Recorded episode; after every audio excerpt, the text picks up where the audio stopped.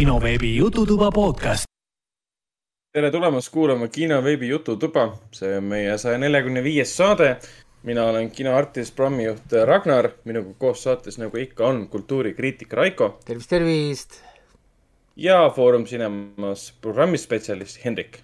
oi, tere, tere, lapsed tänases saates üllatus-üllatus on meil kaks erinevat äh, kuulajate mängu, üks on kuulajate, kuulajate mäng ja teine saatejuhtide kuulajate mäng. alguses ma alguses mõtlesin, et sa ütled, et täna saates on meil kaks erinevat kuulajat, ma ütlesin, et oota ära nüüd, ära nüüd äh, rutta ette, et meil on praegu poole peal see, see vastab ka tõele, jah.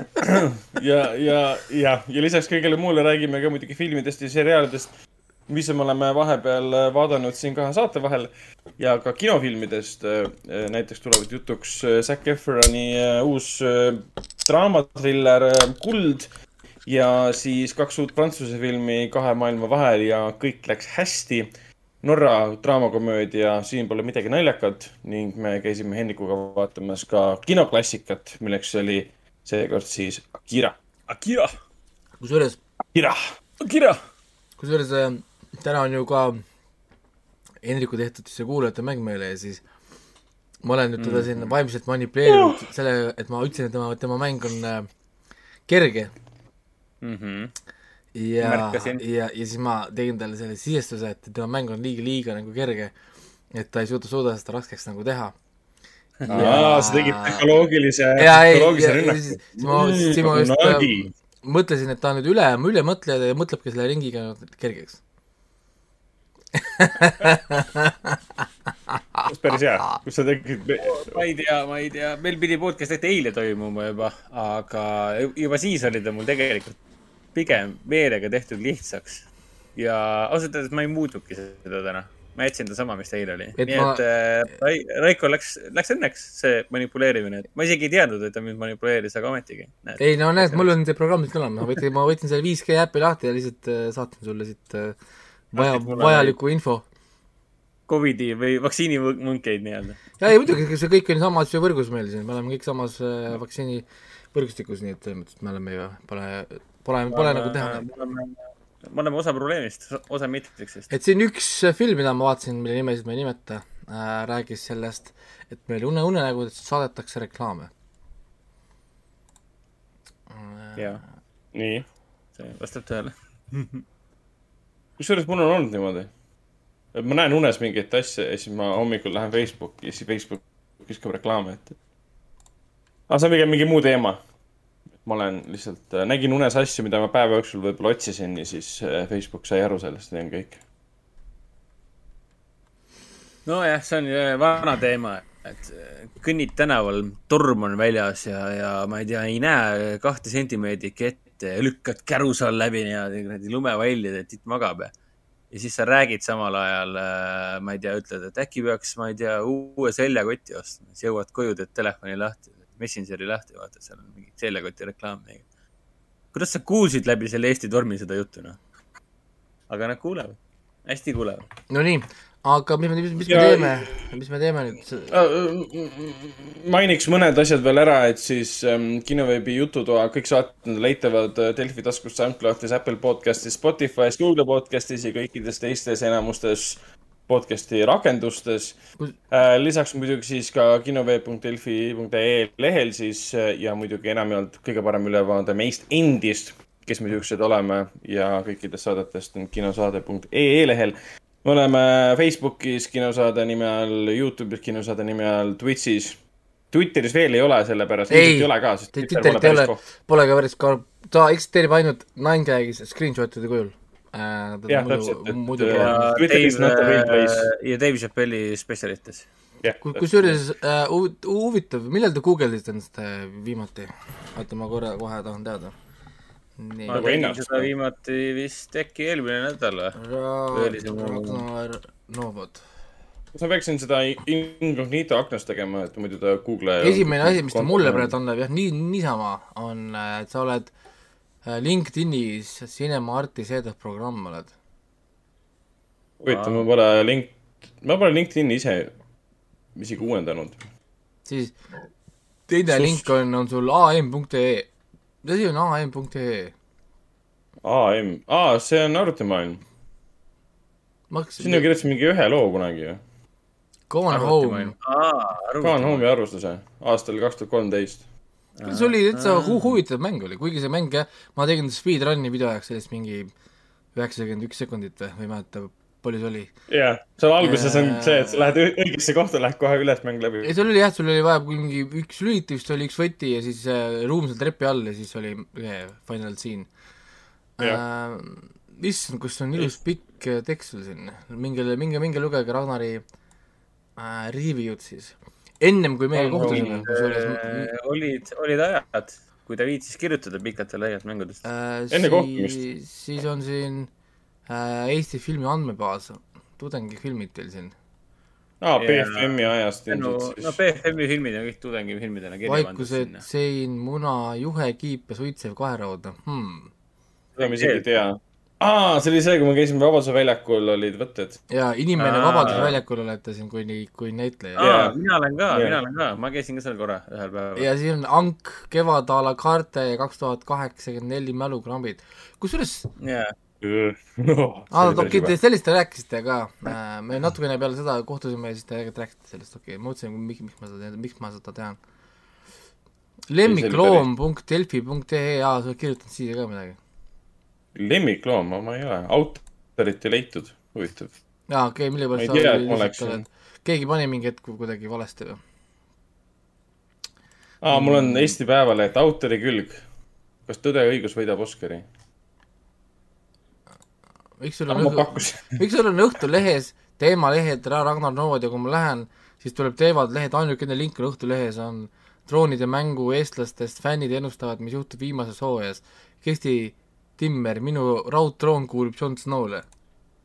jaa, see oli see Õhtulehe ajakirjanik küsis erinevatelt ajakirjanikelt, kriitikutelt arvamusi uue hooaja kohta, viimase hooaja kohta. enne kui see välja oli tulnud. okei. Hmm.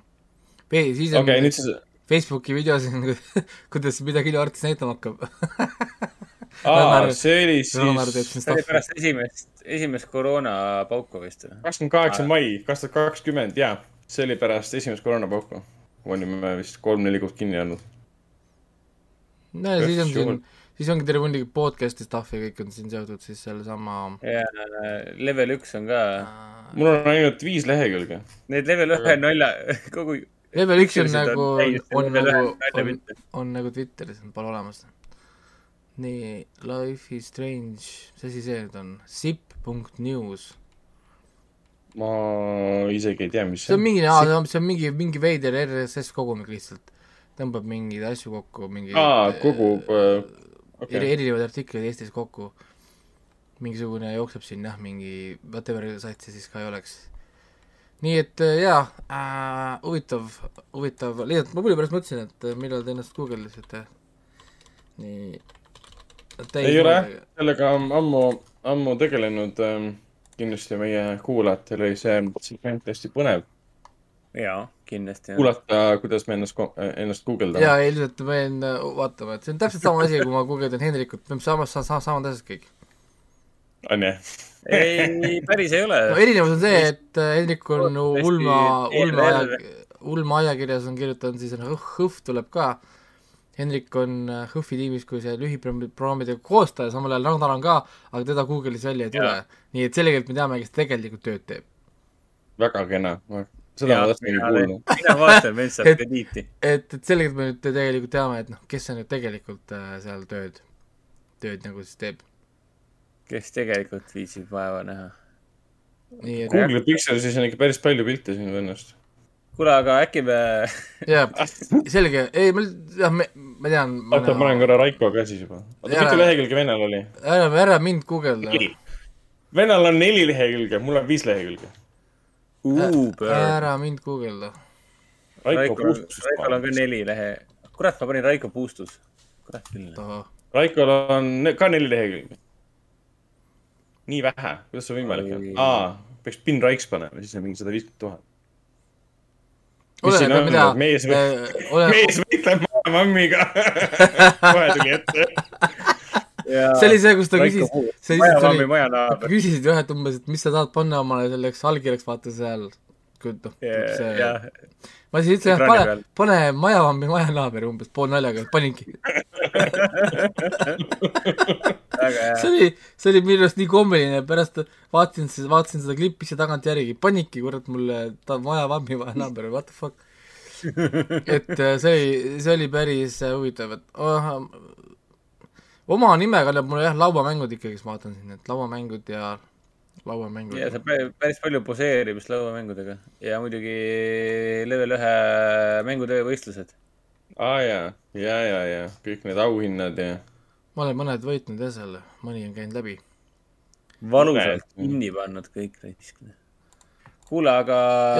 aga liigume, liigume asjade juurde edasi, et ma kardan, et isegi Andre loobub meie no ei kuulamisest. muidugi, jaa, ei, selle muidugi saaks tegelikult välja lõigata just, sest aga noh, laivis oli spetsial. Et hakkame, hakkame tegelikult pihta, meil oli kuulajate mäng ju ähm,. Kaheteistkümnes oli vist ja nüüd täna on kolmeteistkümnes. jah, et, et ähm, äh, nii, te võite valisite välja. Ja õiged vastused siis, me saame öelda, olid mis äh, lugu, esimene oli Scott Pilgrim versus The World filmist, väga äh, niisugune easy optsioon või noh, easy valik äh,, siis oli Mighty Morphin Power Rangers, tõepoolest Power Rangers äh, iga noore poisi niisugune väga vaadatud stuff, The Punisher, kvaliteet, kvaliteet, kvaliteet, MC, MCU ka nüüd, nagu ma olen saanud aru uh,, Pirates of the Caribbean uh,, Team Song, mis tegi natuke kurvaks uh, Johnny Deppi üle, Plea mm. ja siis on Peaky Blinders ka uh,, muusikuna tõesti on ta, on ta väga hea intro. nii, ja siis uh, pildid olid niisugused huvitavad nagu täielikult plönn, plönnid, isegi mul võttis korraks, aju läks katki. aga ei, näed, tundub, et said kätte, sellepärast et äh, äh,, Nightmare on Elm Street tuli ära mm -hmm. ilusti äh,, American Beauty oli väga easy mm. -hmm. see on nii ikooniline niisugune nagu pilt ja tseen äh,. Avatar oli tõenäoliselt raskem, sest äh, lihtsalt sinine lihtsalt sinine pilt. ja, ja viimane, mis siis äh, Mardost läks mööda, on Eternal Sunshine of the Spotless Mind, üks minu lemmikfilme ever äh,. väga geniaalne film. ma olen seda vaadanud tõesti nii, nii palju kordi, sest minu arust jälle üks stsenaarium, mida annab ikka kirjutada, kurat. ja, Jah. ja tõesti, need olid õiged vastused ähm,. ja, ja võitjaks osutus tuleb välja, et Master Lex ja võitis Foorum Cinemase piletid. ja järgmine saade meil läheb siis Cinnamoni piletid ja Kosmo, kino, kino kosmos ainult millegipärast. et siis äh, seekord saab minna ainult vaatama kosmosesse. aa, okei. Special kosmosepiletid siis. loodame, et siis võitja elab äh, kesklinnas. ei no, või siis sõi- sõidab Tallinnasse ja teeb nii, käib kinos, nagu me kunagi kogu aeg käisime. istud rongi ja nojah, naudid, naudid Eesti loodust, saad tuisku külje pealt kõrva ja silma ning lähed kinno. väga no niisugune täpselt, et Eesti tuisk ei tule kunagi sul ülevalt alla. ega, ega nagu normaalne tuisk tuleb alati külje pealt kuidagi läheb jope alla sulle kuidagi, siis siis kuidagi- jõuab kohale ja päriselt. otse siia lõualoti kõige, kõige nõrgema, õrnema koha juurde, selleks ajaks, kui koju jõuad, siis on niisugune tunne, et keegi oleks noaga nüsinud su nahka. said tee peal viis kopsupõletikku. alt üles ja kuskil on mingisugune või, või, või siis proovid autoga sõita, aga siis on ka mingisugune koht on kuskil maantee peal, kus kohas on mingisugune po-, pooleteistmeetrine vall kõrgem kui auto ise. sain tee peal viis kopsupõletikku. ma ei tea, miks see nii naljakas. see on päris julm, vot. oota, meil olid mingid kopsupõletikul on kopsupõletik. kopsupõletik, not, is not a joke. meil olid mingid kommentaarid seal eelmise saate all siin. Ja meil tulid läbi ähm, kinoveeb.delfi.ee lehe tulid kommentaarid. Need kommentaarid, mis tulid kinosaatesse, olid kõik mingid imelikud spämmi asjad, millest mina aru ei saanud. ma, ma, ma juba kahetsen, et ma hakkasin lugema seda siin. ja ma ma, ma ei süvenenud, mis seal oli, et äh, ilmselt oli meile mingi osta Viagra siit lehelt, vajuta siia, see ei ole viirus, mis iganes. Aga mm, kinoveebi, kinoveeb.ee, kinoveeb.delfi.ee lehel on siis äh, viimases saates, mille pealkiri oli kas The Book of Boba Fett ongi parim Star Warsi seriaal, päris äh, mitu kommentaari lugeja kirjutas niimoodi, parimast on küll asi kaugel, müstiline ja salapärane Boba tehti jutukaks tobuks. oota, kas ma nüüd spoilerdan praegu siis Raikole või? mina pole näinud ühtegi episoodi. Kas ma tahan seda siis lugeda või? kui sa nüüd praegu ette loed, siis see on spoiler, jah. äkki ma siis ei loe? ma ei taha seda spoilida. see, siin- mõttes, ma tahan ikka vaadata, mul on Hawkeye lõpuni vaatamata ja mul on siin, ma olen selles mõttes maas asjadega jah, ma olen äh, oma asjadega väga, väga maas. aasta on tõesti ala- alanud väga nigelalt mul selle koha pealt, et okei, ma olen- siis juhuks vaatan korraks kommentaari niimoodi läbi, et ma sulle ei spoilerda. ei no enamik tegid, võib Maha. kokku võtta ka sellega, et kõik tegid maha, et selle podcast'i kinoveeb, kinoveeb.delfi.ee podcast'i pealkiri toimis väga hästi, et ikkagi tulid inimesed kohale siin, palju siin oli, neliteist kommenteerijat. tulid Mm. kohale ja hakkasid siin äh, puid alla selle panema, et, et mis mõttes, see ei ole kindlasti sama hea kui Mandalorian. Clickbait oli, on hea, hea asi, mida no kasutada. muidugi Mandaloorian on ka huvitav asi, millega võrrelda, et kui, kui palju asju on nii hea kui Mandaloorian? nojah, minu meelest nojah, see on üks, üks ebavajalik võrdlus. kommenteerija ütleb ka, et, et, et ei ole võrreldav üldse Mandalorianiga, vaatas kolm episoodi rohkem, ei viitsinud vaadata ähm,. Ega ta ei olegi võrreldav, ta on täitsa oma teema ja kindlasti mitte see, et ta ei ole võrreldav, ei tähenda, et ta hea ei ole. mulle ta pigem meeldib, aga, aga noh, pigem meeldib, see tähendab seda, et siin ei ole, mul ei ole mingisugust ekstaasi, samasugust ekstaasi nagu Mandaloriani see, seda jah, ei ole. selles suhtes on kahju. aga mõned, mõned kommentaarid on siin päris kenad, et juba paljalt see nimi Boba Fett ajab öökima, mis nagu, ah mille? Ja üks ütleb, et need lastefilmid hakkavad äh, tüütuks muutuma. see on seriaal. lastefilmid. ja üks ütleb, et äh, kui nägin sellest ebamäärast sugu sarvedega olendist, siis sulgesin foto. ehk siis see, see pilt Boba Fettist oma Mandalooni kostüümis on siis ebamäärane sugu sarvedega olend, mis iganes see lauseehitus tähendab. Need on, need on need eestlased, kes tahavad, et äh, tissid oleksid poolpaljad ja meestel oleksid ikkagi habemed ja musklid ees. või siis nagu, nagu, nagu, nagu oli see Tencenti raport ju, et kui nemad andsid filmi, filmidele ja asjadele raha, siis ei tohi olla musta, mustanahalisi ja peavad olema suured tissid.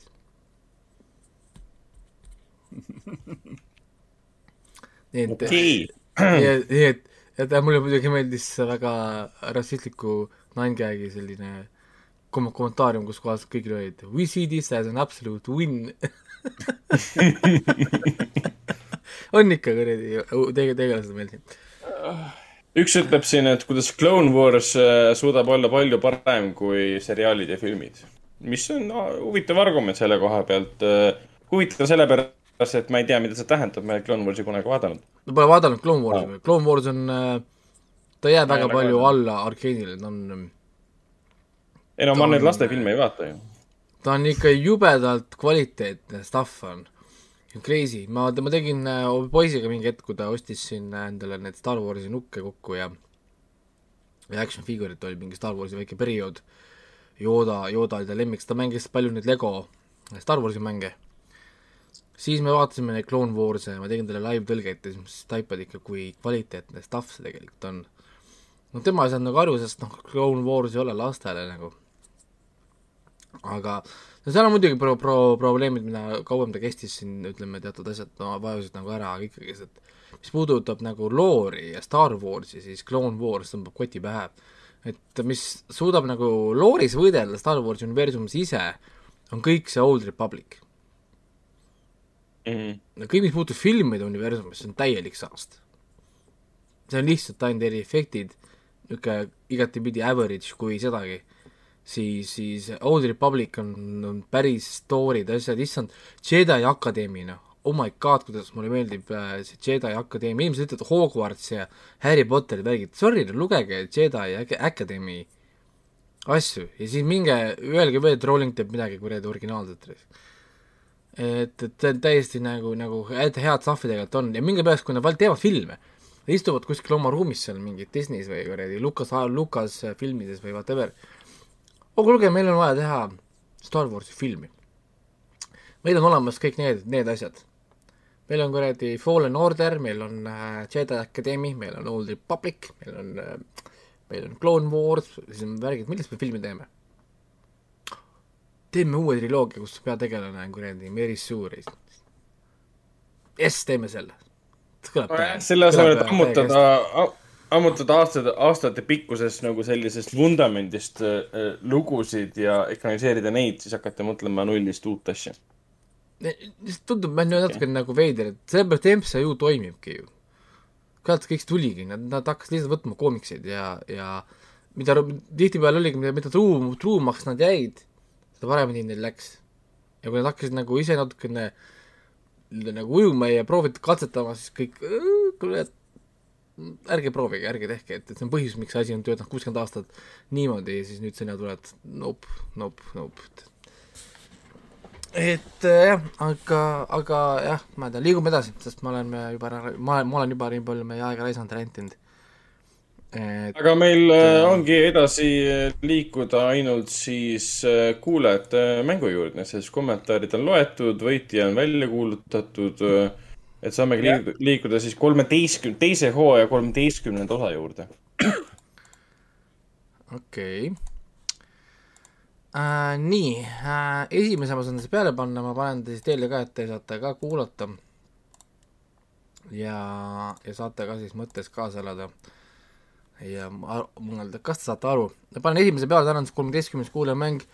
vastused siis reedeks, mis on juba neljas veebruar, eks me juba liigume kuusse number kaks, ma ei tea, kuhu, mis jaanuarist, mis jaan- jaanuarist äh, sai. jaanuarikuu lihtsalt No, pff, kadus ära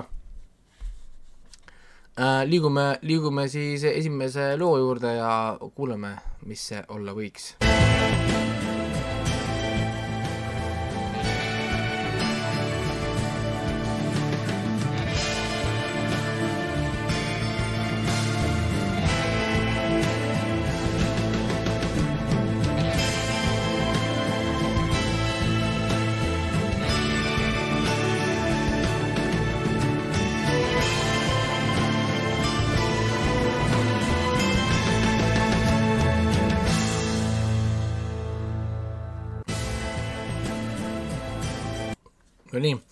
Nüüd oli siis lühikene intro, ta hakkas tegema juba järgmise hooaja oma, ehk siis juba väikene vihje, et see ei olnud film, vaid mingisugune seriaal äh,. nii, liigume number kahe juurde, üks minu lapsepõlve suuri lemmikuid, nii et teate, et see pole midagi värsket. It was the dawn of the third age of mankind. Ten years after the Earth-Minbari War, the Babylon Project was a dream given form. Its goal, to prevent another war by creating a place where humans and aliens could work out their differences peacefully. It's a port of call, home away from home for diplomats, hustlers, entrepreneurs, and wanderers. Humans and aliens wrapped in 2,500,000 tons of spinning metal, all alone in the night.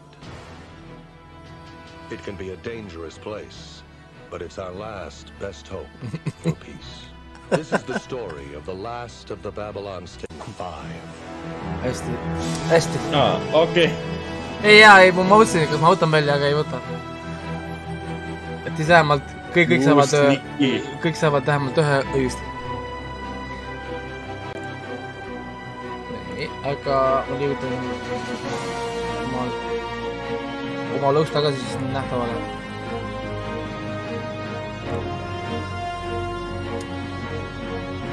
nii, ja number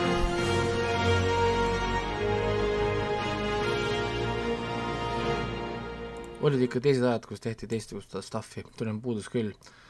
lihtsalt äh, nii palju mainin, et äh, lihtsalt seoses sellega ilma ühegi konkreetse põhjuseta äh, kohe on tulemas siis suur, ma saan aru, intervjuu Richard Dean Andersoniga, räägitakse järgmisest Stargate võimalikust projektist ka. et hoidke silma peal no kurat. No kurat. et nad müüsid siin pileteid, ma vaatasin siin äh, need erinevad Star, Stargate'i grupid müüsid pileteid, et lai- liituda siis laivis selle äh, intervjuu chatiga siis ähm,. ja liigume edasi number kolme juurde.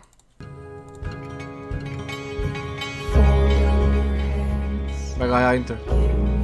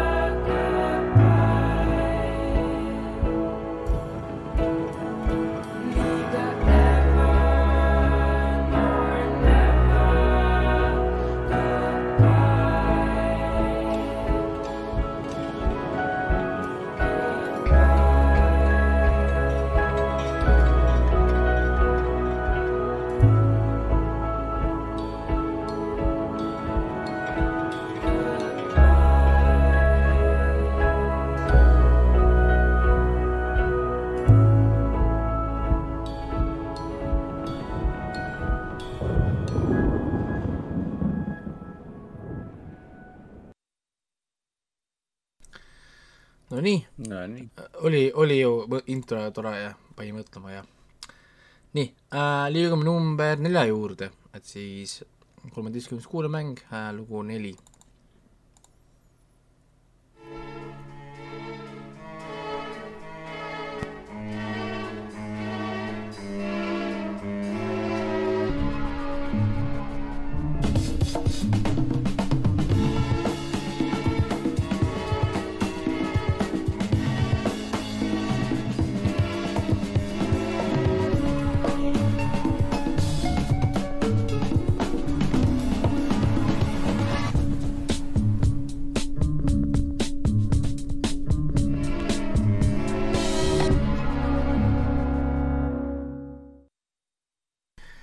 Oli see oli number neli ja, ja tänane viimane tuleb siis nüüd, natukene võib-olla keerulisem, aga mitte midagi rasket.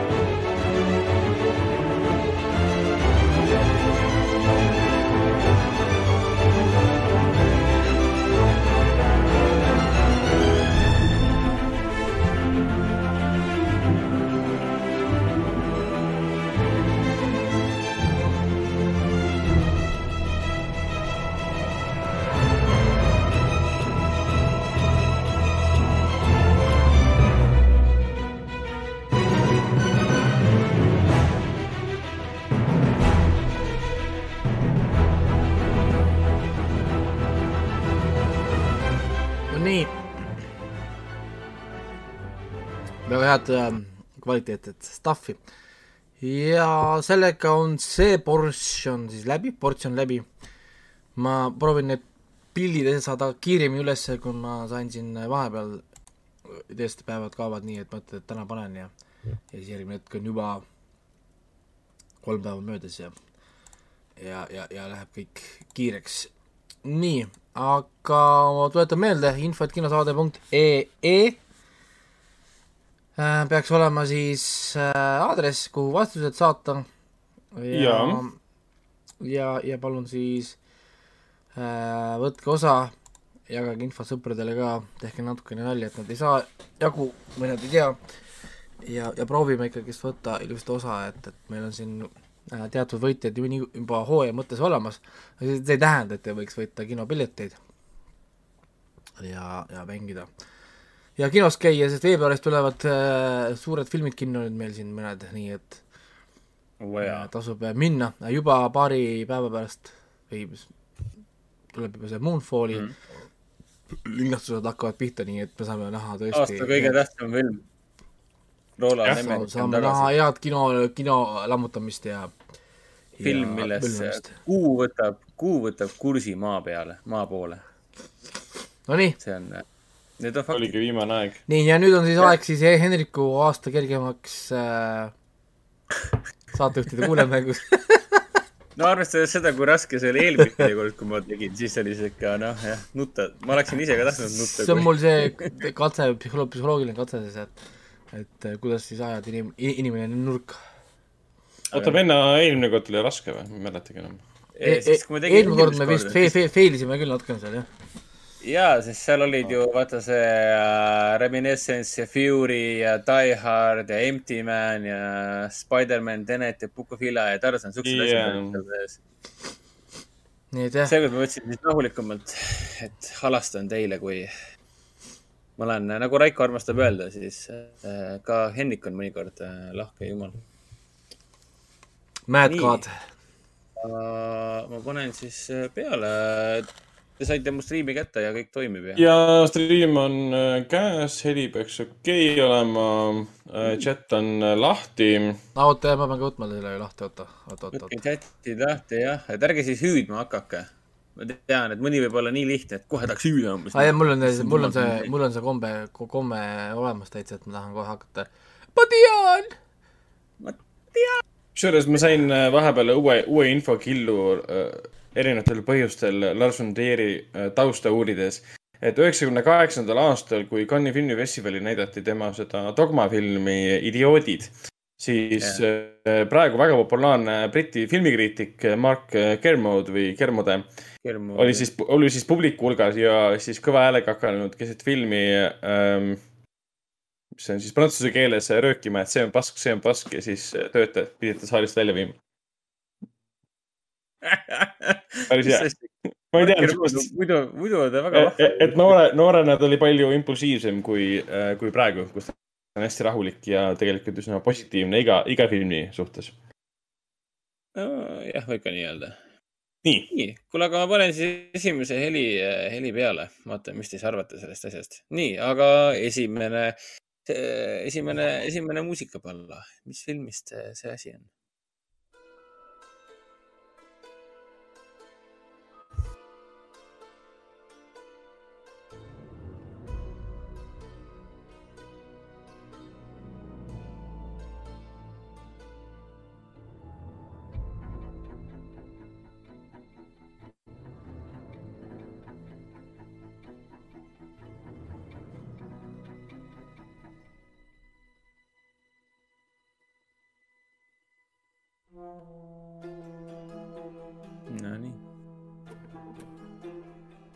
Ragnar sai kätte.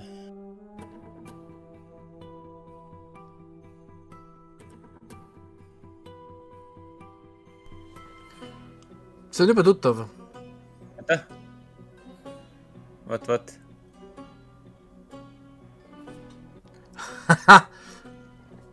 jaa, jaa, ja, ja. jaa, ma kirjutan sulle. sa võid nüüd hüüda lausa, sellepärast et Harry, see on Harry, Harry Aa. Potter. Ei ole Harry Potter ei ole või? uh. -uh.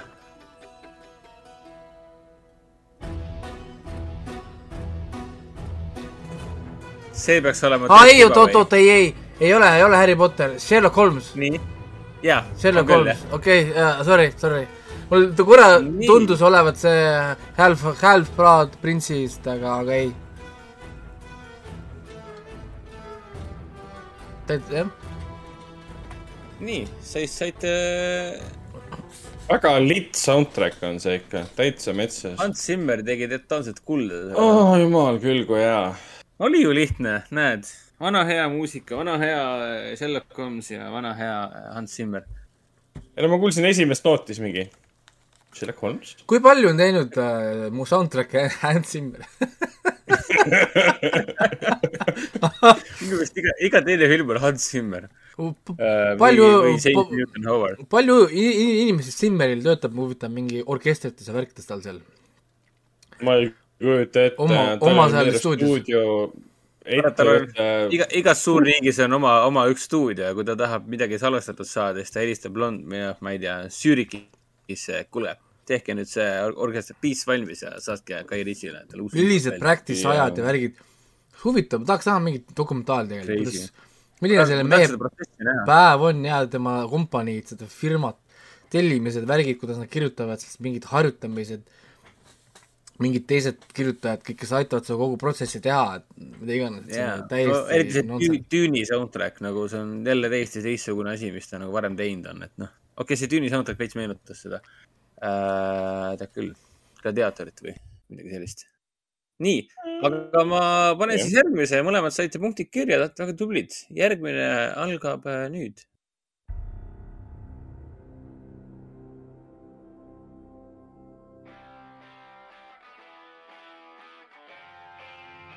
Uh...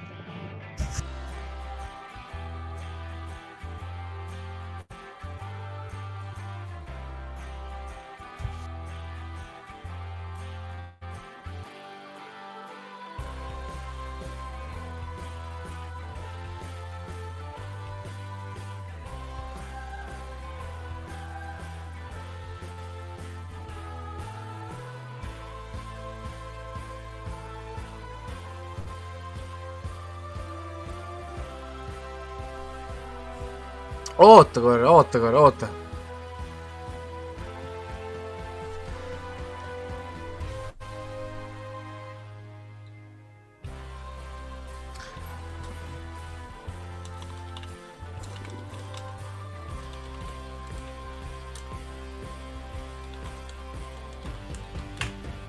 jep, jep, jep, jep, jep, jep. Mõlemad panite õieti, tegemist on tõesti eelmise aasta suitsiidis alga filmi äh, looga nimega äh, Rätism ehk siis see on see Rätkäitsar kahe äh, suure momendi muusika. see on see see on see kat-, katkine, katkine karakter. katkine karakter. selles mõttes ta on overpowered. ta oli, aga tema oli filmis süda. Ja kui see oli-, kui see moment tuli, mul pidid pisarad silma tulema, kui ilus see oli, eriti veel er- tänu sellele, et enne seda oli seal filmis see, see moment, kus ta oma isaga oli seal kuskil Pariisis, torni otsas, hästi see, kiiresti see, see, see linn ei kuulu. meile, pole kunagi meile Jaa. kuulunud. kuradi James Gunn on lihtsalt sõge tüüp, noh. tublid, mõlemad said äh, punktid kirja. No tundub, et äh, Raiko see reverse äh, psychology töötas, et äh, ma olen väga rahul praegu. tundub, et, tundub, et toimib. 5G, olgugi, et 5G, 5G no võit. see on hea, et äh, oota, kas teil on kolmandat süstit tehtud või? ja Ah. mul ei ole kolmandat tehtud veel. mul, mul pole isegi teine, teine veel tehtud. ah,, sa oled anti-vaxxer või? ei, mul oli äh, Jansoni oma, mul oli ainult üht, üht, ühte vaja. okei, sorry, sorry. ma ei olnud mingi, mingi pesend, et me teeme mingi kaks vist. tundub, et- What, what the fuck? kolm tundub, et see Bill Gatesi süsteem ikkagi töötab, et äh, aitäh, härra Gates, aga meie jätkame järgmise looga äh,. nii palju võin- võin vist ette hoiatada, et kõik, kõik on äh, muusikafilmidest seekord. nii.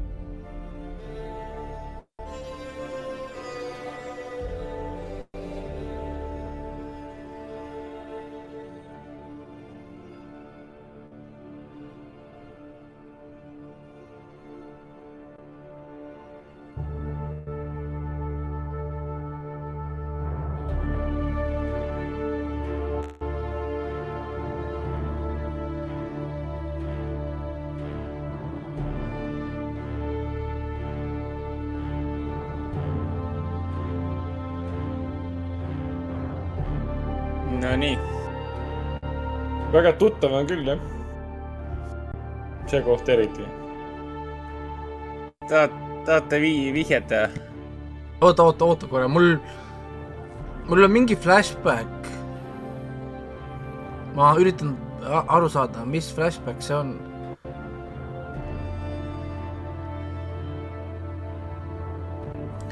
mäletan, kui ma kuulsin seda muusikat, mul on nagu mingi flashback, kuidas ma olin kinosaalis. ja, ja siis ma mõtlesin, et miks on see samamoodi weird as fuck, kui oli see Foundation. ma üritan välja mõelda, oota, mis mis Foundation asi, see oli, mis Foundation? see veider äh,, see puufilm, no ma ei tea, mis kuradi see oli, see kunstifilm, see Aronovski oma, mis iganes. aa, Fountain. Fountain tähendab jah, mitte Foundation, Fountain, issand, lõdveks. ma võin vihje öelda, sest äh, Raiko on õige. oota, oota, oota, oota, oota, ma, ma tunnen, et ma olen nagu on the edge. üritan välja mõelda, mida ma tookord kinos vaatasin.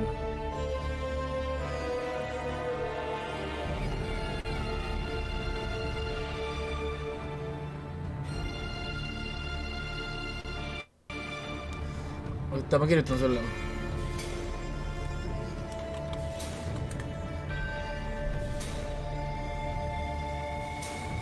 nii on.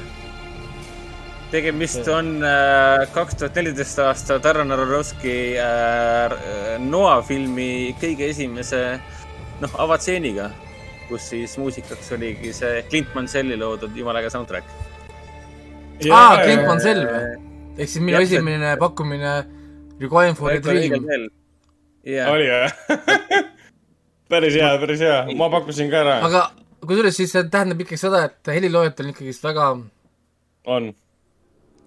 väga nagu Mingid see jäljed. mingisugune, ma ei tea, kuidas kasutavad sample eid või asju või millel on oma mingi set, et, et, et nagu, ahah, see kõlab nagu tema. ja see, mingi, mingi sihuke dead giveaway on nagu sees olemas, mis alati ütleb ära, et see on tema. ehk siis mm, -hmm. aa, issand, Fountain on ju ka tema oma ju.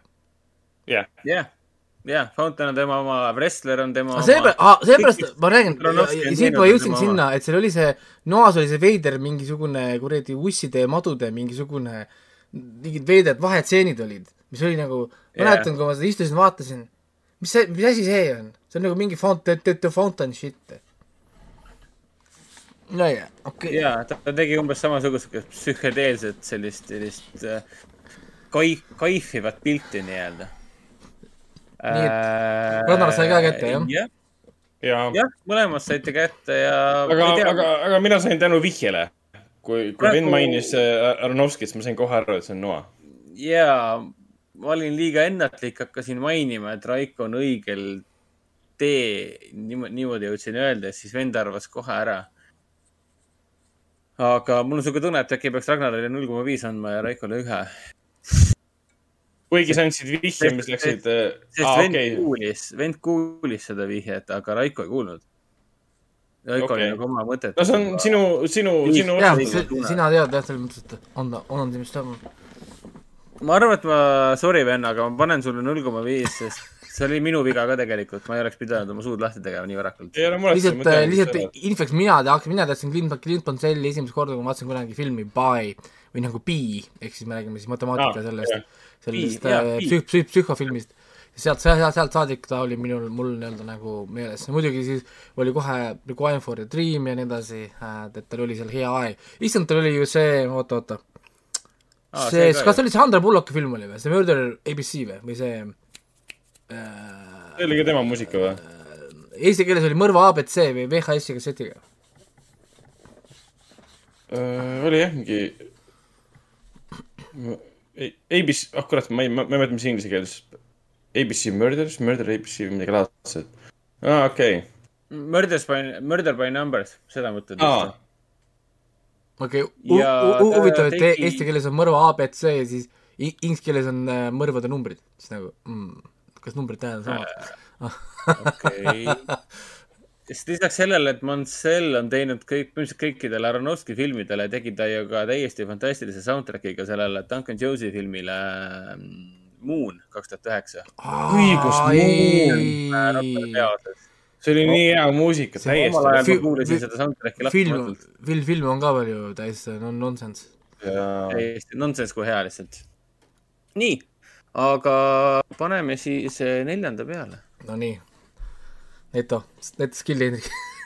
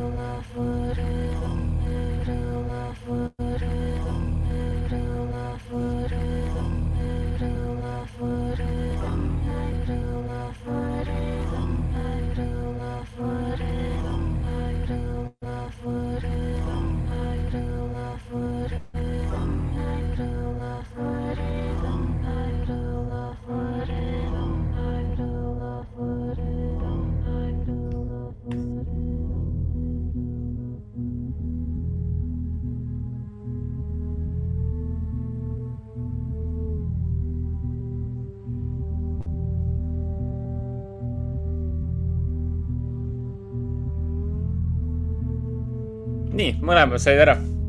tegemist on tõesti, eesti keeles oli see kõigi annetega tüdruk. Inglise keeles siis The, the Girl with all the gifts aastast kaks tuhat kuusteist. mõlemad saite punktid kirja. kes ei ole seda filmi veel vaadanud, siis äh, küsige endalt, miks sa oled selline, nagu sa oled äh,. Last of Us'i seriaali pole veel välja tulnud HBO poolt, aga kui on iha, iha suur, sellele. Kui on iha suur näha suurepärast äh, Last of Us'ilikku zombidraamat, zombitrillerit, siis Girl with all the gifts on täiesti crazy kui hea. ja, ja, ja, ja mina tookord ei vaadanud seda sellepärast, et oli see sünnipäeva event oli kakskümmend viis juubel seal Plaza's mm. -hmm. ja siis yeah. ma teadsin, et see film tuleb, siis ma vaadanud seda enne, vaatasin seal sünnipäeval. Nice. aa, ma vaatasin sünnipäeval seda. Ja me vaatasime seda sünnipäeval ja sellega on üks tore lugu ka, et ma tahtsin näha seda Blair Witchi kolmandat või noh, seda uut, versiooni omaenda sünnipäeval, noh, minu ja venna sünnipäeval. Õnneks ma vaatasin kaks päeva varem selle pressikal ära ja see oli selline rämps. oota, me seda, seda me vaatasime koos vist ju seal pressikal ju minu arust. ja, ja, ja me mõlemad me vist, lõigasime me vist naersime, kui loll see film on. siis ma kohe pärast sensi helistasin ürituste osakonda. kuulge, palun vahetage film ära, see on nii halb. siis ma olin seda Girl all the gifts'i juba pressikal näinud ja siis ma tahtsin kõigi teistega jagada seda, kui hea see on. kurat, ma tahan seda uuesti näha, see Oh my jättis ikka, jättis ikka sügav välja. kuule, kas, kas seal filmil ei olnud mingi cliffhanger ending või? Veits siuke lahtine lahtine lõpp oli küll, jah. jah, oli küll, et rollide, rollide vahetuse lõpp võiks vist spoiler idamata äkki öelda. ja, ja kas seal ei olnud mingisugune see kuulujutt, et pidi siis mingi sari pidi follow ma, aga seda ei tulnud kunagi? uh,? ma tean, seda ma ei teagi. tea, raamatuid oli vist üks, kui ma ei eksi. jah, see Mike Carey raamat aastast kaks tuhat neliteist. siin on palju, palju on siin muidugi spekuleeritud, et kuidas on võimalik, et äh, mõlemad projektid, mõlemad property'd on täpselt samast nagu ideest arenenud. see, see seenhaigus ja midagi sellist. aa, kuule kaks tuhat seitseteist ütles see autor, et tal on äh, Nagu- eellugu, romaan valmimas. The boy on the bridge. aa, no siis on võimalus, et mingisugune asi ikkagi tuleb. aga see film ei olnud üldse edukas, ma mäletan, ta tuli välja ja kadus ära, box office oli neli miljonit, siin pole isegi kirjas, mis ta eelarve oli. kui ta oleks äh, nüüd tulnud välja kakskümmend üks, kakskümmend, siis oleks oleks ta popim- tänu striimingule saanud väga ja popis. tuleb popima striiminguna, ta võiks tegelikult uuele ringile minna, huvitav, kas ta on mõnes näiteks Netflixis või Prime videos ka olemas, aga no see selleks praegu. nii. on ei sul, ole on, sul, tundub, et veel ta on igal, mul on igal veel pool Voodoo's seitsme dollari eest, ma jätan selle endale meelde, siis ma tahan seda uuesti seitse dollarit, see on seda Jah. väärt. Nii, pane aga- järgmise peale. aga, aga, aga lähme edasi, jah.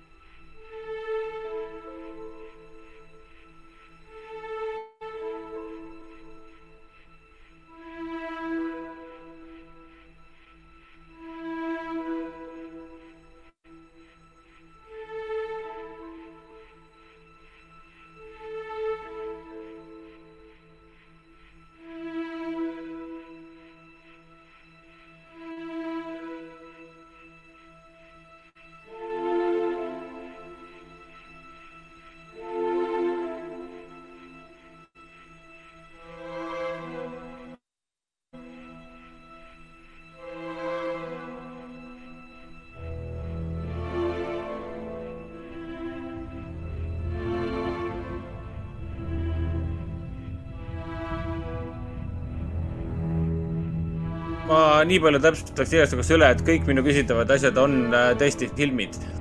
ükski neist pole seriaal. miks see nii tuttav on?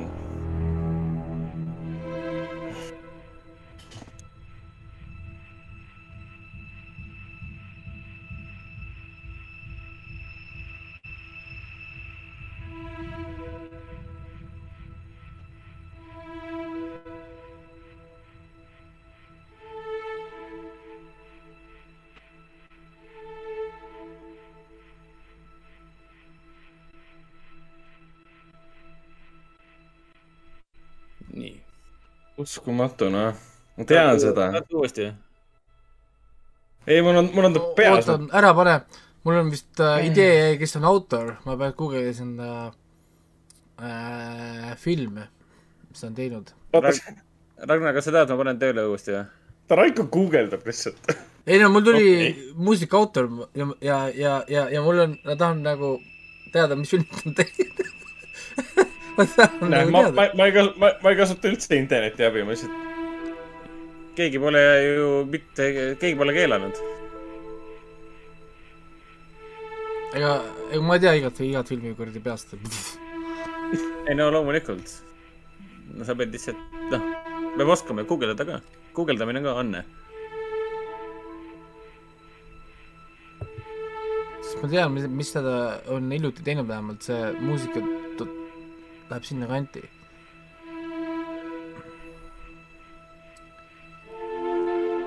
ehk,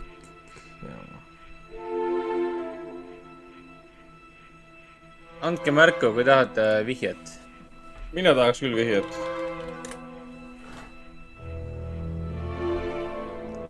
nii, ma panin sulle siis Google'i abiga saadud vastuse praegu. ja Raiko pani õieti. Ragnar, kas sa tahad vihjet? härra Google. ma võtaks vihje, jah. Äh, soundtrack'i aut-, okei okay,, see on halb sõna. okei okay,, soundtrack'i autor on Mark Streitenfeld, aga ära guugelda. Streitenfeld ehk siis äh, Prometheus, Robin, Robin Hood. Raised by the Ei. Wolves. aa, ta tegi Expedi Woolsi muusika ka või? aga see kõlab nagu Robin Hood pigem. ja see ei ole Robin Hood. Prometheus, Alien Covenant, siin on? vaata, vaata, Äh, vaata, vaata, mis see näitaks. kui sa guugeldaksid teda, siis sul oleks see list silme ees. aga ma, aga ma panen peast praegu. aga ma andsin sulle, ma andsin sulle filmi nime, see, et see, mis Raiko tegi, on aus guugeldamine.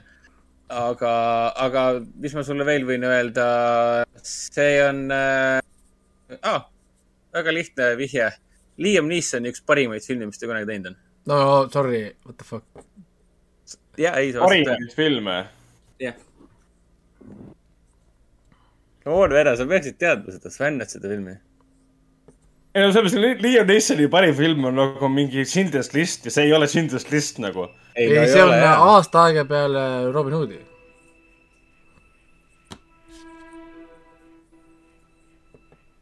ma ei tea, Silence või? Aa äh,, selle, see on soundtrack'i, seal on filmi esimene muusikapale. aa, The Grey, The Grey, ja, ja, ja ma tean seda musti, ma olen seda muusikat kuulanud ja, ja, ja, ja. ja, ja see, ma ei tea, mis, mis asja, aga see on jaa, Liam Neeson üks parimaid filme, mis ta ei, sellega ma olen nõus, mulle väga, väga, väga meeldis see film. Kohutavalt. The Grey 4K UHD. kuule, kas, kas, kas sellel, kuule, kas, kas sellel filmil ei olnud mingit te- teistsugust lõppu ei olnud või? või tal oligi niisugune lõpp või? minu meelest tal oligi selline lõpp äh, lihtsalt seal äh, tal on korra, kaks lõppu. Blu-ray'l on, jah, korraks kihvatab seal üks lõpp veel nii-öelda. jah, et me näeme, et tema see kõht liigub, et ta on elus. jah, muidu ta lõppes nagu surmaga, aga, aga siis on Blu-ray'l või kuskil tuli välja eraldi klipikene, mingi kaks sekundit, kus sa näed, et mm. Liam Neesoni tegelane liigutab ennast, et siis ta on elus.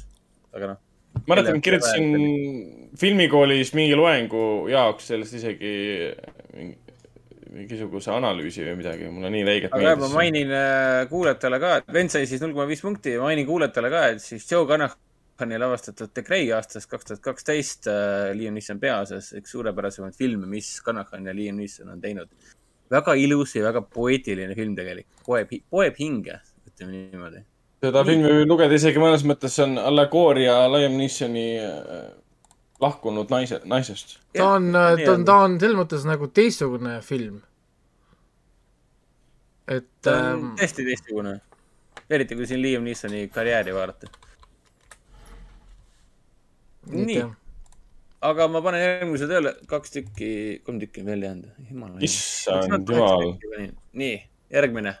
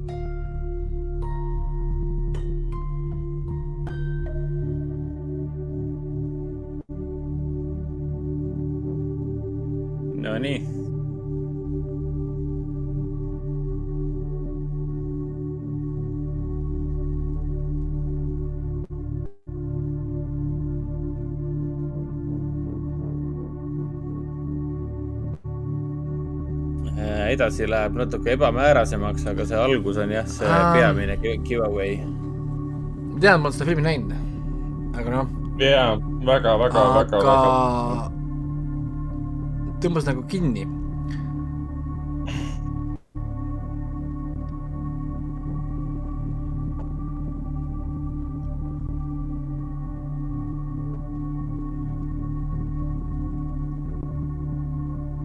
Hmm, ma, ma pakun sulle midagi.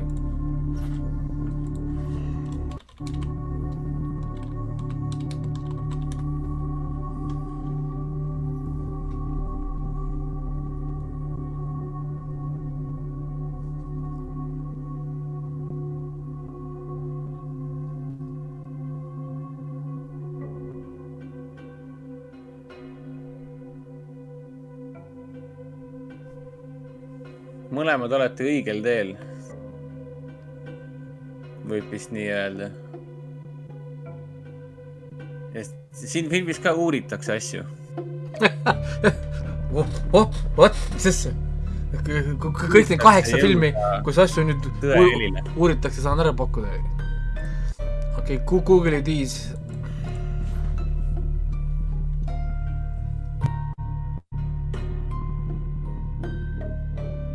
Nonii ah..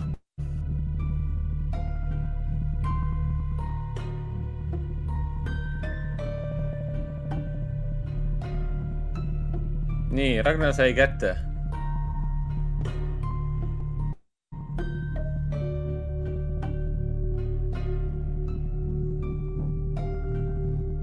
ja ma teadsin kohe õiget vastust ilma guugeldamata.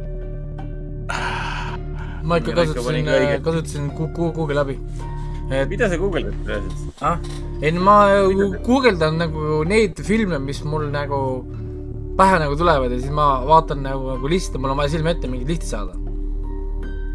ja siis ma guugeldan seda filmi, nope, see ei ole, see ei ole siis, siis ma, ma vaatan similar movies.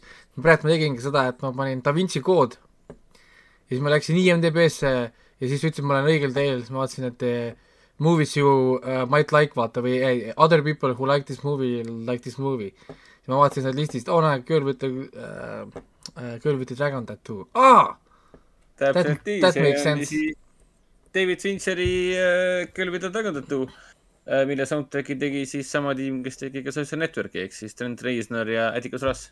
ma ei tea, nii äh,, Ei mõlemad mulle, mulle tuli kohe pähe seda kuulates tuli, tuli Book of Eli. nojah, sest Atticus Ross tegi Ile, Ile soundtrack'i aga mulle meenus, et sa oled seda juba korra küsinud, see ei saa see olla. mm. -hmm. siis ma hakkasin julmalt pakkuma Curtis Dragon Tattoo, Book of Eli, Social Network, aga, aga siis ma lõpuks peatusin siis selle juures, et Curtis Dragon Tattoo. ja ma ütlesin vennale chatis, et paku üks. nojah, see ei ole päris aus, kui ma panen sulle kümme tükki ja, ja üks on õige see on. tegelikult, nii, see on tegelikult uskumatu. meil juba üksteist aastat on möödas kuradi remake'ist, the dragon tattoo remake'ist, mis on jaa, insane. mul, mul tunne sellest oli. millele tehti üks järg, mida keegi pole vaadanud. sellel on järg või? mul, mul on täitsa kahju. jaa, see Girl in Spider's Web, no mis polnud selle filmi järgi enam. remake, reboot. mul on täitsa kahju, et Fincher ei saanud seda võimalust jät- jätkata, sest see tiim, mis ta kokku pani, oli iseenesest päris äge. Aga miks see, miks ta ei saanud? stuudio lihtsalt vaatas, et ei olnud edukas ja venitama asjaga ja Fincher mingi fuck off, ma olen liiga suur autor, ma lähen teen oma asju edasi. mul pole aega siin. tõenäoliselt Fincher mõtles, et kuule, ma ei ole mingi Del Toro, et ma siin kümme aastat võin ühe mingi viieteistkümne projekti otsas istuda ja siis lõpuks midagi valin välja. jah. Del Toro kogu aeg No, istub projektide otsas ja siis. no nii, kuulge, lähme edasi, lähme edasi. nii, järgmine kaks viimast.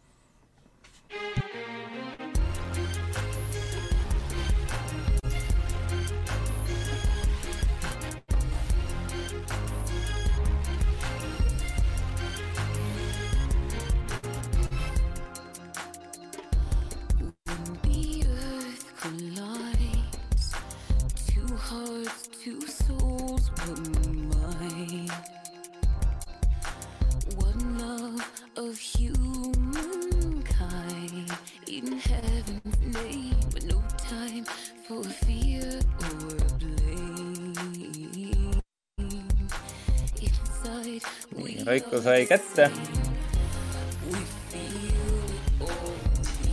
see oli ma ei easy, tea, ma pole seda näinud ilmselt. oled küll, see oli nii easy ja see film on lihtsalt epic. Ragnar võib siis kõva häälega välja öelda. ma ei saa öelda seda kõva häälega välja, sest see laul ei ütle mulle mitte midagi. oot-oot, panen need klapid tagasi. muidu tekib kaja kohe.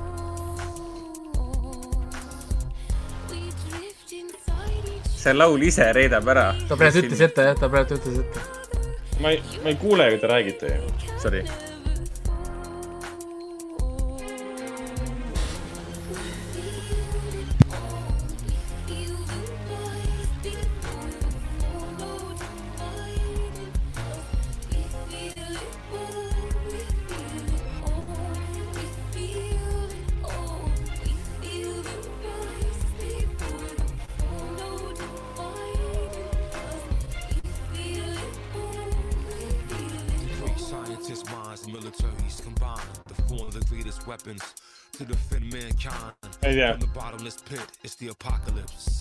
Ei paku rohkem või? Ei, ma ei, ma, see laul on nii võõras, ma ei kuule ühtegi tuttavat sõna ega lauset sealt.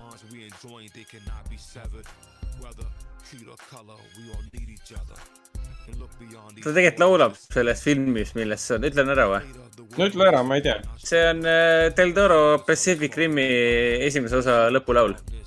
On või? ja, ja siin on ju Ramin äh, Djawadi soundtrack on kuulda ka siin tegelikult, et kui ma panen äh, laulu Täiesti null. vot see, täiesti null. see, see on tegelikult põhiteemast äh, võetud no laul kui. sa, kui sa mingi hetk guugeldasid soundtrack'i või sa kuuled seda Youtube'ist või kus iganes seda soundtrack'i, siis see käib sealt nii, nii palju läbi. Pacific Rimiga seostub on ainult üks kindel muusikapala ja see lugu oli täiesti null. mul ei õrna aimugi, et siuke film, siuke lugu üldse selles filmis oli. Äh, ja mul endal oli ka alles hiljuti suur üllatus, kui ma siin sattusin selle esimese osa uuesti otsa ja siis vaatasin lõpus, et aa, see on see Zucker Räpi laul. see oli nii, ma, ma räägin, kuidas ma, ma andsin üheksa punkti review des, ma sain kunagi vastu teiste käest vastu näppe, et see on jura film, sa ise oled jura film. See on kuradi täpselt see, mida film lubas, seda ta tegi. ta lubas mulle Kaiju versus äh, Giant Robot ja ma sain Kaiju versus Giant Robot nagu, mida sa tahad no jaa, nagu ja see ta oli tegi kõik seda oli nii olemas. ta tegi seda nii kaunilt, ta tegi seda nii ausalt. istud ja vaatad, suu ammuli viib on nagu kinofilm, kinofilm ja kinofilm lihtsalt wow.. Crazy, crazy, crazy hea film ja muidugi see Today we are cancelling the apocalypse kuradi okei, whatever. movie speech'is onju, mida sa öelda tahad, Idris Elba ja Idris Elba ja, aga ei, see, see järg muidugi oli, ei olnud enam midagi eriti. no ta oli okei okay., aga kui ma kuulsin sellest Del Toro jutust, et mis oleks võinud olla teine osa, siis ma oleksin seda tahtnud hoopis näha. aa jaa, see oli päris crazy. aga, aga talle seda võimalust ei antud, sest film ei olnud piisavalt edukas jälle. On- üks on veel, jah. Ühe viimase tööle veel ja siis on kõik.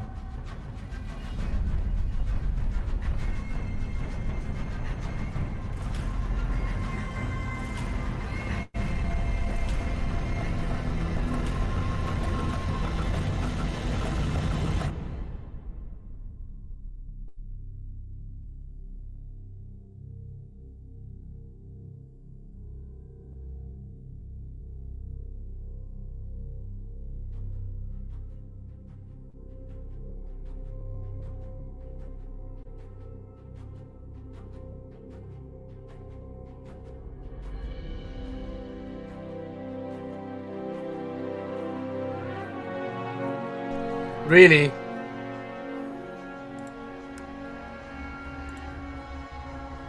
Nonii. nii, Ragnar sai kätte.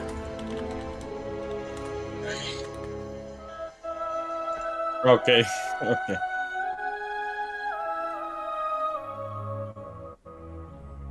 Raiko. jah, Raiko sai ka kätte. see küsisin, tegi? Tegemist on tõesti avatariga, kaks tuhat üheksateist, üheksa, kaks tuhat üheksa, üheksa aasta äh, James Cameroni avatari soundtrack'i esimene palla. ja avatar tuli tõesti aastal kaks tuhat üheksa viimati välja. issand jumal, noh, terve elu läheb mööda, nagu teine osa tuleb ja James Horneri muusika oli nii hea, nii kahju, et ta suri tegelikult üsna noorelt, ta oli kuuskümmend üks. ja suri sellepärast, et issand, Honor on surnud või? jaa, kaks tuhat viisteist suri lennuõnnetuses. kus ma, kus ma elanud olen? ise oli piloot ja ise käis lendamas ja suri. aga tema muusika, issand jumal, jaa. see on nii kuulus lugu ka, see äh, avatari soundtrack'id asjad. mingi hetk oli, oli mul ka see avatari kreis ja, ja istusid, vaatasid, mängisid avatari mängu ka, inimesed ütlesid, see avatari mäng on sitt. See Playstation peal see, et James Cameron, The Avatar, The Game, mingi, mingi jaa. eriti tobeda nimega mäng. ja, ja ma tegin läbi kõik versioonid. PSP versioonid, handheld versioonid, erinevad äh, konsooli versioonid ja, ja kaitsesin seda siis, kirjutasin sellest ja kaitsesin seda, kõigi, kõik, kõik olid, see mäng on saast. see on mingi cash grab, see on mida iganes veel, onju. mul oli jah, fuck it, never mind, et see on tegelikult täitsa, täitsa hea ja tore asi, et ja filmiga tegelikult samamoodi. et äh, ta film, film, James Cameron tegi täpselt samasuguse filmi nagu Del Toro tegi Pacific Rimi. ausa seiklusfilmi, that's it. ja ta tegi samal ajal ka tehnilist, tehnoloogilist revolutsiooni. ja keegi ei saa eitada, et seda omal ajal kinos vaadata oli ikka suht, suht hämmastav kogemus. ei ta on kinofilm ja ta on muidugi kinofilm, kui sa vaatasid seda kodus mingi arvutiekraani pealt mingi kaamera rippe ja siis kirjutasid, muidugi. kirju-, kirjutasid, et, et film on sitt, siis selle kohta öeldakse, et aga ära tee siis No, kuidagi kaamera rippe. soundtrack, eriti siis Horneri soundtrack ka, et kui need pühad puud seal selle Quaritsi poolt õhku lastakse ja siis need sinised naavid seal vaatavad, kuidas nende puud lagunevad, seda tuld lendab, tükid lendavad, siis ne- nende helesiniste nägude peal peegeldub see kurbus ja pisarad voolavad ja nende pisarate peal peegeldub see tuli ja see häving. ja siis tuleb see, see Destruction of the Sac- Sacred Trees oli vist selle loo pealkiri Mm. James Horneri mingi südantlõhestav muusika peale, siis see on nagu blown away täiesti. nii, no ta oli ju Äh, jah, ikka võimas. tehtud, et ma vaatan praegu esimese mängu tulemusi. et Ragnar sai siis kuus punkti ja Raiko sai, issand, Raiko arvas kõik ära. jah, kaheksa punkti sai Raiko. aga võrreldes esi, esimese Mm. mänguga Ragnar sai, mul oli samamoodi kaheksa küsimust. Ragnar sai neli ja Raiko sai kolm koma viis, et saate nüüd aru, mis raskustase erinevus praegu on? no sorry, sa valisid filme Girl with the Dragon Tattoo, sa valisid mm. uh, Noah, sa valisid kuradi Avatar, sa valisid Pacific Rim. onju, sa valid nagu sellist filmi. ja, ja tulin seal sa valisid, mis kuradi filme sa seal valisid? no sorry, see on nagu see vahe. aga päris hea, et äh, kuus ja kaheksa, muidugi- väga muidugi ma guugeldasin ka, ma vaatasin Google'i läbi, sest ma ei viitsinud pead enam ragistada ja siis elada selle mõttega, et ma peaaegu tean, mis see on. no mina kasutasin Google'it põhimõtteliselt ühe korra, siis kui ma hakkasin ära arvama seda äh, Kõlvete Dragon Tattoo'd. vend ütles, et vali üks, siis ma käisin korraks Atticus Rossi ja Trent Reznori muusikat üle vaatamas, siis ma kinnitasin enda jaoks üle, et see oli äh, The Kõlvete Dragon Tattoo. Aga Google'i abiga on küll, ma muidu sa jääd nagu kinni, see on see, et ma olen nagu peaaegu seal. et ma tean nagu ka seda, mis ta on umbes või kes selle muusika tegi ja siis on see, et aga mis film Jaa. see on ja siis mingi list paned ette, see ei ole, see ei ole, aa, see on see film. aga midagi on ikkagist nagu vaja, mingi visuaalne abike, kes peab nagu olema, et kui sa ainult peaksid nagu sada protsenti ütlema ikkagist nagu kuulamise järgi, siis ma arvan, sa, ma oleks saanud võib-olla neli või viis. tõenäoliselt siit kuigi noh, peaks nüüd re reeglid nagu läbi mõtlema. et varasemalt ma ei ole jah Google'it niimoodi ise kasutanud. see on esimene aga- kord, kui ma kasutasin niimoodi. Lähme vist edasi asjadega. Jaa. ma hakkan rääkima, mis ma nüüd vaatasin kodus, me oleme juba kuradi poolteist tundi saati. aga mul on hästi vähe vaadatud selles mõttes, et jah, ma, ma vaatan siin praegu muid äh, filme, kui ma jõuan vaadata ja ma üldse tegelikult vaatan vähe, siis äh, enamus asi, mis ma vaatan, on nagu taustal äh,. kindlasti tuletan meelde, et äh, Demon Slayer on hype, mingi räigelt hype on, animationi budget on katki crazy, mis seal toimub. tuletan siis meelde, et äh, see toimub, vaadake, andke vaatenumbreid. toetage siis Crunchyrolli ja Funimationid ja mida iganes muul, ärge vaadake Demon Slayerit nendest mitteametlikest versioonidest, sest ta on tasuta olemas Crunchyrollis. kui see, kui te ei taha kuskil maksta. lihtsalt, et vaatamised asjad läheksid, et läheksid kõigi, kõigi, õigesse kohta. Et- ta on Hulus olemas. ta on igal pool, ta on Netflixis ka, ta on igal kuradi platvormil olemas. hooaega ei ole, ainult esimene. jaa, kui sul on VPN, siis sa saad vaadata mis, mis iganes nagu variandis, ma räägin, kui sa oled Eestis ja sa ei taha maksta Crunchyroll. oota, kas USA Netflixis on äh,, jookseb juba uus äh, hooaeg või? ei, praegu on USA-s, ta jookseb Hulus, nii et äh, ta ei ole samal ajal okei okay,, olemas, ta oli, ta on küll, ta on mingi, mingite, mingites riikides ta jookseb Netflixis ka. Ta on ikkagist igal pool maailmas praegu kättesaadav. meie jaoks on see Crunchyroll, ta ei saa peaaegu kuskilt midagi otsima ja mõtlema, tasuta, vaatab meid Crunchyroll, pole isegi, pole isegi konto, kontot vaja teha, lihtsalt lähed Crunchyroll Demon Slayer ja- see on nii lihtsaks tehtud. ja, ja kohe vaatad, et ei pea üldse mõtlema, vaatad vahepeal reklaame, kui ei taha äh, maksta, aga vahet ei ole.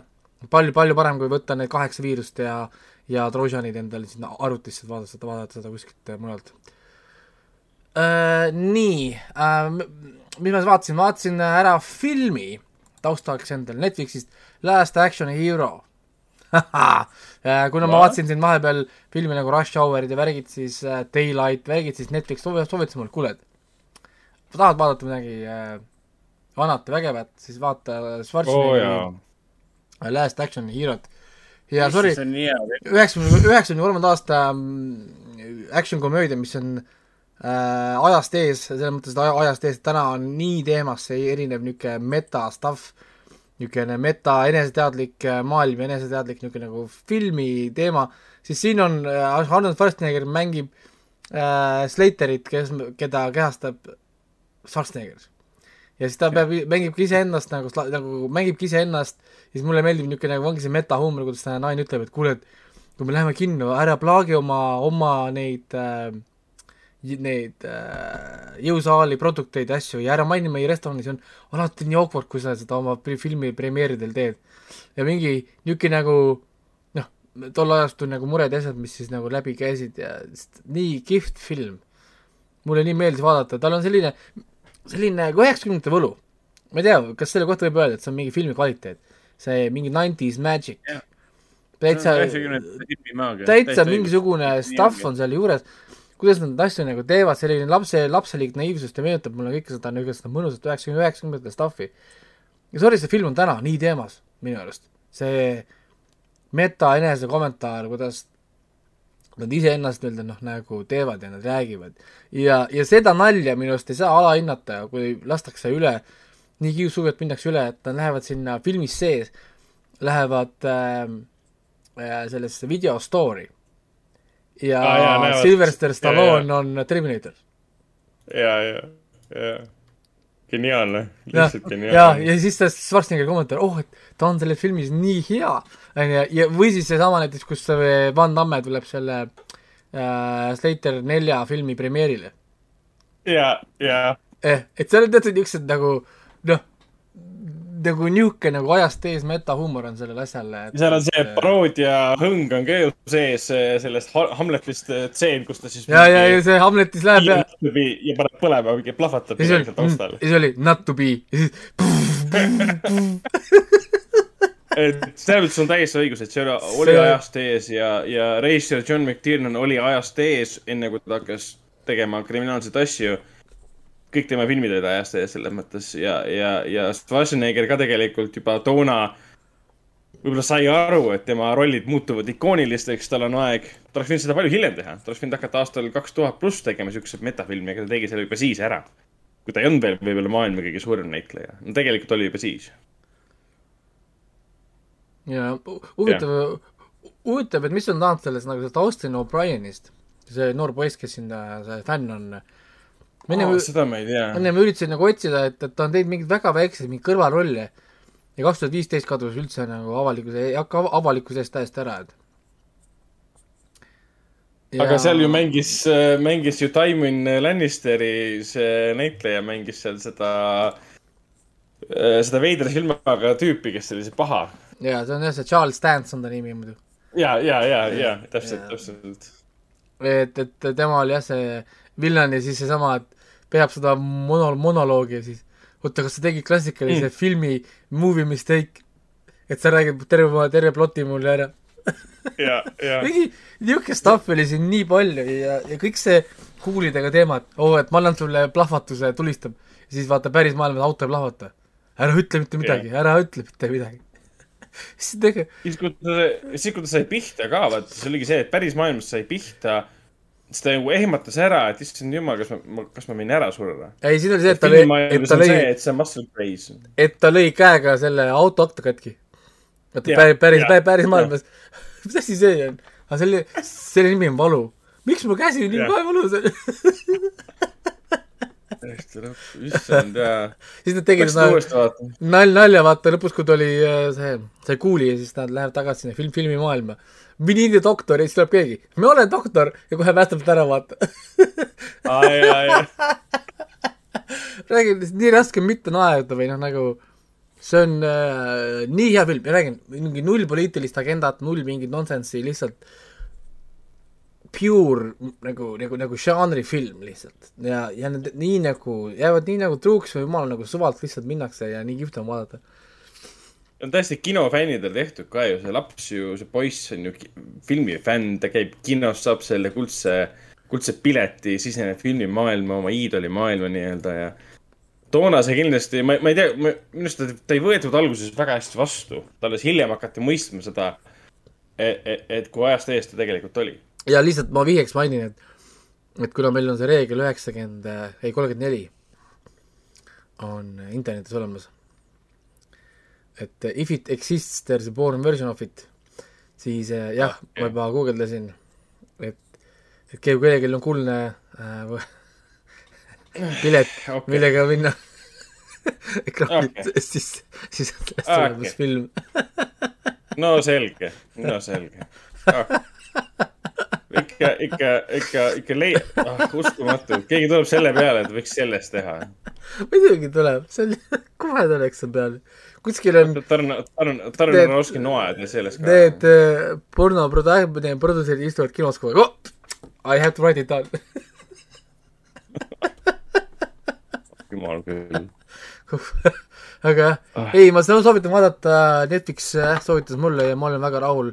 tea, muidugi vaatan praegu taustaks, ma väga pole nüüd vaadanud vist mitu, mitu nädalat niimoodi, et ma keskendun konkreetselt nagu noh, nende, millest ma siin räägin, need on mul enamasti nagu taustaks või mul nagu kõrval ja ma valin nagu asju, kus ma võin lasta asja, asju mööda, sellepärast ma vaatangi filme, mis ma olen juba näinud varasemast, sest ma olen filmi näinud, eks ju, noh, ma ei pea vaatama mingit, mingit sekundit, vaid ma saan kuulmise järgi äh, teada, mis seal nagu on ja valin siis niisugused nagu võib-olla vähem olu-, olulisemaid asju endale siis vaatamiseks äh,. aga siis ma, ma, ma mainin väga olulise info, et sellest filmist tuli välja ka 4K UHD Blu-ray. vot, oluline info. Jaa, ku- kusjuures nad siin- välja mõnda aega tagasi juba. huvitav oli ka see, et, et ütleme, kui nad äh, sellest Mac, Mac, ta on nagu McTiernan enda nagu film, sa mainisid siin filmis sees ja tema ju tegelikult teisi filme, miks oli Die Hard, Mm. mis oli ka nagu huvitav, et nad nagu, et see oli fänn, vaata. Die Hardis, kui Bruce Willis tegi seda, vaata, siis tema tegi ka seda, siis who is that? nojah, ja noh, sama reisija tegi ju, ju Predatori ja Jaa. issand jumal, Hunt for Red October ja, ja, ja kõik leged filmid põhimõtteliselt, millest siiamaani vaatame järgesid nendest, nendest filmidest. jaa, et jaa, ei iga- igal, ma olin väga nagu rahul, üllatavalt hea film oli, mina mäletasin, mäletasin teda hoopis keskpärasema no, no, nagu filmina, aga täna võib-olla ongi, et noh, ütleme aeg on edasi liikunud, erinevad ähm, noh, ajad ja ise Mm. kasv, ise kasvanud ja nüüd täna see film on kuidagi palju parem kui, kui, kui ta nagu peaks olema tegelikult. nojah, siin vahepeal ju Deadpool tuli välja ja, ja kõik hindasid seda väga kõrgelt tänu sellele, et ta on nii meta ja enesest teadlik ja siis ma arvan, et see vanem põlvkond vaatas, et oh poisid, me vaatasime seda päris ammu juba. seda metafilmi, mis teadis, et ta on film. jep, et väga, väga, väga, väga, väga hea film, nii et tõesti äh,, kes, kes tahab vaadata mõnusat äh, niisugust äh, lihtsalt filmi üks õhtu perega, naisega, sõpradega, see on universaalne igale maitsele, nii et äh, pange peale ja vaadake äh,. siis, siis äh, ma vaatasin Blundereri, see on üks anime äh,, ma vaatasin seda siis äh, inglisekeelse taabiga, I know, I know, I know. vaatasin seda taabiga, siis ma panin ta kõrval, kõrvale mängima, ma alguses mõtlesin, et ma saan äkki jaapani keelega hagu, aga ei saanud raisk äh,, liiga keeruline äh,. Liiga palju teksti läks, läks ikkagi skaotsi. ja, ja panin ta siis jaapani keele peale ja ja mulle meeldis see anime, ta on tegelikult üllatavalt niisugune huvitav anime, siin on teatud sarnasused näiteks selle äh, Justin Timberlake filmiga Time või In Time või ei mäleta, mis ta nimi oli. ah,. In time, jah yeah.. et kui seal filmis oli, sul oli nagu aeg, oli sul siin käe peal või noh, nagu see niisugune valuuta mm., siis siin on nagu sarnane asi, mille nimi on The Count, kus kohas inimesed elavad siis nagu postapokalüptilises maailmas hõljuvas mingis linnas, või noh, mitte linnas, vaid nagu suures nagu kontinendil siis tähendab.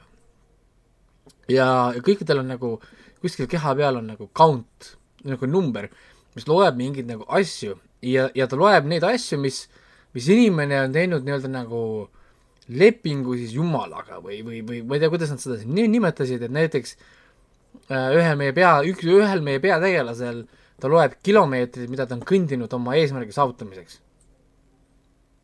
ehk siis tema eesmärgiks oli leida legendaarne kangelane ülesse.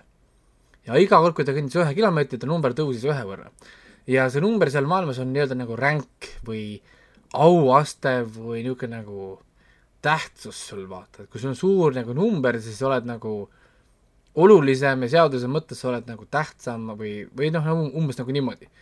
Et ala, kui tuleb mingisugune sõdur, kellel on rank kolmsada, aga sa oled nii-öelda suvaline maamees, kes on rank kaheksasada, siis see sõdur ei saa sulle mitte midagi teha ega öelda, sest sina oled kaheksasada. ehk siis selles mõttes see, et siin nagu keegi diskrimineeris, sest keegi teab su numbrit. enne kui keegi su numbrit ei tea, keegi ei ütle sulle midagi või keegi ei käitu sinuga, sest, sest, sest, sest ta ei tea su numbrit. ja, ja kui sul, ja kui sa, kui sa töötad vastu oma antud asjale, ehk siis sa ei liigu kilomeetreid oma eesmärgi poole, number läheb, number läheb alla. Läheb nagu väiksemaks. ja kui number jõuab nulli, siis sa, tulevad maa seest mingisugused mustad käed, kes tõmbavad sind abissi. see on nii-öelda nagu see viimane ruulik siis või noh, nagu viimane siis kohtumõistmine sinu üle.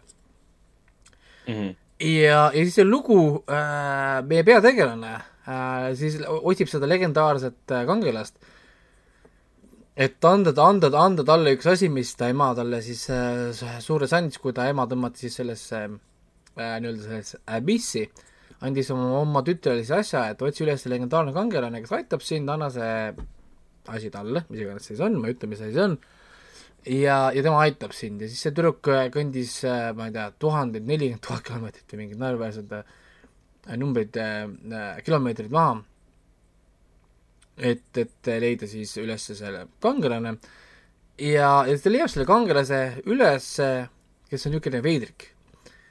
ja, ja siis muidugi anime kohaselt kangelasel on käe peal number miinus üheksasada üheksakümmend üheksa. miinuses null on ju kõige madalam, kuhu saab, kuhu saab nagu minna. siis tõmmatakse sind abissi. aga tal on miinus üheksasada üheksakümmend üheksa. Ja tema number läheb iga kord väiksemaks, kui tüdrukud teda tõrjuvad või ütlevad talle ei. või noh, naised või tüdrukud. ja siis, kui ta kohtub siis selle tüdrukuga, kes teda otsib, see tüdruk ka tõ- tõrjub teda, siis ta läheb miinus tuhande peale aga trikk on selles, ta on legendaarne kangelane ja, ja, ja tema numbrid on tegelikult väga-väga kõrged. Tal on küll käe peal tuhat, miinus tuhat, aga seal on võimalik nii-öelda siduda oma see count ka esemetega. ja, ja, ja siis tema kunagi väga mitusada aastat tagasi, ta on elanud äärmiselt kaua aega, miks ta nii kaua elab, see on äh,, peate vaatama äh,, sidus oma nii-öelda nagu lugemise numbrid või noh, nagu veel teise numbri sai juurde, ta sidus selle ühe mõõgaga ja ta ütles, et iga kord, kui ta tapab oma vaenlase kellegi teise nimel või, või noh, kellegi teise päästmiseks, see number läheb ülesse. ja ma ei ütle, mis number tal seal mõõga peal on, aga need on päris suured anime numbrid seal. ja, ja, ja, ja selles mõttes on ikkagi klassikaline anime, palju lahingut, palju seda no nii, Vasaka ja, ja, ja ütleme, üt-, noh, ütleme kogu seda klassikalist äh, stuff'i äh,, battle scene ja noad, mõõgad äh,, asjad kõik lendavad, dissi, trossikud, kõik jutud, mis on siis sellises klassikalises äh, edgy shonen animes. nii et äh,, aga see ei ole isekai anime. mõelge, see pole isekai, ei olegi jah? ei. olen üllatunud. Nonii.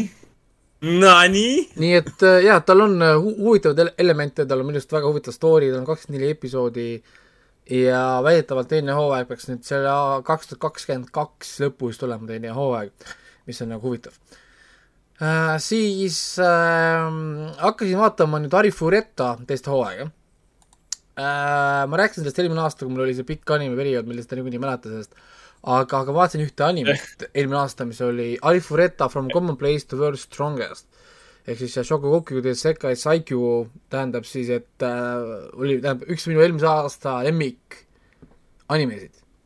ma andsin talle üheksa, üheksa punkti tookord kümnest ja lühikokkuvõte oli see, et kus kohas, see on isekai anime kus kohas see on ikka, Äh, jaa, kus kohas klassitäis noori tõmmati siis nii-öelda nagu äh, fantaasiamaailma, kus nad kõik siis pidid olema nagu kangelased või nad kõik said omale nagu võime.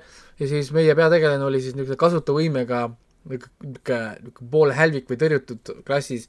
Ja siis, kui nad läksid ühele treeningmissioonile ühes niisuguses dungeonis, siis tänu teiste klassikaaslaste manipuleerimisele, kiusamisele ta kukkus nagu sinna alla ja kõik mõtlesid, et ta suri ära, aga ta tahe ellu jää, ellu jääda tegi temast siis The World's Strongest.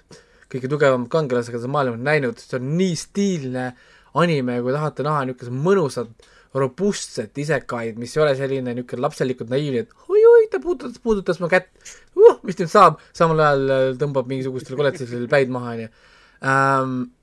et, et te tahate vaadata midagi nagu head ja vägevat, siis soovitan vaadata Arifuretat, see on see on, see on tõesti kihvt nagu selles mõttes, öelda nagu, ma ei oska öelda täiskasvanulik anim, mis on nagu veider, selles mõttes, et täiskasvanulikke animeid tegelikult on vähe. meil on, ütleme, ongi Steins Gate, meil on Death Note, meil on võib-olla ütleme siis Erase Euro, enamus on ikka niisugused nagu lapselikud või nagu teisme, ütleme, teismelistele mõeldud või hilisteismelistele mõeldud story'd. Et noh, Demon Slayer tegelikult pole ka võib-olla nii täiskasvanutele, kuigi seal on ka hästi palju täiskasvanute niisugust äh, väga heavy ele-, heavy elementi sees siis äh, Arif Fureta teine hooaeg nüüd algas ja ta on vist on nüüd kolm-neli episoodi on praegu tulnud. ja, ja endiselt paneb ikka mõnusa, mõnusa tempoga ja hooga nagu edasi. ja, ja siin on üks minu jaoks parimaid anime entrance scenes ka, see on hästi oluline asi, ütleme, kui kui me räägime nagu just anime nagu žanrist, siis äh, kuidas karakter siseneb kuskile situatsiooni, et näidata oma power'it. see on ka nagu, mis oli ju Deadpoolis ka, kui, kui nad hüppasid sealt ülevalt alla, siis Deadpool tegi, et ja see superhero. jaa, et see oli super, superhero landing, et, et what an entrance, siis äh, siin Harry Fretas on üks parimaid nagu entrance eid, kui äh, ta kohtub oma klassikaaslastega uuesti. Klassikaaslased vaata teavad, et ta on ammu surnud, on ju, aga, aga ta on teinud läbi mingi megaseikluse sinna alla-välja, uued skill'id, ta on mitu naist endale üles korjanud seal tee peal, tal on kõik asjad maxed out, ta on just badass ja siis see, kuidas ta tuleb neid nagu päästma, nagu seal dungeonis, see on fucking epic. nii et jaa, Arif Fureta tõesti äh, anime fännidele kohustuslik, isekai fännidele kohustuslik, lisaks see aasta kohe on tulemas ka Shield Hero teine hooaeg, mis on ka üks suurepärane isekai, mis sai ka, mis tuleb teise hooaja. ja Shield Hero intro on nii litt, see on täiesti crazy, kui litt võib olla üks intro äh,. rääkides headest introdest, ma korra otsin, kas mul on see Shield Hero intro äh, olemas äh, selles ähm, list-, listides siin vist ei ole äh,. Ma korra mõtlesin, et kas ta on mul veel alles siin kuskil, aga ei, ta annab mulle ainult The, The, The Shield sarja intro. Mis, mis ei ole ka paha intro, mida nagu äh, kohe ei tule praegu meelde. aga kahju ei saa seda, seda pärast lasta. Ähm,. ühesõnaga, ma lasen seda törtsu, törtsu hiljem. Äh,, ma, ma, ma otsin ta välja, mul peab olema kuskil see arvutis, sest ma, mul ma, ma ei usu, et mul ei ole seda nagu introt, see on, see on, Shield Hero intro on lit. nii et jaa, meil tuleb selles mõttes hea animaasta niikuinii, kuigi Demon Slayeri lõpp on juba lähedal, mis on selles mõttes kurb, et äh, nii lühikene hooaeg on äh,, mis on tegelikult kuritegelikult kurb, tahaks kohe minna protestima kuskile viimane aeg vaatama hakata. ja, ja, ja liigun siis kohe sujuvalt edasi Netflixi Taani seriaali juurde Chosen, mis on tõenäoliselt selle aasta üks sidem, sidemaid asju, mis on tehtud. mm.. Tal on IMDB-s juba tugev kolm koma üheksa. mina nii lahke ei olnud, ma andsin sellele kolm. mis oli võib-olla overkill, võib-olla, ma ei ole päris kindel, peame vaatama üle, kas, kas ta on kolm või kaks.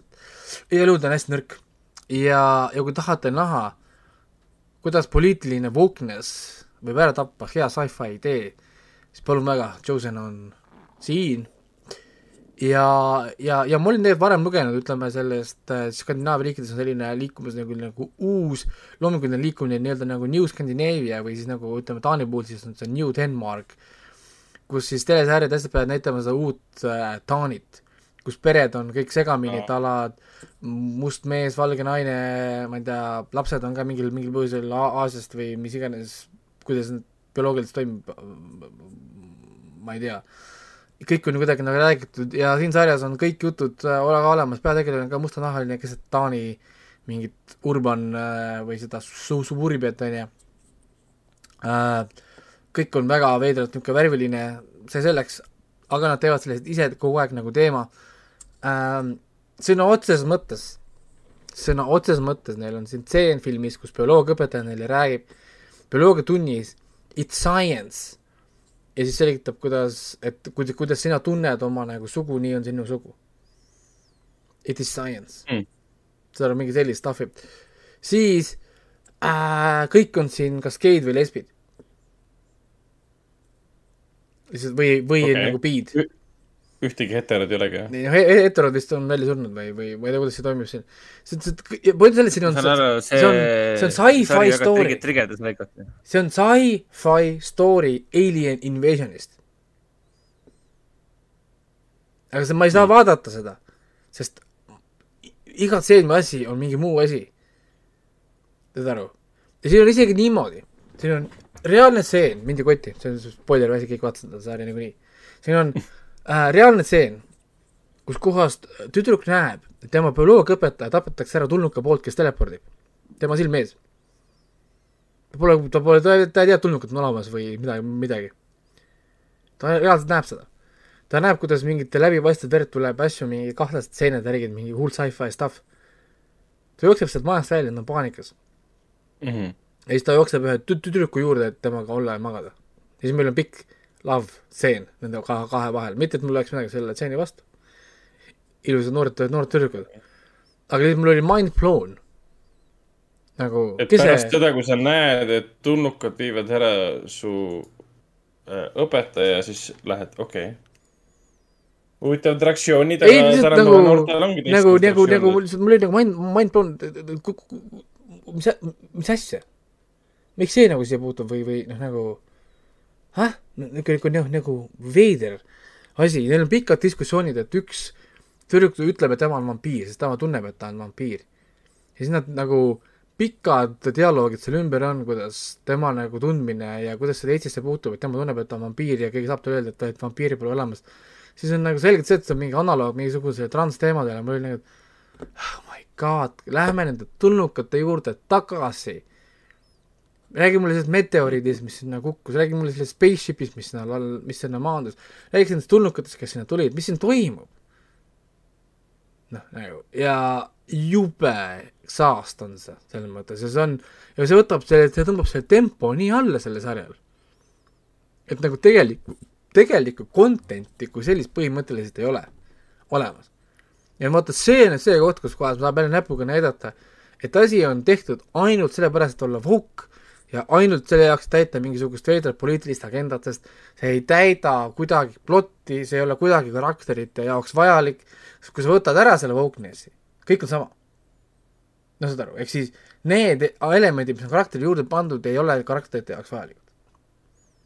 Neid ei ole vaja siia, need on ainult ühel eesmärgil, et teha mingit ticking box'i kuskil mingisugusel kuradi Netflixi nagu application'il. See on mingi nagu augutäide siis kogu aeg käib või? ja lugu üldse ei ära ja nii edasi või? lugu üldse ei liigu jaa, selles mõttes vaata kolme, kolme e episoodi jooksul minimaalne areng, neljandas okei okay,, kuskilt hakkas na- natukene nagu toimuma ja siis tõmbab jälle hoogu maha, sest tal on vaja arutada, kuidas tema tunded said liiga, sest äh, keegi kasutas valet pronoun'i. Who gives a Aa, shit, tulnukad kuradi ründavad, noh, nagu saa üle sellest nagu.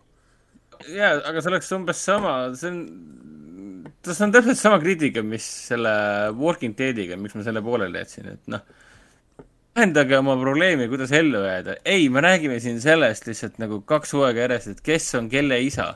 kas Karl ikka on äh, minu poeg või mitte, ma mingi.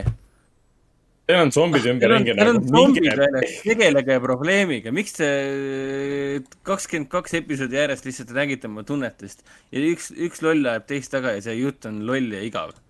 Oleks see veel hästi kirjutatud ka, ei. ehk siis sama teema põhimõtteliselt. et, et nagu see lihtsalt on nagu nii nagu valel ajal nagu vales kohas.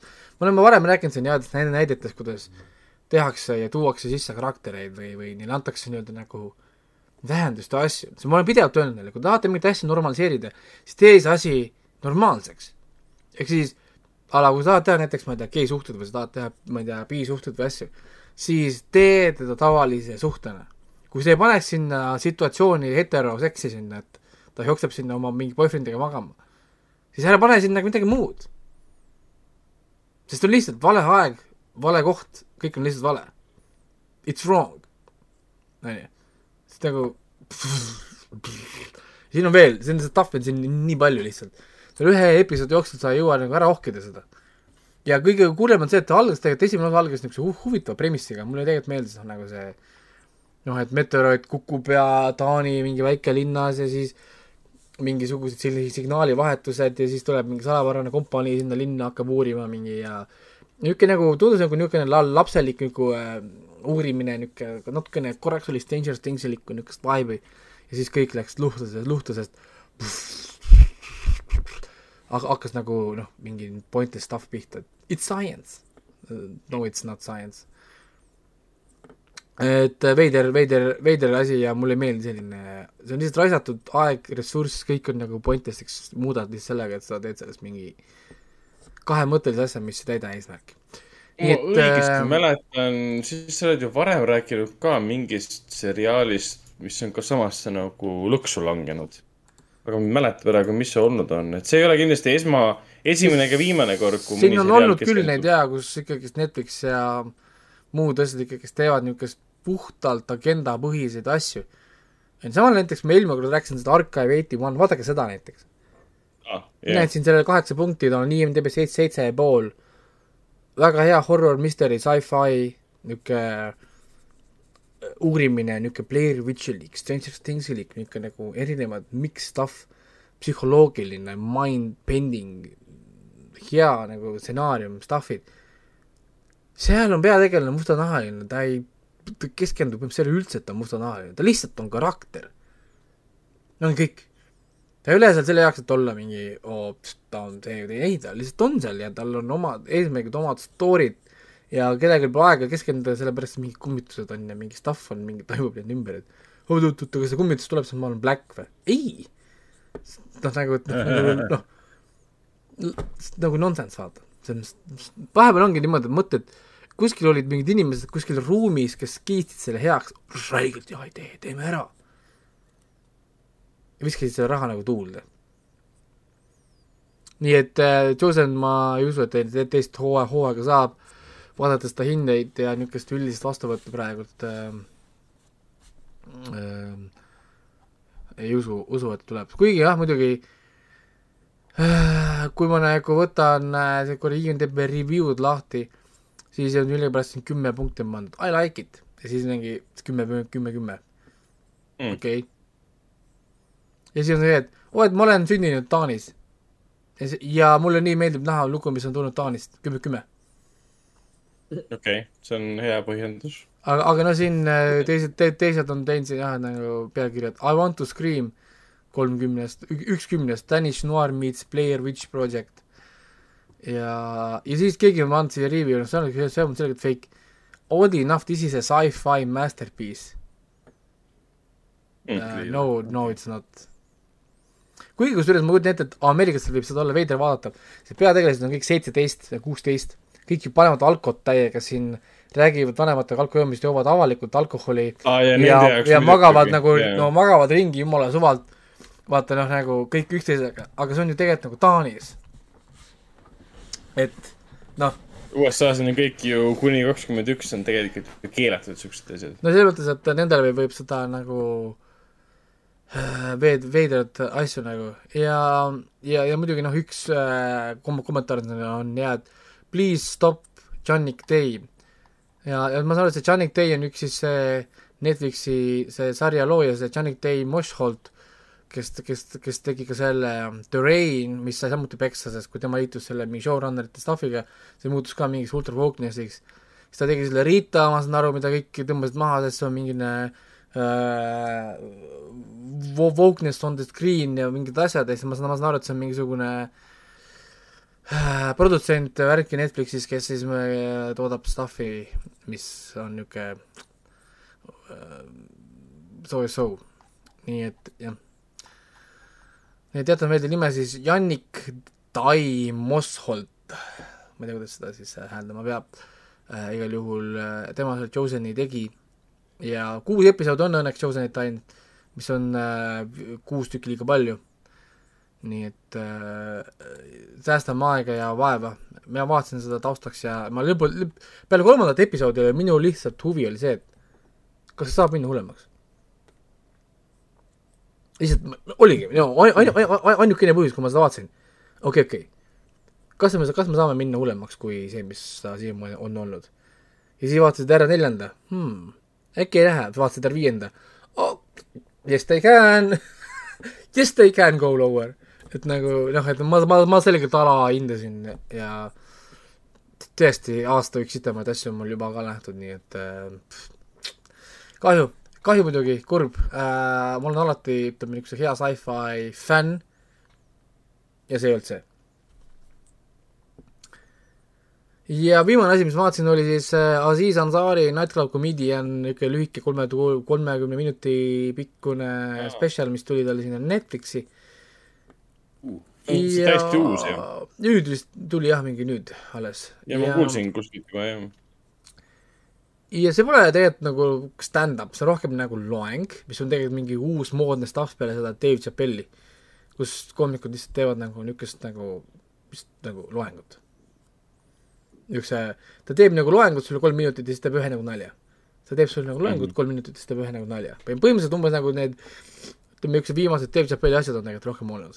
et neid ei ole enam nagu nüüd veel nagu full on stand-up, kus on mingi story telling ud ja karakterite loomised või asjad, nüüd ta lihtsalt nagu teeb lihtsalt nagu niisugust tõsist nagu poliitilist niisugust või niisugust nagu rational thinking protsess ja siis liigub sealt, oh, ja siis teeb nagu nalja. ja see on sa- sarnane, põhimõtteliselt põhineb sellepärast, et ta läheb tagasi siis no, ööklubisse, üllatab inimesi, kes on seal ööklubis, kus tema kunagi esimest korda tegi stand-up'i. inimesed Aa, ei tea inimesed juurde. ei tea, et see Aziz Ansari on tulemas. Läheb sinna lavale, ta ütles, et ta teeb tasuta seda ka, ta lihtsalt äh, helistas ennem omanikule ette, et ta tuleb täna lihtsalt noh, nagu päris kaval. ja, ja kaamera crew oli kaasas ja võtsid siis selle, võtsid selle nagu linti ja ta lihtsalt räägibki lihtsalt äh, koomik olemisest tänases maailmas põhi, põhi, põhi, põhi, põhimõtteliselt. ja võrdleb siis, kuidas on nagu arenenud sellest ajast, kui ta alustas koomikuna ja lihtsalt ongi nagu niisugune nagu huvitav, huvitav kuulata selles mõttes. ta küll, ta on mingi päev nagu podcast'i formaat, kuulaks nagu mingi Joe, Joe Roganit või midagi, ta lihtsalt, ta lihtsalt nagu teeb nagu podcast'i stiilis ja kuna ta on koomik, ta viskab ikka nagu nalja, nalja, nalja, onju. aga tegelikult ikkagi ta lihtsalt räägib noh, oma sellest tulekust ja minekust ja asjadest. tahtsin selle kriketi nalja ka ära teha, et sa mainisid, et see on umbes nagu kuulata Joe Roganit, et tead, tead, vähemalt kaks inimest on ma- maailmas, kes enam kindlasti Joe Roganit ei kuula. Neil Young ja Neil Young ja Johnny, Johnny Mitchell. Johnny Mitchell jah. miks nad ei kuula? siis nad boikoteerivad seda Netflixi ja, mitte Netflixi, vaid Spotify'd. Spotify'd. see no, Hiljem no ütles pole, Spotify'le, et äh, võtke, võtke, võtke kogu minu kataloog Spotify'st maha, et äh, ma ei taha jagada platvormi äh, Joe Roganiga. Ja siis paar päeva hiljem näiteks mingi, okei okay,, me võtame su kataloogi maha. Spotify. aga praegu, praegu on ikka veel alles. aga Spotify aktsiad hakkasid kohe mingi, langesid mingi nelja miljardi võrra või midagi laadset. kui Johnny Spotify Mitchell ütles, et uh, I stand with uh, Neil Young, siis vist hakkasid aktsiad juba mingi seitsme miljoni, miljoni väärtuses liikuma. jaa, aga see on ainult, tõusevad kohe tagasi, sest nad ei tõsta ära Joe Rogani, sest Joe Rogani numbrid on kõrgemad kui mingisuguste kuradi Neil Youngi. ei, seda kindlasti, sest seda on pull jälgida, et ma nii ootan, kes juba, kes juba järgmine maailmakuulus äh, muusik on äh,, kes sõna võtab, aga sorry, et ma vahele segasin, Aziz Ansari. ei, see on kõik, mul rohkem mõelnud, see oligi niisugune kuule, aga ma tahtsin küsida seda, et kas see on siis tema mingi, kas ta mainib seal temaga juhtunut ka või, seda tema süüdistust, tema me too'd nii-öelda? Tal ei olnud tegelikult ju mingi MeToo, ta lihtsalt, lihtsalt, lihtsalt tegelikult ei olnud jah. see, sorry, kui see oli mingi täiesti, ma ei viitsi isegi nimetada seda mitte millekski, see on lihtsalt nagu see intsident oli, et see inimene nagu ikkagi avalikkuses, avalikkuse ees sellest nagu rääkis ja Sins pidi seda nagu kommenteerima ja see tema karjääri mingil kujul ikkagi äh, mõjutas, sest noh, me ei ole teda ju seriaalides, välja arvatud Master of None, siis äh, ei, ta ei ei ta, sellest ta räägib ka, miks teda pole olnud mm.. aga see ei ole üldse seotud selle Me, Me Too omaga, ta rääkis, see oli umbes niimoodi, et ta rääkis ühest oma mingist iidolist. ja, ja siis, kui ta nagu kohtuski selle iidoliga ja ta küsis kunagi, et miks sa saad teha asju, mida sa tahad teha, mitte et sa pead tegema asju, noh nagu, et lihtsalt nagu olla teemas või midagi. ja siis ta sealt nagu tegi protsessi ja ta ütles, et on teinud väga noh, nagu pärast seda teatud nagu valikuid, et ta tegi, täitis ära mingid oma eesmärgid, mis ta tahtis täita ja nüüd ta lihtsalt võtab asju, mida ta nagu tahab nagu teha, et tal ei ole nagu vajadust enam teha, ma saan aru. või noh okay., nagu lihtsalt minna igasse projekti sisse hüpata umbes, et sellepärast, et lihtsalt- nagu teha. ei noh, see Master of None'i kolmas hooaeg tuli välja, esimest hooaega ma natukene vaadanud, kõik kiidavad seda, et ta on saavutanud oma eesmärgi. Tiis ise näitleb, näitleb ka või? Kolmandas hooajas on peaosas, kui ma ei eksi, on Liina Vait. et ta ise Ah, läks et- üle, hakkas pigem siis kas äh, jäi stsenaristiks ja režissööriks. okei, no siit võib ka muidugi välja lugeda seda, et see võib olla seotud selle. Ei, ma ei usu. jah, ma lugesin küll selle jama kohta. ei no jaa, aga see sul tema see on- tema story pole isegi Me Too lähedale mitte. see oli, see oli, kuidas, see oli lihtsalt, lihtsalt solva-, solvamine. võimalusest kinnihaaramine ja kuulsa inimese solvamine avalikult. see pole, ma ei, piinlik ja selle oli peaks nii olema awkward. piinlik hoopis, et ta midagi sellist ütles. see oli nii veider jah, nagu, et ma ei Saari lavastas kolmanda hooaja kõik episoodid ja kirjutas ka koos Liina Vaitiga. et ta tegeleb režiiga praegu pigem. ei no ta ei Äge., teda ta rääkiski, Äge. et ta võtab hoopis nüüd teised asjad, ta hakkab tegema asju, mis, või noh, teeb, tähendab, ta hakkab tegema, et ta juba teeb asju, mis, mida ta nagu tahab teha, mitte enam lihtsalt sellepärast umbes, et agent ütleb, et sa pead tegema või sul on vaja teha, sest sul on raha nagu vaja. või ta tegi sellega nalja, et umbes, et, et see tema see iidol ütles, et kuule, et kuidas sa saad teha nagu asju, mida sa tahad ainult teha, ei no väga lihtne, et sa lihtsalt äh, tahad vähem raha saada. siis ta ütles, et ei, ei, ei, et see, see asi mulle ei sobi aga, aga, aga muidu nagu ma ei oska öelda, selles mõttes, et ma räägin, see ei tundunud mulle stand-up'ina, vaid ta tundus mulle nagu loenguna või, või niisugune nagu et äh, this is Aziz Ansari and welcome to my TED talk. kuule, aga sina oled, sina oled viimasel ajal ja üldse elu jooksul ikka väga palju stand-up'e vaadanud, et kas peale Dave Chappelli ja peale Aziz Ansari on veel neid stand-up comedian'e, kes teevad pigem loenguid kui stand-up'i, kui, kui traditsioonilist stand-up'i? äh, täna enamus teevad nüüd. enamus ikkagi. ja Kevin Harti uued teema., uued on ka sellised on olnud nagu mm. -hmm. et äh, see on ju uus nagu asi, see on nagu new thing praegu. kust see alguse sai, oli see siis Bill, see on Bill? Bill, Bill, Bill Burri podcast'id. aa, aa, okei okay.. ja, nii, ma olen kuulanud neid. ja, ja, ja, ja Bill Burri podcast ides hakkas see nagu tulema, kus ta nagu, ta teeb nagu niisuguse nagu sügavamõttelise niisuguse nagu, ongi nagu ratsionaliseerimise mingisugusel teemal. siis teist ta teeb mm, -hmm. pöörab selle nagu naljaks. Ehk siis tegelikult kuulad kolm minutit põhimõtteliselt lihtsalt mitte mingit nalja, vaid lihtsalt kellegi nagu niisugust ratsionaliseerimist, siis ta teeb lihtsalt mingi nalja.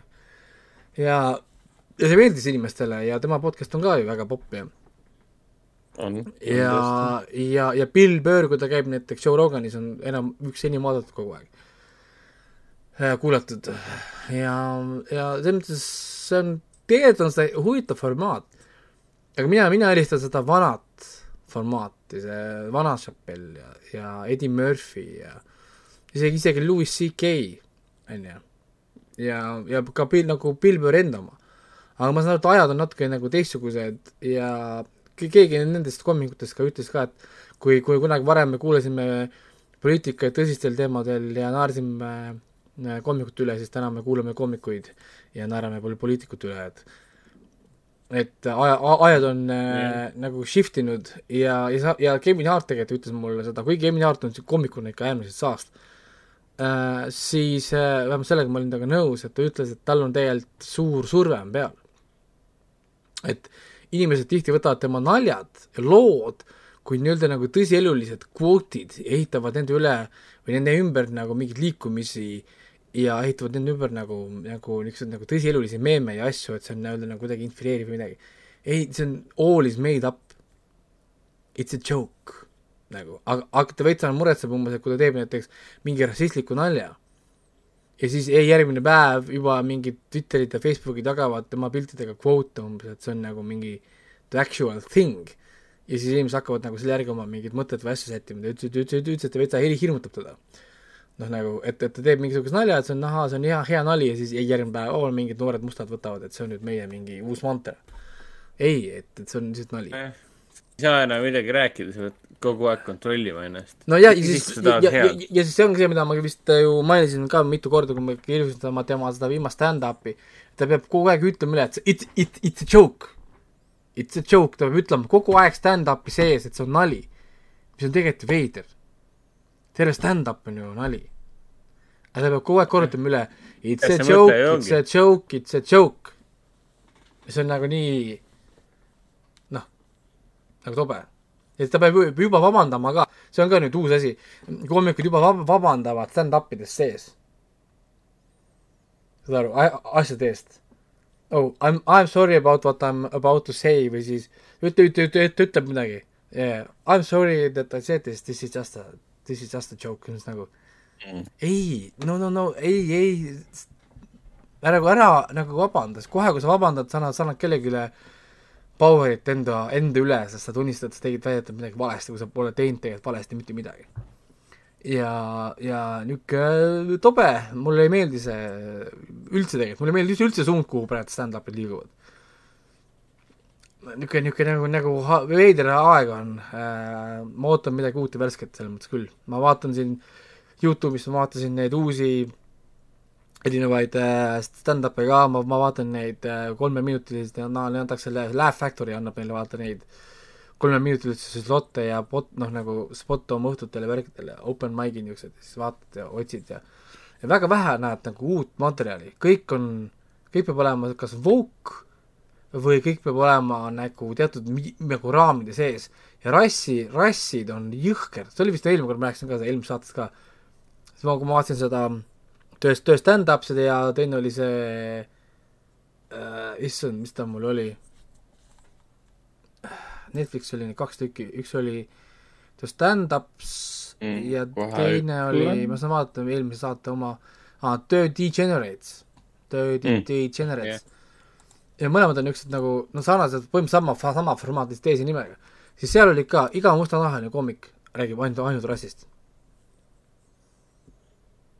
nagu ja siis mul oli ka nagu, kas tõesti see nagu toidab neid nagu ära või nad lihtsalt esinevad ka mustanahalistele nagu publikutele kuskil klubides, asjades, kes tõesti ainult reageerib siis rassilisele naljale või. siis on ka nagu, see on, it's sad. onju, ja samal ajal mina naersin kõige rohkem just selle, selle venna üle, kes ma räägin, tegi neid vaala, vaala, vaala, vaalanalju ja kuule, ma kuulsin sind, ma olin Iirimaa taga peidus, noh nagu, et noh, aga see on hea nali. see ongi niisugune, need ongi nagu head naljad ja, ja, ja see on nagu nii universaalne ja neutraalne nali. see iga nali ei pea olema nagu ultra laetud, kuigi jaa, must nali, süsimustad naljad ja niisugused äh, on nagu fun, aga nendel on teatud määral nagu limiit. Muutuvad väsitavaks ja ko- kordavaks kiiresti, näiteks see sama, mis äh, Jimmy Carrey viimane stand-up oli selle koha pealt ju minu arust väga nõrk, sest ta oli lihtsalt obvious. ma, ma teadsin igat punchline'i ennem, kui me sinna jõudsime, sest ta teeb alati samasse auku punchline'i. ta otsib seda kõige nagu mustemat või niisugust nagu näilisemat, šokeerivat asja, mis tegelikult ei ole enam šokeeriv, sest me oleme seda liiga palju näinud. ehk siis see on umbes sama, et oh, et ma teen äh, õudusfilmi, kus keegi lõikab kellelgi pea maha. See on nagu see, et äh, see on iseenesest hea, see pea maha lõikamine on räigelt niisugune jõhker ja, ja nagu roim, aga sorry, kui Dexter tegi seda iga fucking episood ja ja, ja nüüd milline nagu õudusfilm täna isegi kvalifitseeruks enam õudusfilmina, oo, ma lõikasin pea maha. noh, sorry, sa lähed ISISe Twitterisse ja sa näed ka seda stuff'i seal ja see on nagu nagu what the fuck on ju. Nii et nagu nagu mingi veider nagu, nagu, nagu koht on praegult. ja ma ei tea, ma, ma isegi ei tea, kuhu või kuidas või, või mida nagu paremini peaks nagu tegema. ja selles mõttes ma saan aru näiteks, miks see Burnhami see, see, see Netflix spetsial nii hitt oli. siis võrdle nüüd nagu seda tänase nagu stand-up'iga. tema huumor on ikka täiesti nagu next Jah. next level. teine tase, teine vorm ka. see, ja see esitus ka täiesti hoopis midagi teistsugust, hoopis midagi värskendavat, midagi umbes sellist, et sa küsid endalt, et mis asi see nüüd siis on. see ongi hea, see midagi on, teistsugust. see on täiesti crazy, noh nagu seesama see Jeff Bezose kuradi lauldel seal ja ja nagu, et, et niisugused mm -hmm, nagu noh, nagu teistmoodi, aga vaata, kuidas see nagu toimib või noh, nagu need naljad nagu toimivad nagu paremini. Nii et, et, et ma ei tea, ma, mulle meeldib stand-up'id jah, ma olen stand-up'i kuulaja just teatud protsessis, kui ma teen nagu tööd ja erinevate tüüpi töödel. mul on teatud tüüpi tööd, tööde juures, eriti kui ma ehitan, siis ma kuulan palju audioraamatuid. aga kui ma näiteks äh, programmeerin, ma teen mingeid saite või ma kirjutan mingit, mingis iganes koodi või, või sellist arvutiga nagu rohkem tööd, siis ma kuulan stand-up'i rohkem. millegipärast, nagu, nagu erinev see, niisugune nagu harjumus tekkinud.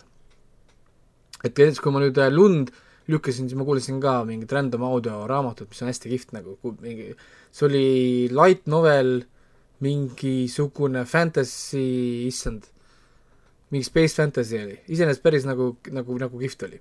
ja mulle meeldib, meeldib, kui tead, võtadki, võtadki lahti, panedki mingi random, paned sealt, paned selle ajalimiidi, et äh, umbes tund aega peaks, peaks olema kestvusega nagu short story'd nagu ja saad valida ja tuleb mingi random story ja ja, ja issand, kui awkward oli ükspäev kuulata, ma proovisin äh, kuulata äh, erootika pornographical ja ma panin äh, naiste hulgas most popular Mm. ja sorry, aga nagu need sexual encounter äh, kirjeldused, siis nagu who writes this stuff? ja, ja järgmine, järgmine küsimus on who likes this stuff? et nagu what the actual thing nagu. et, et kui ma veel kuulen mingi inglise sõnu nagu, nagu throbbing ja, ja taolisi, siis on nagu okei okay,, et nagu äkki nagu aitab nüüd.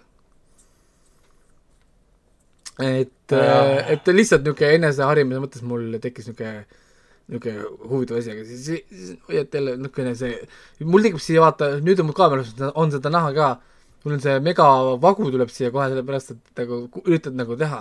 ja siis äh, mul naine saab alati aru, et ma kuulan midagi cringe'i, kui ma näiteks teen mingit tööd ja siis ta näeb mu nägu niimoodi a la ma lükkan lund või, või, või ma ei tea, laod, paned mingit pla-, plaate kuskile seina, siis see vagu on siin vahel siis tal on, mida sa kuuled jälle? et midagi nagu kahtlast. aga olgu, ma rohkem ei raiska aega, ma olen juba raisanud korralikult, me oleme kaks tundi olnud laivis, nii et äh, äh, jah, jah, kaks, kaksteist. me oleme Seal- tegelikult ju, kusjuures see on ju meta ju praegu, sest meie ise oleme tegelikult ju see loba, loba stuff, mida pannakse taustale, kui inimesed teevad ise tööd ja, asju. ja, ja siis me samal ajal teeme, kritiseerime või, või hindame siis sedasama loba ka, mida me kuuleme teistelt. et see on kõik väga, väga meta. aitäh, John McTiernan ja aitäh, Last Action Hero. mitte, et Last Action Hero oleks esimene meta, meta nagu looming ole, olnud. huvitav, mis oli esimene niisugune meta? sa mõtled filmis, filmikunstis? jaa, mis oli niisugune esimene fourth wall breaking, mingi self-aware meta stuff? Hea küsimus. kõlab nagu kodutöö. ei, lihtsalt no, tekkiski nagu huvitav, nüüd on, oleks nagu huvitav teada, mis on nagu see nagu next level meta. sest kus see, kust ta nagu tuli esimesena, sest äh, jah, koomikites oli see no. küll.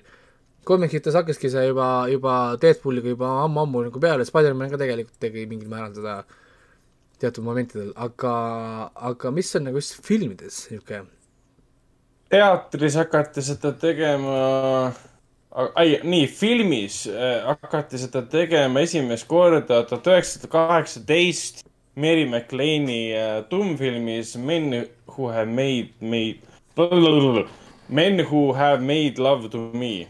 aa, okei, jah. see on esimene film, kus siis peategelane äh, adresseerib publikut otse. see on neljanda seina lõhkumine okei, okei. Sealt ilmselt arenes edasi see metakommentaar, et ma tean, et ma olen filmis, ma tean, mis žanris ma olen, mis on need žanri konventsioonid, mis kõik viisid välja selleni, et McTiernan tegi oma filmi, Wes Craven tegi oma filmi ähm,, Deadpool sündis ja kõik siuksed asjad. aga, aga Woody Allen tegi seda kindlasti ka Annie Hallis äh,, Zucker, Abrams ja see teine Zucker tegid seda siis ka seal äh, ähm, oma filmides. Mel Brooks on seda teinud, Monty Python on seda teinud. aa jaa, muidugi, Monty Äh. Python, jaa muidugi, issand. Groucho Marx suhtles otse publikuga, Animal Cracker siis, Horse Feather siis uh,, The Purple Rose of Cairo oli Fort Walli lõhkumine. Alfis oli ka. et see on ikka, Cherry Lewis hakkas seda tegema. Alfis oli ka või? tuleb nii välja, vanas Alfis ja see kuuskümmend kuus aasta oma Michael Caine'iga. Et seal ta pöördub jah publiku poole. et kui ta arutab oma, oma motivatsiooni ja, ja muud asjad no. Garfield on ka muidu ju. jah, jah. see Ragnar mõtles seda teist, teist Elfi, vaata Kusjuures- hullukas Elf oli ka ju. kusjuures see Gar-, Garfieldiga tuli, ma üks päev nägin viimast Garfieldi koomiksit. mul läks kohe niikuinii kur-, kurvaks, kurvaks läks meel. ei, et kui te pole veel näinud nii, kui te pole, aa, ma saan tegelikult panna ekraani peale selle. Ma pole tükk aega ühtegi Garfieldi koomiksit issand lugenud. äh,, pärast ikka lugesin Postimehe viimase lehekülje pealt koomikseid. et äh, ma panen selle, selle Jaa. viima-, viimase siia kohe ekraani peale. see lihtsalt oli minul nagu niuke äh, nii, ma saan ju seda teha nii, üks moment, ma kohe panen siia fancy, mul on siin ju, tegin tookord siin igasugust setup'i ja stuff'i ju. ja, ja, nüüd me oleme uuel ajastul ja ma saan näidata pilte ekraanidel äh,. nii, ma panen selle siia ekraani peale. siin ta on, meie lõhtad ees, vaadake korra siis viimast Garfieldi koomiksit ja öelge, et see ei, et see ei tee teid kurvaks. ahah. aga mis mõttes The Last Äh. Garfield koomik? on kõik või? Garfield sai läbi, jah. See on viimane. päriselt või? oh sa kurat. mida, Garfield saab läbi või? ja see on siis, oota, kas see on, ongi reaalselt üks koomikstrip ajalehest või? noh, kus iganes ta, kui see tänapäeval lastakse. okei, aga täitsa kurb jah. ei ütle mulle midagi. millal ta läbi sai? aa, kaks tuhat kakskümmend. Täitsa huvitav huh.. huvitav, kas need multikad ikka veel käivad või nende kohta ei no, ei no selles mõttes, ega ma ei usu, et bränd ära kaob või selles mõttes on nagu ikka, ta läheb kuidagi mingil viisil edasi, ma arvan, et kuskil oli mingisugune meta main story või mingi noh, mingisugune nagu asi, mis siis nagu noh, noh, nagu oli, aga nii veider tegelikult, et Garfield oli nagu lapsepõlve stuff ja siis mingi niisugune, niisugune lõpukoomiks. Et lihtsalt kirjelduseks nendele, kes kuulavad ja vaadata ei saa meie äh, nägusid, nägusid ja värke äh,. viimane Garfieldi koomiks on lihtsalt väga lihtne. Garfield magab, tal on see Z on seal nii-öelda seal pea koha peal, ehk ta magab. kolm paneeli on siis, esimese kahe paneelil on magab Z, kolmandal enam Z ei ole, lihtsalt otsas. hakkab edasi. et äh, lihtsalt jah, otsas, otsas ja jah, nii et niisugune, niisugune huvitav, aga ei, meta harutamine on kihvt ah,, mainin veel nii palju, et rääkides metast, paar päeva tagasi oli esimest korda intervjuu, kus kohas on ühes intervjuus korraga Tom Holland, Andrew Garfield ja Tobey Maguire. jah, oli küll jah. jep, ja see on Youtube'is praegu trending ja, ja vaatame, vaatame, mis tuleb vasakult ja paremalt igalt poolt. ja nad kõik räägivad, kuidas nendele kuidas nendele läheneti, kuidas seda projekti neile kirjeldati ähm,, kuidas need esimesed kohtumised olid Tom Hollandiga värgi ja näiteks, mis ma sain sealt teada, oli see, et Garfield ja Tobey Maguire läksid võtetele kolm kuud peale seda, kui fil- filmid olid juba, enamus filmid olid juba üles, üles võetud. ja enamus cast'ist mitte keegi ei teadnud, et, nad tulevad sinna. ja siis, kui need tulid lihtsalt nagu lamb lampi võtta, võtta päeval, siis kõigil olid ongi nii või? ei öeldud inimestele jaa. täitsa lõpp. et, et, et, et ma saan aru, Tom Holland sai vist eelmine päev ainult teada, et järgmine, järgmine päev, et homme või noh, nagu tuleb Andrew Garfield ja Tobey Maguire tulevad sinna nii-öelda nagu. ja, ja siis, kui Andrew Garfieldile läheneti, pakuti projekti, siis Andrew Garfieldi esimene küsimus oli, et kas äh, Tobey ka teeb seda. et, et, et kui Tobey pole nõus, siis mina ei tee. aa, niimoodi. ja, ja siis nice. äh, Toobi kirjeldas, kuidas siis see A- A- Amy ja Kevin siis äh, tead talle lähe-, lähenesid nii-öelda, istusid nagu laua taha ja siis see Amy esimene oli öelnud, et Toobi, et sa ju tead, miks me, miks me siin oleme. ja siis see Toobi oli, et noh, ma, ma oskan arvata, ei aga aimata. ma oskan arvata, aga te võiksite ikka anda mulle nagu vihje. nagu jaa, nii hea on elada praegusel ajal. et äh, ja, ja, ja, vaadake seda intervjuud selles mõttes, et kui te olete ikkagist äh, No Way Home fänn, mis paneb siin mingid jõhkrad numbrid ikkagist. ja tõesti ähm,, hea intervjuu ja, ja hästi läbi viidud ka muidugi.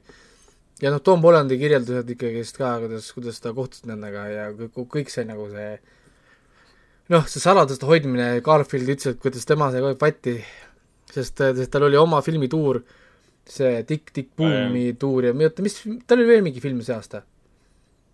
samaaegselt äh, pressituuri vist ei olnud, aga tal see, eelmine aasta oli see mainstream oli ka äkki. tähendab jah, eelmine aasta tähendab, mitte see aasta enam uh,. Tick Tick Boom, üks väiksem indie-film oli küll, jah. mingi, ta, ta, ta, ta, ütles, et tal oli kaks tuuri oli. Tammy, Tammy Faye. aa, Tammy äkki, Aa, äkki Tammy Faye. Jaa, Jaa, vot jaa. Tammy Faye, jah täpselt. et tal oli kaks eraldi filmi nagu tuuri ja siis eh, mõlema filmi tuuril ta teeb midagi, mitte midagi muud kui ainult eitas, et ta ei ole Spider-man'i uues Spider-man'i filmis. ja ta oli vist jumala kuri juba selle, selle peale, küsige küsimusi minu filmide kohta, mitte et- seda, kas ma olen ämblikmehe filmis. ta oli ka, ütles, et oli nagu nii väsitav oli, et läheb räägib oma uuest nagu filmist või promotuurist siis. kuule, et eh, kas sa oled uues Spider-man'i filmis? üks küsimus filmi kohta. Nonii. Aga kas sa oled, sa oled Spider-man'i filmis? sa pidid küsima, küsima filmi kohta. no ma küsisin filmi kohta. ja see ongi film sa ei täpsustanud, mis film. no see on ka film. et äh, ei, aga ma kihvt on vaadata intervjuud, ikkagist Toby on ikkagist äh, vanaks jäänud ja muidugi seal keegi, see intervjueerija küsis ka, et Tom Holland, millal sa nägid esimest korda Spider-man'i filmi, et kui sa olid viieaastane, kui see tuli välja. siis see Toby, see reaktsioon oli see umbes holy shit I m old. ikka kätt, jah. aasta oli, oota, mis see esimene oli? kaks tuhat, kaks kaks. Jesus Christ, noh. ega mina, mina samamoodi, kui ma saaksin praegu Tobey Maguire'iga kokku, ütleksin, kuule, su filmid on nagu parim asi ever, ma olin siis kaheteistaastane ja siis Tobey võib ka mõelda mingi. oota, päriselt, nii palju aega vahepeal möödas. Aeg tõesti ei oota mitte kedagi. Toby on ju, Toby on ju nelikümmend, nelikümmend kuus, Andrew Garfield on kolmkümmend kaheksa, nende vanusevahe pole nii meeletu, aga noh, Tom Hollandist me ei, ei räägi. Tom Holland on beebi, ikka jah. beebi. tema on beebi, jah. kusjuures Jared Leto on viiskümmend. mõelge, mõelge, mõelge, mõelge tema tema puhul on sellest võimatu aru saada, see mees lõpetas Jared Leto on viiskümmend. Jared Leto on viiskümmend, viiskümmend. et noh, Tobile sa vaatad otsa, et ah, sa veits saad aru, et ta on nagu pushing fifty, aga, aga Jared Leto näeb minu arust samamoodi välja, nagu ta nägi Requiem for a Dreamis. see on crazy habet, habet on rohkem. see on viis, see on viiskümmend, see ei ole nagu noh, viiskümmend, see tundub nagu what the heck. et kui ma mõtlen oma isa peale, mu isa oli viiskümmend kaks, kui ta suri ära, siis minu isa nägi juba minust terve minu lapsepõlv välja nagu vana mees. noh, habetunud ja värki. See järelikult on viiskümmend. ikka nagu noh, nagu veider. me, meil vennaga on sama, me ei ole oma, me ei ole oma isa mitte kunagi päriselus habemeta näinud. issand, On kuidas oleme, oleme ikka, oleme ikka, aga väga, väga, väga, väga harva. beebid, et mingit mälu ei saa olla. Jaa, ei, see oli ma ka- ei tea, mismoodi mu isa välja näeb.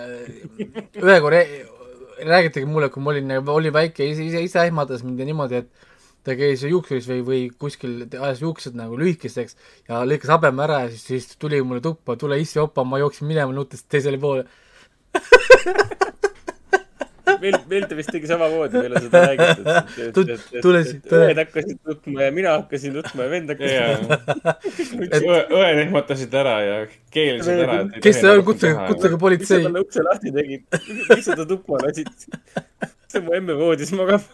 kutsuge politsei. kuulge, aga ka teie ilma habemeta on sama asi.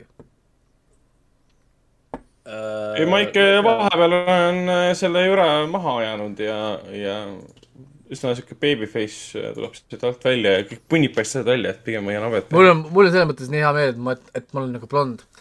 et ma ei viitsi kunagi, ma pole nulli ajanud mingi forever, mingi ma ei tea, vii-, kümme aastat vähemalt. ja, ja nii mõnus on niimoodi ja, ja samal ajal mul on nagu äh, sõber, kes on hästi nagu need süsimustad, vaata, need juuksed, noh need ja siis habe ka. ta, ta, ta ei saagi nagu lahti sellest kuradi tüükast.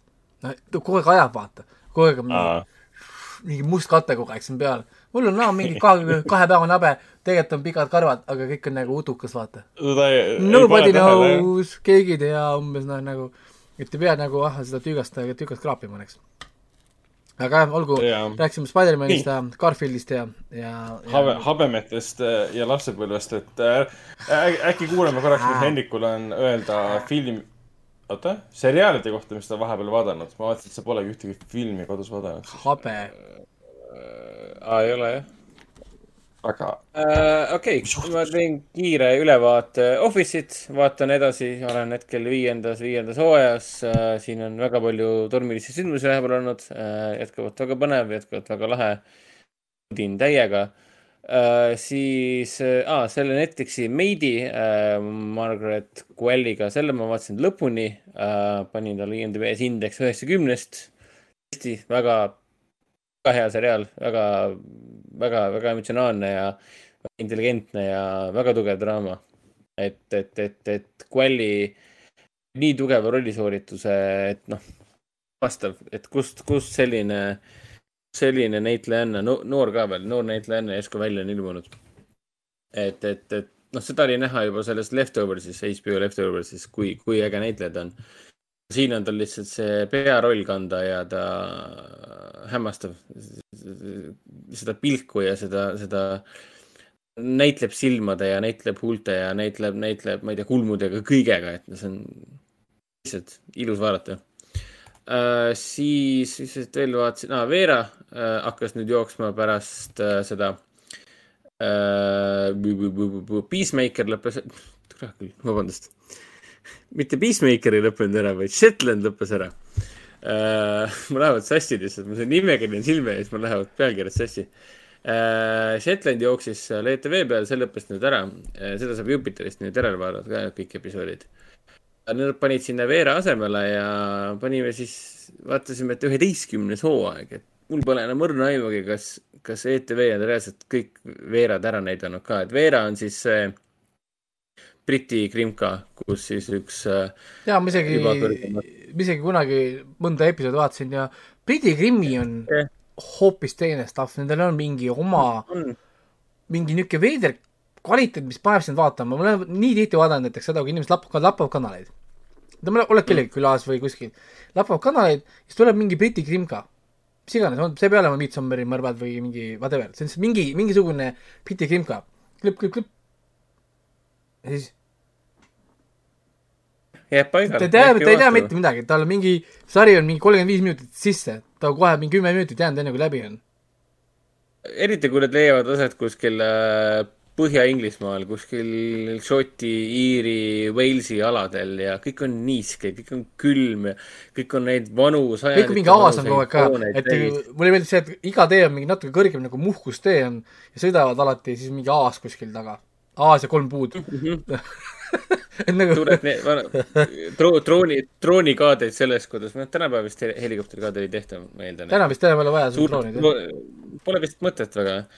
droonikaadrid, eriti Shetlandis, et droonikaader sellest, kuidas auto sõidab lihtsalt täiesti künklik lagemaa, meri, künklik lagemaa, mitte midagi ei ole. ja siis üksikud majad on seal ümberringi ja lamba, lambakuhjad ja siis sa vaatad ja mõtled seda, et kui üksildane seal elada võib olla. nii väga tahaks minna sinna.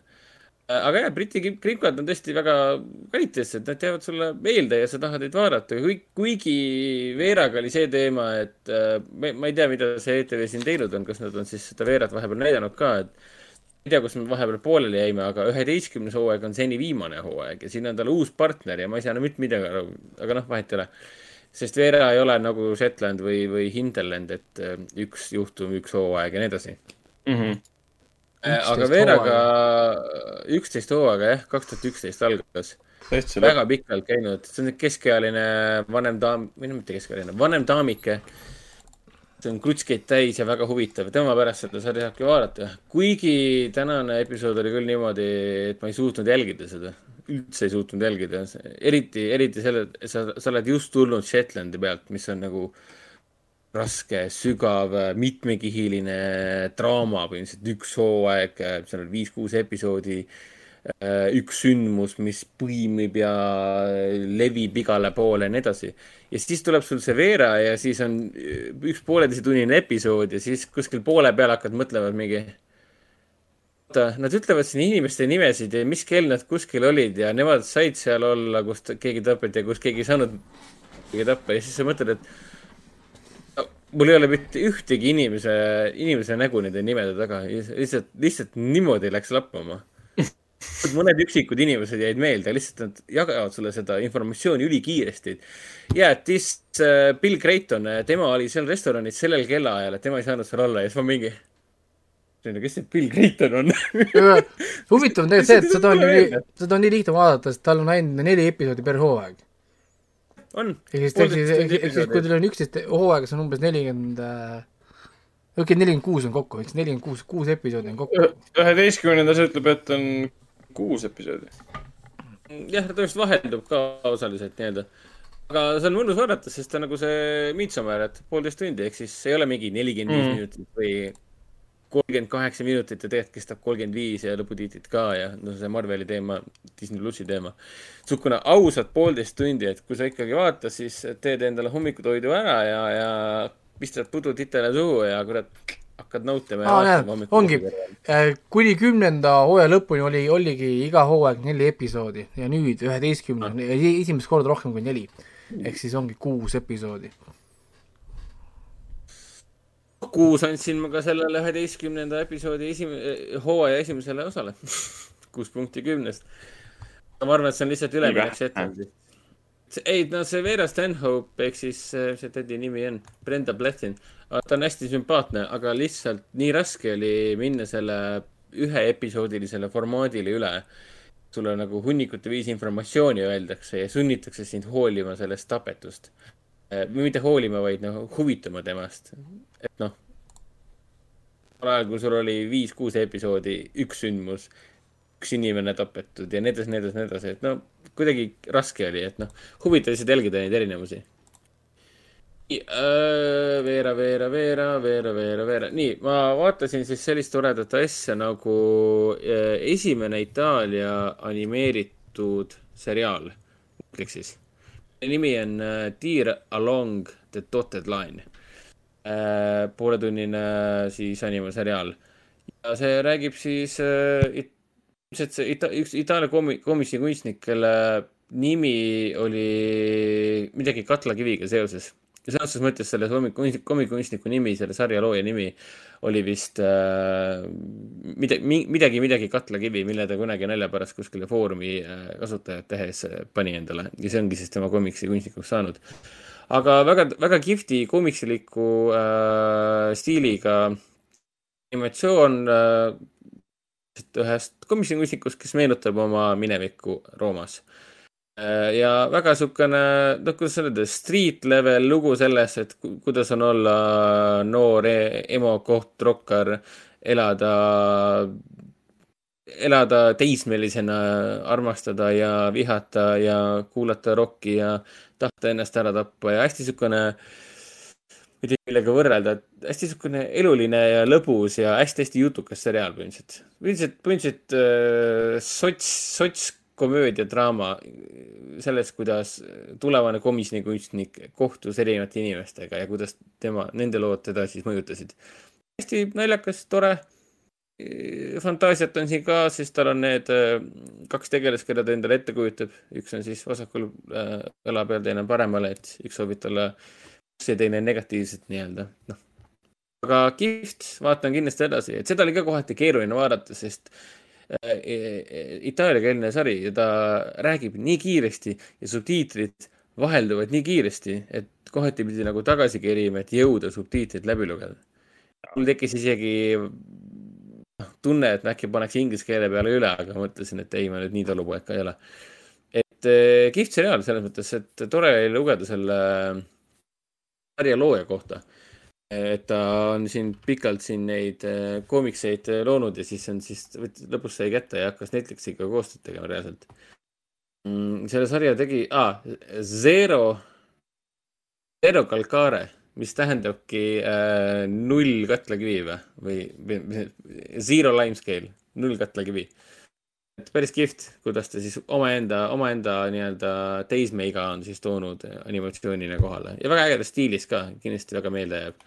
ainult ühe episoodi vaatasin ära ja kindlasti vaatan edasi ka. Mida ma kindlasti edasi ei vaata, on Kristen Belli äh, uus Netflixi seriaal nimega The Woman in the House Across the Street from the Girl in the Window. kas see on selle Amy Äh. Adamsi filmiga seotud, seotud või? jah, vaata, tal oli see film äh, Woman in the Window, siis vahepeal oli hästi populaarne see naistekas äh, Girl in the Train, aa ah, jaa, jaa. Train. Ja ja eks, eks siis need on need krimkad, naiste krimkad, naistele suunatud krimkad, kus on äh, mingite suurte murede küüsis olev naisterahvas, tal on siis äh, tü- tütar ära surnud, poeg ära surnud, mees on vist ära läinud või mees petab, igatahes tal on mingid sügavad probleemid, emotsionaalsed probleemid. ja siis ta näeb mõrva pealt, no Rare Window, vot pane see ka siia juurde, aga noh, Woman in the, in the window ja Girl in the train on siis põhilised nii-öelda, ehk siis need naiste krimkad. Aga ma kindlasti seda edasi ei vaata, sest esimene osa, piloot peaks ikkagi mind veenma ju nagu seriaali vaatamises. siin nagu üldse ei pingutatud. kui lõpuks läbi sai esimene osa, siis mõtlesime, et äh, näh, ongi kõik või? rohkem ei teegi midagi või? kas ta on nende filmides nagu paroodia või? jaa, ma eeldasin, et selle, ta peaks olema must komöödia satiir. Ja selle pealkirja põhjal me eelda-, eeldasime mõlemad, et nagu okei okay,, me hakkame vaatama siis äh, paroodiat just nimelt nendest äh, naiste krimkadest. kedagi kuskil tapetakse ja keegi ja üks äh, vaevastatud naisterahvas näeb seda pealt. jah, ta ongi seda, sorry, äärivööriv vaevu paroodia. absoluutselt pole ka naljakas. Kristjan Bell on küll tore, Place'i me vaatasime ära, meile tegelikult Good Place ikka kohutavalt meeldis, väga meeldejääv sari äh,. aga, aga sellest ei piisa, Kristjan Bellist ei piisa. ta, see sari on tüütu, eriti just seetõttu, et sa peaksid olema paroodia, miks sa ennast nii tõsiselt võtad?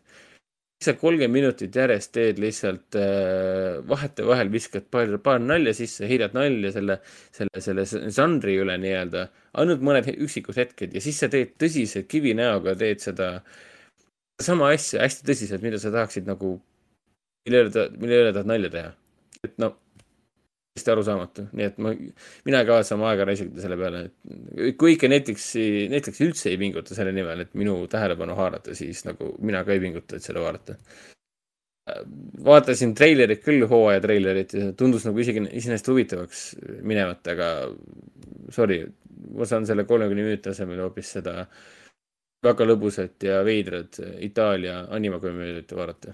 Tiir Along the Dotted Line, et soo- soovitan pigem selle vaadata uh,. Peacemakeriga olen praegu uh, sina peal, ehk siis senise, praeguse seisuga on väljas uh, episoodi, kaheksa on kokku Peacemaker on siis suitsiidisalga spin-off film, spin-off seriaal äh, James Gunnilt, peaosas John Cena.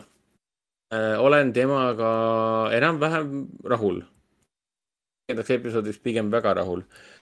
kuigi teine ja kolmas episood oli küll selline tunne, et, et kas te tegelete siin äh, mingisuguse tahtliku masinliku venitamisega või?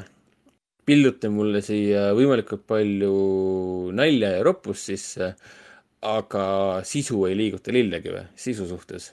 ja kolmanda episoodiga oli, oli, oligi meil väga suur kitkuda, et äh, ma olen juba kolm episoodi ära vaadanud ja sisu ei liigu või? kuidas see võimalik on?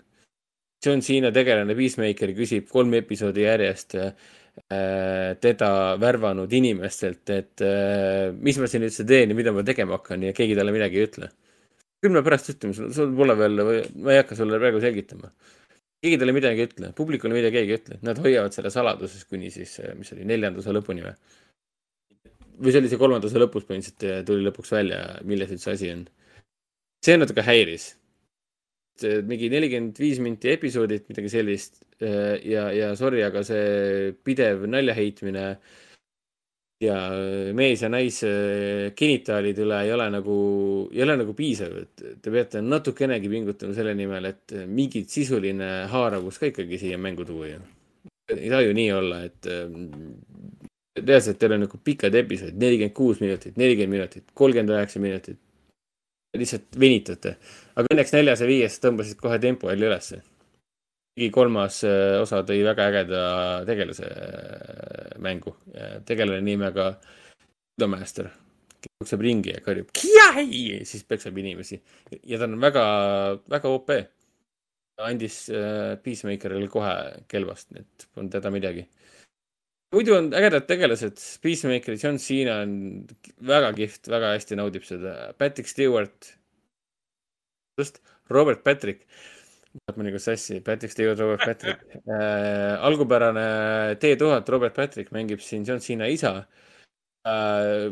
väga kihvti tegelast, teise osa lõpp oli küll selline, et ma olin nagu, istusin titega põrandal ja mõtlesin, et kurat küll, sihuke lõpp või, mida te teete ma ei taha spoilerdada, aga see oli tõesti, see lõi, lõi nagu karbi lahti korraks.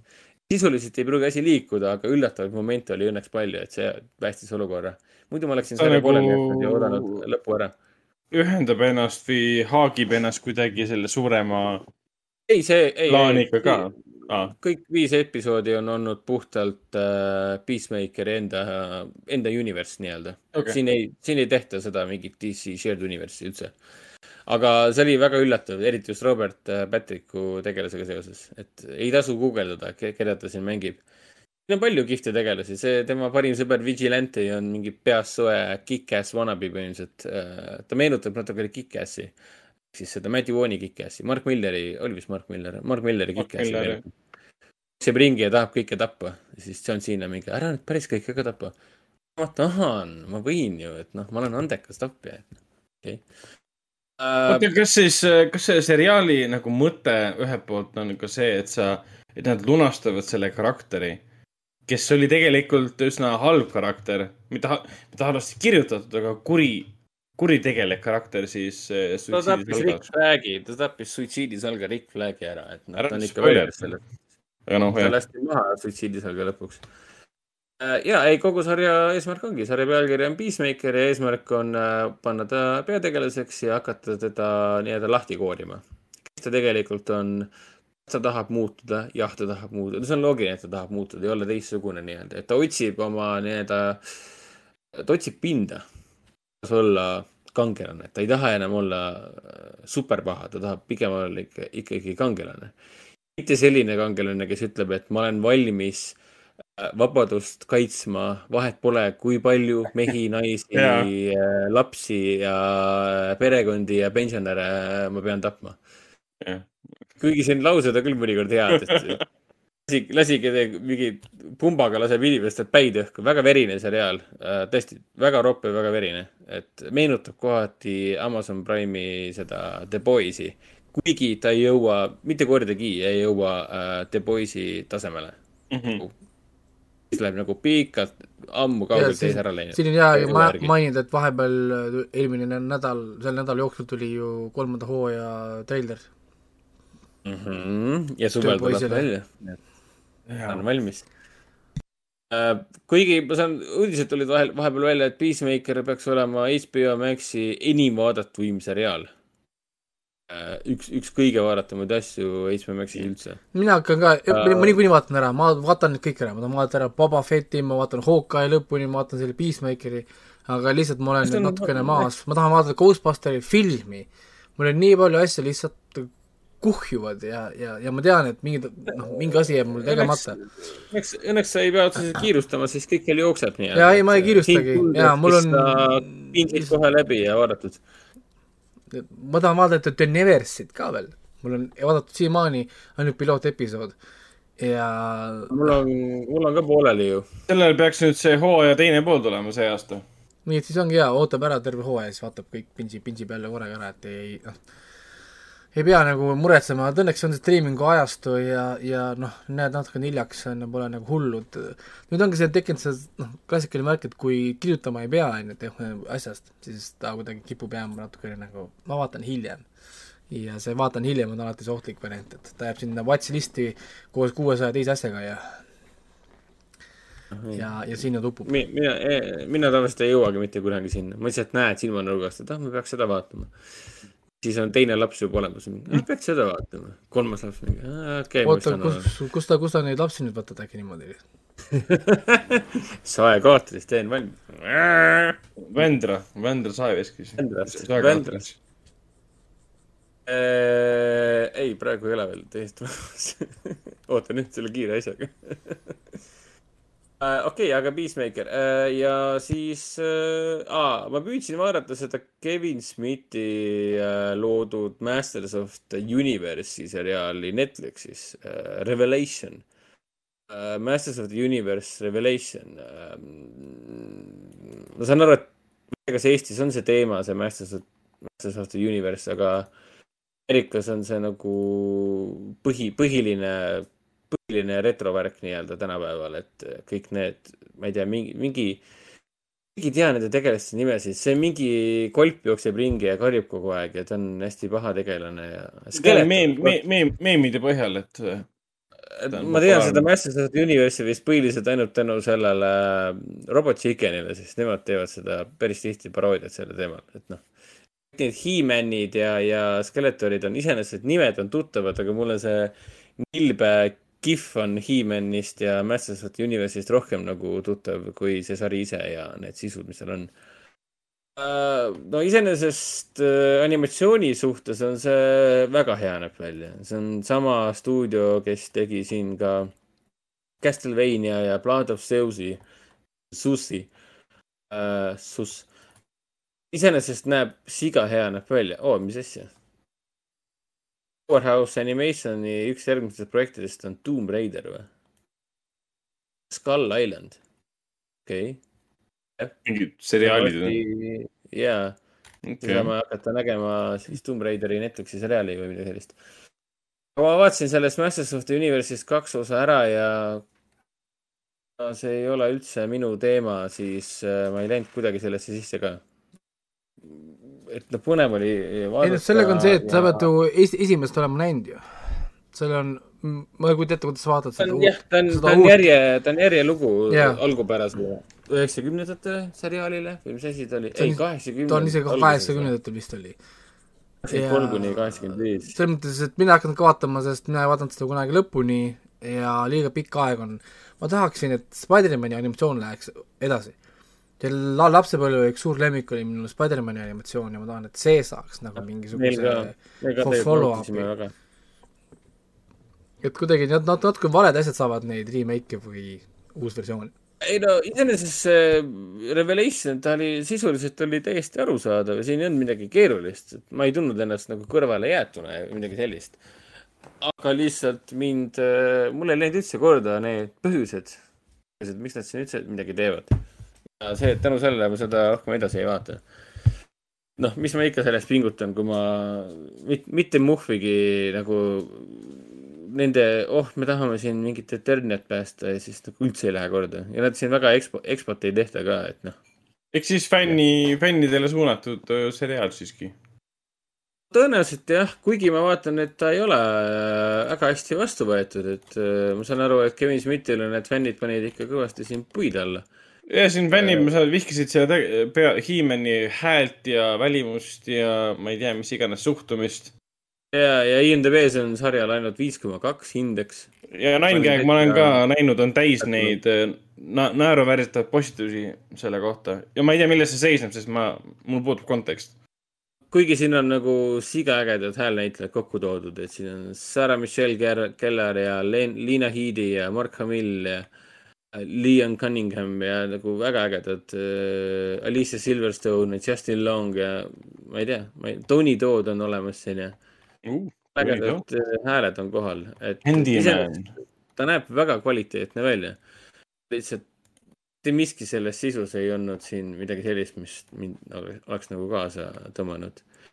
mida ma hoopis näha tahaks, oleks see uus seriaal, mis nüüd eilsest või tänasest tuli siin äh, Amazon Prime'i. Mingi DnD animaseriaal nimega The Legend of Vox Machina. ja sellest on palju räägitud. mingit tuntud podcast'il põhineb. seal podcast'is osalevad ka sellised äh, tuntud äh, videomängude häälnäitlejad Last of Us kahest nagu Laura Bailey ja Ashley Johnson.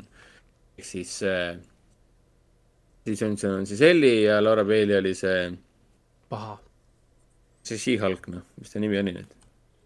She-Hulk. Ma ei mäleta, mis Laura Bailey on öö, üks tuntumaid ei, videomängude actor. ei ta mõtleb äh, Elli ja kes see teine oli? Vassi Aa. tegelane, mis ta nimi oli? oota, mul, mul tõmbas ka kinni. kes on see Oota., kes on see teine? issand jumal, oota. noh ilma ilma? Google'ita, kas äh, tuleb ära? ei, Ragnar gu-, sa ei ole ma Google'i, guugeldan, ma pean vaatama, ma ei mäleta, oota. püha jumal.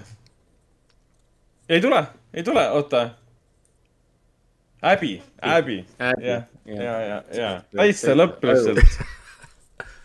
pigem ma tahaks seda Vox Machinat Amazon Prime'ist vaadata, sest tundub, tundub, et nagu huvitav DnD teema olevat. mis see nimi oli, Vogue Machina? Vox Machina, jaa, okei. kusjuures äh, End of Vox Machina. et, et siin äh, Facebookis on paar animegruppi ja seal on kiidetud seda Mhm. mingi, mingi, mingisugusel põhjusel. ma ise, ise pole vaadanud ja kuidagi pole tõmmanud ka, aga vähemalt sealt on käinud läbi ja, ja inimestel on küll, et umbes, et jess, et see on mingi, mingisugune korralik draama. kuigi, mingit teema, ma saan aru, oli küll selle sarja ka, sest nad tegid ju Kickstarterit selle sarja teha. Nad said oma miljonid kokku tänu toetajatele ja siis järsku ilmus välja Amazon Prime, kes siis ostis õigused ära ja nad müüsid rõõmsalt maha ja said hästi palju pappi selle eest. muidugi täiesti unconfirmed, mis ma räägin, sest ma ei ole reaalselt mingi research'i teinud. see käis jah Twitteris läbi.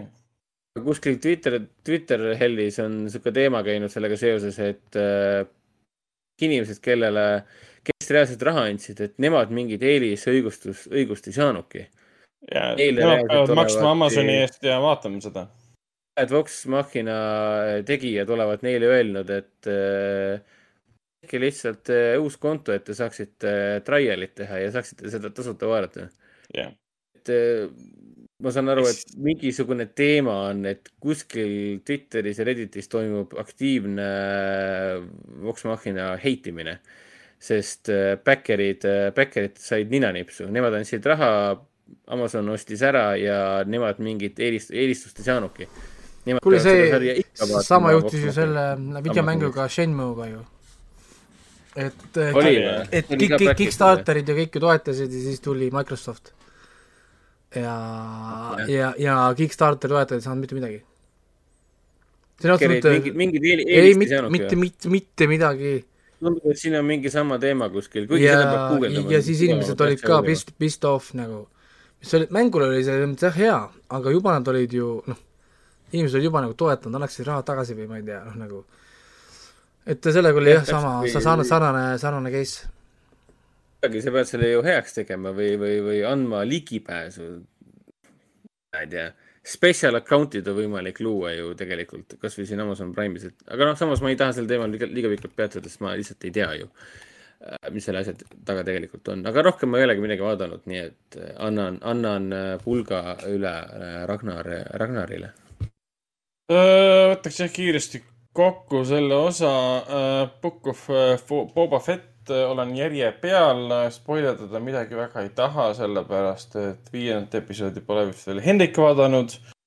Raiko ei, pole, ei ole, ei ole. Raiko pole üldse vaadanud ja mida ma oskan öelda, on see, et see viies episood, mis on kõvasti kiitust nüüd saanud äh, mitmel väga loogilisel põhjusel, on väga hea.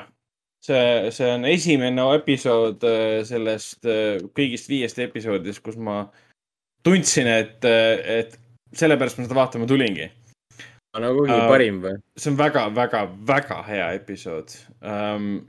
Et kui esimesed kaks episoodi mulle ka tegelikult meeldis, sest me tutvusime esimest korda nagu Boba Fettiga, tema minevikuga natukene, tema olevikuga ja mis plaanid tal on, siis vahepealsed episoodid mulle ei meeldinud, sest lugu liikus väga aeglaselt, nad seal tutvustasid, tutvustasid justkui tegelasi, uusi tegelasi, kes tegelikult väga, väga kaadris ei püsi ja nad ei ole nagu tähtsad karakterid.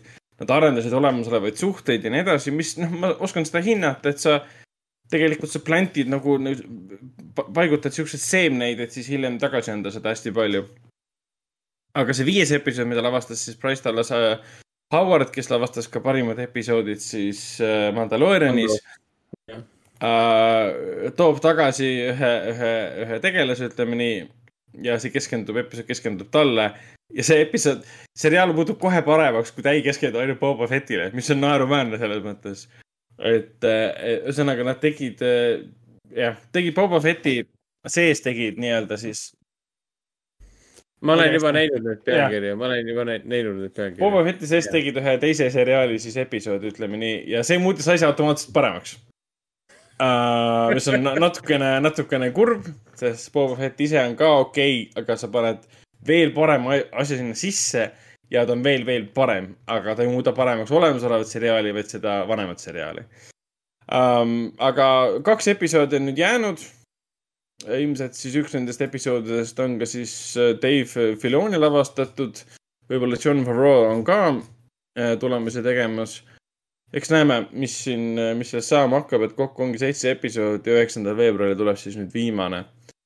Ütleme niimoodi, et, et Mandalorianist ma olin ikka väga sillas mõlemast hooajast, siis äh, Boba Fettist seni. Production näeb väga kena välja, muusika on väga kena. Bryce Dallas Howardi episood on kõige parem, see, see Temuera Morrison mängib väga hästi. aga mis puudutab nagu tempot ja seda ja, ja nagu loo huvi, huvitatuse astet, siis sellest ma ei ole sillas, et ma ei, ei ole väga nagu kinni või huvitatud sellest, mis seal toimub. aga eks me näeme, kuidas see kõik, kõik lõpeb, et kindlasti tuleb see mingi suur-suur pööre sisse, mis seostub suurema Star Warsi universumiga, sest seda nagu äh, see Bryce Dallas Howard ka väga hästi tegi. see viies episood on täielik, täielik, täielik nostalgiapauk ähm,. lähi, lähimineviku nostalgiapauk, kaugema mineviku nostalgiapauk. Eriti mis puudutab tahaks- seda, kuidas ta on üles ehitatud ka. ma tahaks nagu vaielda seda, et kui sa ütled, et see, mida Bryce Dallas Howard tegi, et see on, see on natuke vale, sest tema, tema lavastas seda, mis talle oli ette antud, sest noh, need story'd ja need lood on kõik ju noh, on ammu ju siin äh, Favreau ja teiste, on ju Favreau vist selle peale. On ja nagu- Filoni ja. Ja kõik on nagu valmis mõeldud, kõik on valmis tehtud selles suhtes, on vaja lihtsalt sellest filmi teha, et noh.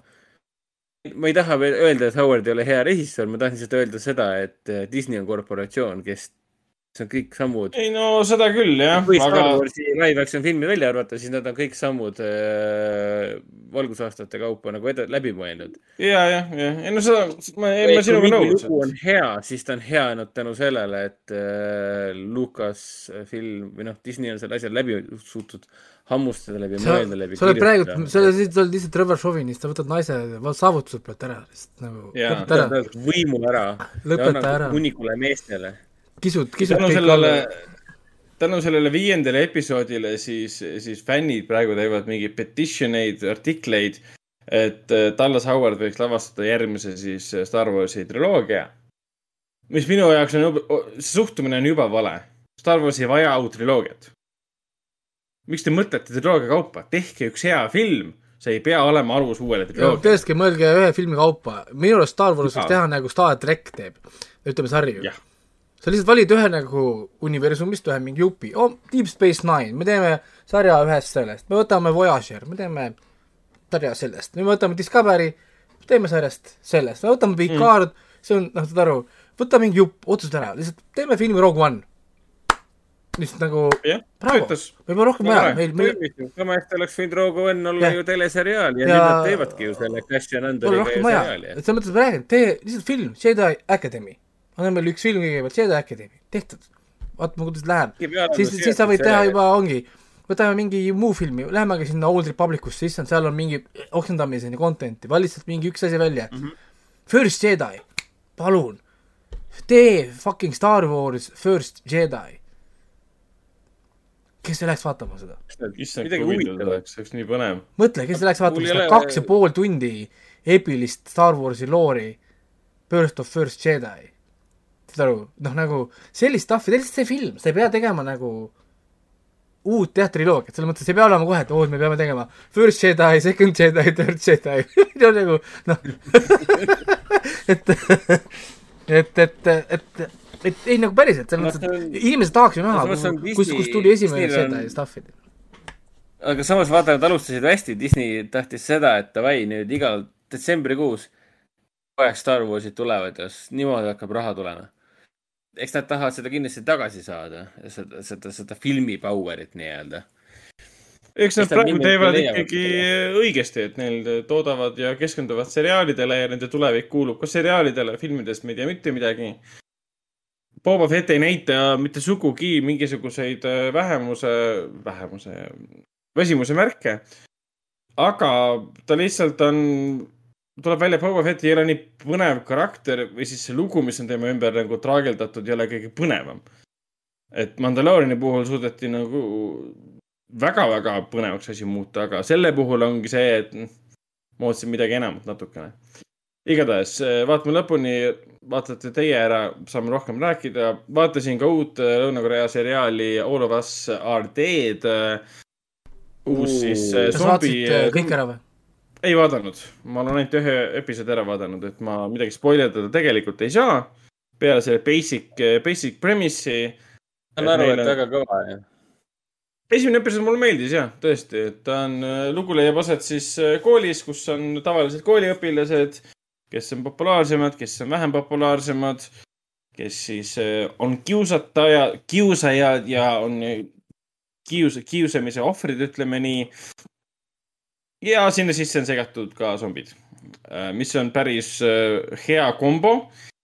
Klassikaliselt algab esimene episood kohe sellise müstikaga, et me näeme ühte noormeest äh, kiusatakse.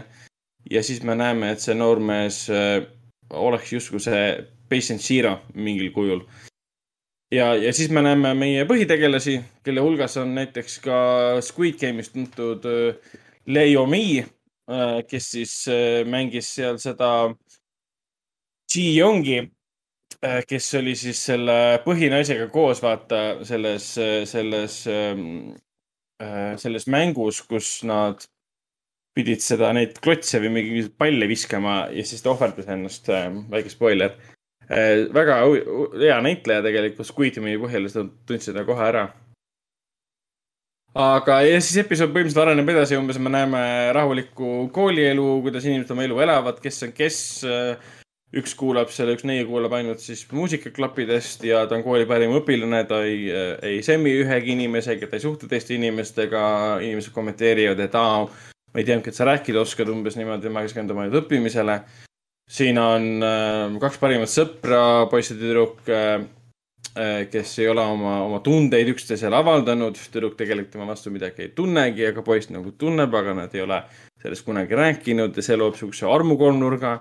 Kui tüdrukul hakkab üks teine poiss meeldima ja nii edasi, kõlab nagu mingisugune high school äh, draamaseriaal, aga eks ta mõnes mõttes seda ongi, need suhted on vaja esialgu paika saada.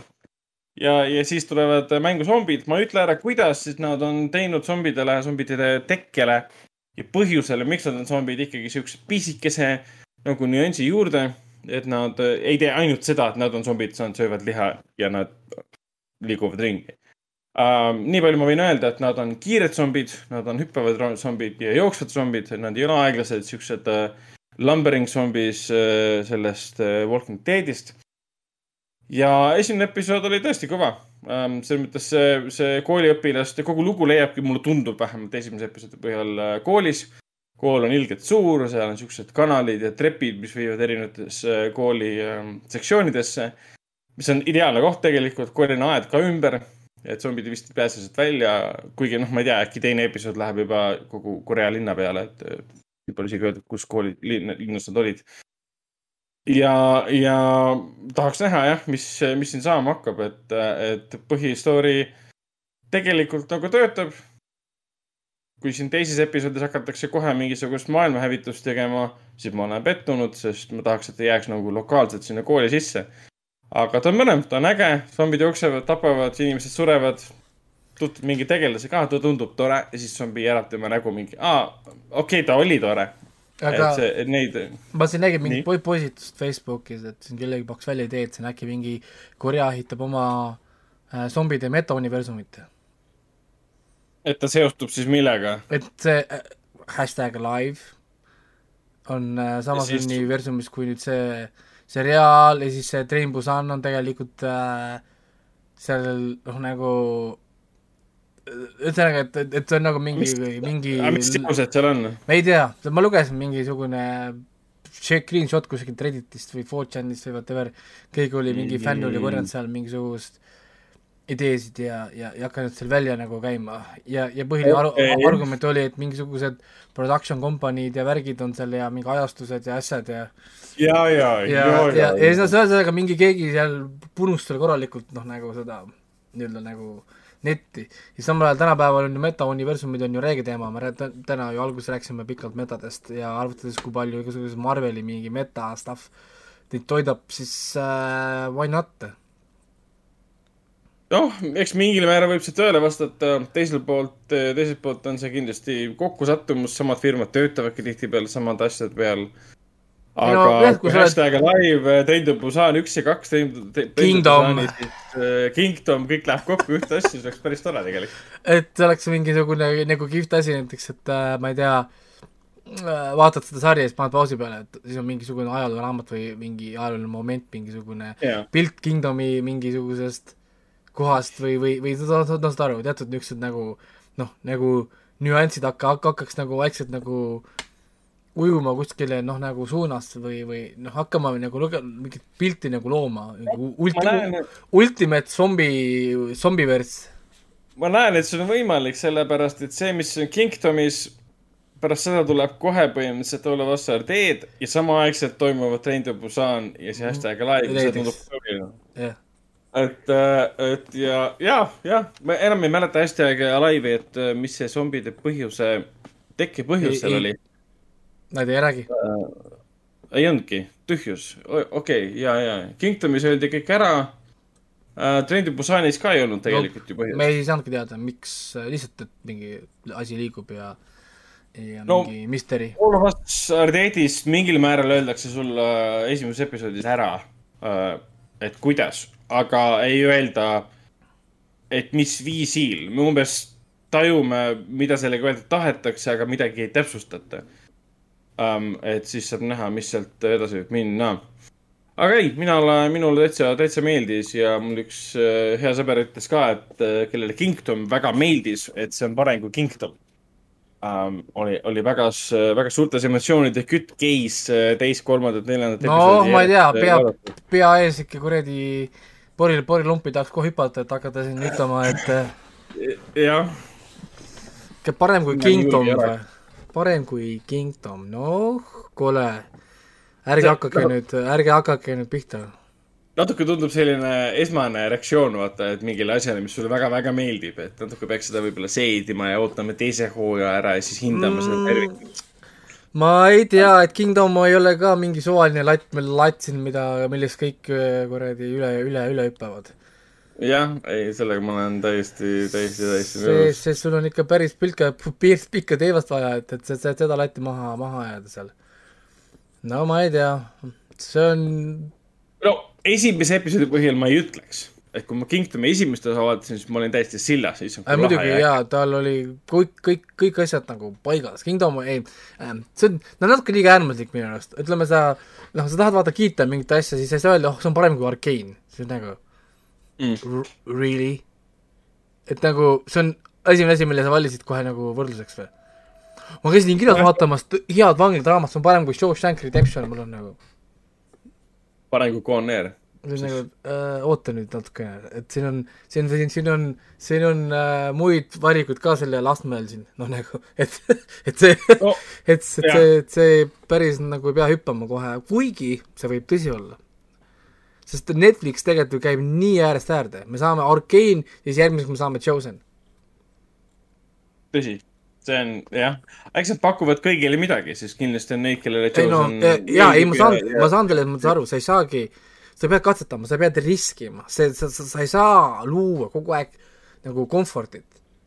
ega see, niimoodi poleks Arkane kunagi tulnudki tõenäoliselt, kui oleks lihtsalt, oh, me teeme Castlevaniat, me teeme Dotat, need toimivad, me, me noh, me ei muuda oma vormi või me ei lähe sellest raamist välja. sa pead nagu proovima. ja, ja kui proovid ja lähebki sassi, siis Netflix võib lu- lubada seda endale, et teil läheb sassi. et, et äh, jaa kusjuures see Squid Game, mõtle, Squid Game liitub äh, zombi metaversiga, et teine hooaeg surmamängud on koos zombidega. erinevad viisid neil lastakse so- zombisid neile sinna lahti kuskile. ja siis ja see, see on siis see üks näitleja. ja, ja, ja siis iga mäng läheb raskemaks ja siis on järjest rohkem zombisid vaata kogu aeg. sest kõik need, kes saavad surma, muutuvad äh, zombideks. jah, okei, okei, see oleks päris huvitav, see oleks päris põnev, ja, ja. et äh, iga järgmine mäng on ke- keerulisem ja raskem. Mm, sellepärast, et mm. äh, liiga palju saab nüüd surma. mm.. kurat, jaa, siin on iga- igasugused võimalused, mida saab teha, et mingisuguse spin-off seriaali ka, kus Squid Game kool on zombis. see keskendub zombidele, aga, see üks aga, mäng aga, ja aga see oleks tegelikult ju nii põnev ja pingeline tegelikult, mingi, mõtle mingi pisikeses ruumides zombidega koos, sul on mingid mängud, asjad, sa pead hüppama mingi klaaside peale, sul lastakse zombid tagant lahti, vaata. tegema seda sama, Mm. sama asja, seda klaaside pealt hüppamist ja siis või, või, või mingeid neid mänge, et ja siis zombid tagant tulevad no,. ja pead hüppama. aga seda, seda peab küll ütlema, et see Olosassar teed tekitas jälle hirmu zombide suhte ees, sest need, kuidas mingid väiksed lapsed jooksevad ringi, ilastavad ja tõmblevad nagu Twenty Eight Days Lateris ja, ja selle Snyderi Dawn of the Deadis kitsastes ruumides ka tegelikult, et see oli päris äh, haige oli seda pealt vaadata, mitte hirmutunnet, aga et see on, issand, see on lahe jälle. või siis see nagu või, või siis lihtsalt suvaline kolmeaastane, kes tahab süüa. Fokk. aga tegelikult, tegelikult saabki ju ühe käe sõrmedel vist kokku lugeda, et siin Days later, weeks later, Kingdomi äh, kõik äh, kaks hooaega ja film ja uued Korea zombifilmid ja no. sarjad iseenesest ka no. ongi, ega zombidega tegelikult me räägime Lõ- Lõ- Lõuna-Koreast ju, Train, Train, Train to, Train to, to Busan. kõige parem zombifilm tõenäoliselt, mis on üldse, üldse tehtud. Nendes filmides, nendes seriaalides, just nimelt Koreast on zombid jälle hirmsaks muutunud. aga, aga, aga jah, näiteks, nagu näiteks kui me räägime nendest klassikalist, vaata see Dawn of the Dead ja siis see, mis oli see su-, supermarketi oma? oligi toonud seda teed. see oligi Dawn of the see Dead ongi. toonud ja, ja, ja, nii ja, originaal kui ka siis äh, uued. ja, ja siis, siis see Night of the Living Dead oli ju see klassikaline, kus nad tulevad sinna nagu majja, kus nad kõik kinni jäävad. siis näiteks Night, Night of the Living Dead polnud kunagi hirmus. Sest see zombid olid nii passiivsed ja aeglased ja sõna otseses mõttes, kuidas see naine lõpus põgeneb, ta kõnnib zombide vahelt läbi. jah, täpselt. onju, seal ei olnud kunagi seda niisugust nagu scary mo- momenti, vaid see oli lihtsalt see inimese draama, kuidas inimesed käituvad stressi all, põhimõtteliselt oli selle filmi nagu point. siis see mm, Dawn of the Dead ehk siis see supermarket oma oli juba veitsa nagu hirmsam, sest seal oli see hoordimine ja üldse see hoordimine on minu arust nagu see scary part alati, miks, miks mulle see video, videomäng te, te, te. Days Gone nii meeldis. see hoordid. noh, nagu see teis, teiskoonis olid need hordide süsteem ikka. ja, ja siis see igasugune hoordimine, mis mulle meeldis. siis äh, ütleme õuduszombi koha pealt, meil on nüüd The Last of Us nüüd, jaa, mis, mis selles mõttes nagu HBO, HBO-l on võimalus siit äh, teha midagi, midagi vägevat, sest need on unikaalzombid ja need on ju väga scare'id zombid. Need klikerid, kohutavad. klikerid, halloo klikeri idee on minu Kerid ja, nagu ja need runnerid ka muidugi, runnerid on, see olid selles vastas mängus ju täiesti tavalised nii-öelda zombid, kellega me harjunud oleme. aga see, kuidas nad ringi jooksevad ja sa kuuled, kuidas inimene karjub ikka veel seal sees nii-öelda, et ta ei taha sind rünnata, appi aidake mind ja siis samal ajal ta raevub ja nii edasi, et noh. ja ei no üldse, see, see on, siin, siin on. on niisuguseid erinevaid niisuguseid huvitavaid äh, zombi asju küll. Ja, ja zombi žanr on tegelikult kihvt, aga ütleme, mis puutub hirmsatesse zombidesse, siis ma annaksin küll auhinna jah, ütleme Twenty Eight äh, ei, Later, teise Weeksile mõlemale, et ma Weeks alles Sest- hiljuti vaatasin uuesti need, need on ja nii agressiivsed ja räiged zombid, kus kohas sa reaalselt pead mõtlema, kurat, kuidas ma saaksin tulla toime nendega. kui vaatad siin, ma ei tea, mingi Zombieland'e või, või vaatad siin mingi I am legend'id või asju, siis need zombid on niisugused nagu ma ei tea, noh, ma ei tea, ei olnud nagu midagi niisugust, ma ei tea, mingi ultra nagu seda hirmu, aga, aga Daisy's ja Weeks'is tõesti need, need, eriti seal Daisy's ka, kui see Brendan Gleesoni tegelane sai ühe varese noka küljest tilkuva verega, sai endale silma Jaa, jaa. minutiga muutus, hakkas vahtu ajama reivis täielik nagu marutaud see üldse siis koha hakkas Gleesoni aga karjuma,. aga ütleme, kui ma mõtlen äh, minu arust anda, ütleme õud-, õudusfilmide, ütleme siis zombifilmidest nagu, nagu pingilistele tseenidele, siis ma tahaksin alati anda auhinna sellele World War Z tseenile, kus Brad Pitt kõnnib nendest magavatest zombidest mööda. aa, lõpupoole, eks. See tseen see oli nagu holy crap, kus hoidsid hinge, hinge, hinge, hinge kinni tseen. oli küll. et nagu ja, ja, ja, ja, ja kusjuures no ma pole vaadanud seda, issand, see on ka mul listis juba, see uus äh, Resident Evil film. aga kõige esimene Resident ah,, Resident Evili film, enne kui see muutus lihtsalt selleks, et vaadake minu ilusat naist ja tea, ja tema jalgu äh,, oli arust kihvt. küll, tegelikult küll. esimene osa nagu toimis. et et seal, seal oli ka ju scary momente tegelikult, see uus ukse avamine ja see lifti kuradi tseen, siis tal oli see, siis tal oli veel Resident Evil'i feel'i. edasi ta oli lihtsalt Milla Jovovitš The Movie ja siis üks, kaks, kolm, neli ja nii edasi, noh nagu et, et kui, kui mitu korda ma saan oma naist lateks kostüümi panna ja näidata teile ja te maksate raha E- e- ma nägin seda meemi ka, kus kohas see, see Mi- Milla tuleb oma kostüümiga ja siis see Paul, Paul ütleb, et hei, leave it on. jäta peale, järgmise filmi mõtted ju valgavad. see, see selline, see selline huumor, et äh, tegelikult, tegelikult parim, parim, parim minu meelest parim, kõige pingelisem zombi nagu tseen eh, või noh, üldse nagu episood mis tahes filmis on tegelikult ju Twenty Eight Weeks Later'i algus, proloog, kus Robert Carlyle põgeneb. äh, majast, kuhu tungivad need raivoviirusesse nakatunud sisse, jätab oma naise maha ja ta põgeneb sealt majast. siiamaani ma saan alati mingi rämeda ärevushäire seda, seda vaadates. no see on see, kuidas, kuidas see filmiti, see kaamera prõmmumine ja kõik see ja samal ajal sellele vastandub äh, Twenty Eight Days Later, kui nad lähevad sinna tunnelisse ja neil see ref läheb katki ja hakkavad seda vahetama. issand, kõigepealt tulevad rotid, siis nad näevad varje lähenemas ja hulgimist ja karjumist, et see on jälle väga vastanduvad stseenid muidugi. rääkides õuduszombidest, Rek, aa ah, jaa, Rek on, Rek on teine tase muidugi, see on hispaanlaste tase. sest see Jaa, ehma- ehmatas mind juppideks, kui ma seda kunagi nägin. jaa, Rek on ju, teine osa ka. vot see on ho- horror, sa kuuled midagi, sa kuuled neid samme, mingi, mingi keegi jookseb, vaata nagu. jaa. Siis nagu what the fuck vaata. Ja kaamera töö ja see liikumine mul oli nagu oh my god see on scary movie. Ja siis samal ajal muidugi noh need zombikomöödiad on nii palju et neid ei jõua kõiki kuradi ülesse lugeda. Ma mäletan kuidas mind lapsena mul meeldis suht vaadata seda Brain Dead.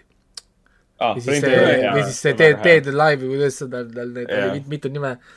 See oli ikka huumorkuubis see punanahv ja ja ja ja lõpuks see zombid armuvad ära ja siis zombi see love making ja kus ta hoiab seda pead kinni vaata. See pea kukub tagasi. Ja see oli nagu mingi täiesti täiesti crazy. Aga Peter üldse ahaa uudus veel mis oli minu arust hea oli see La Horde.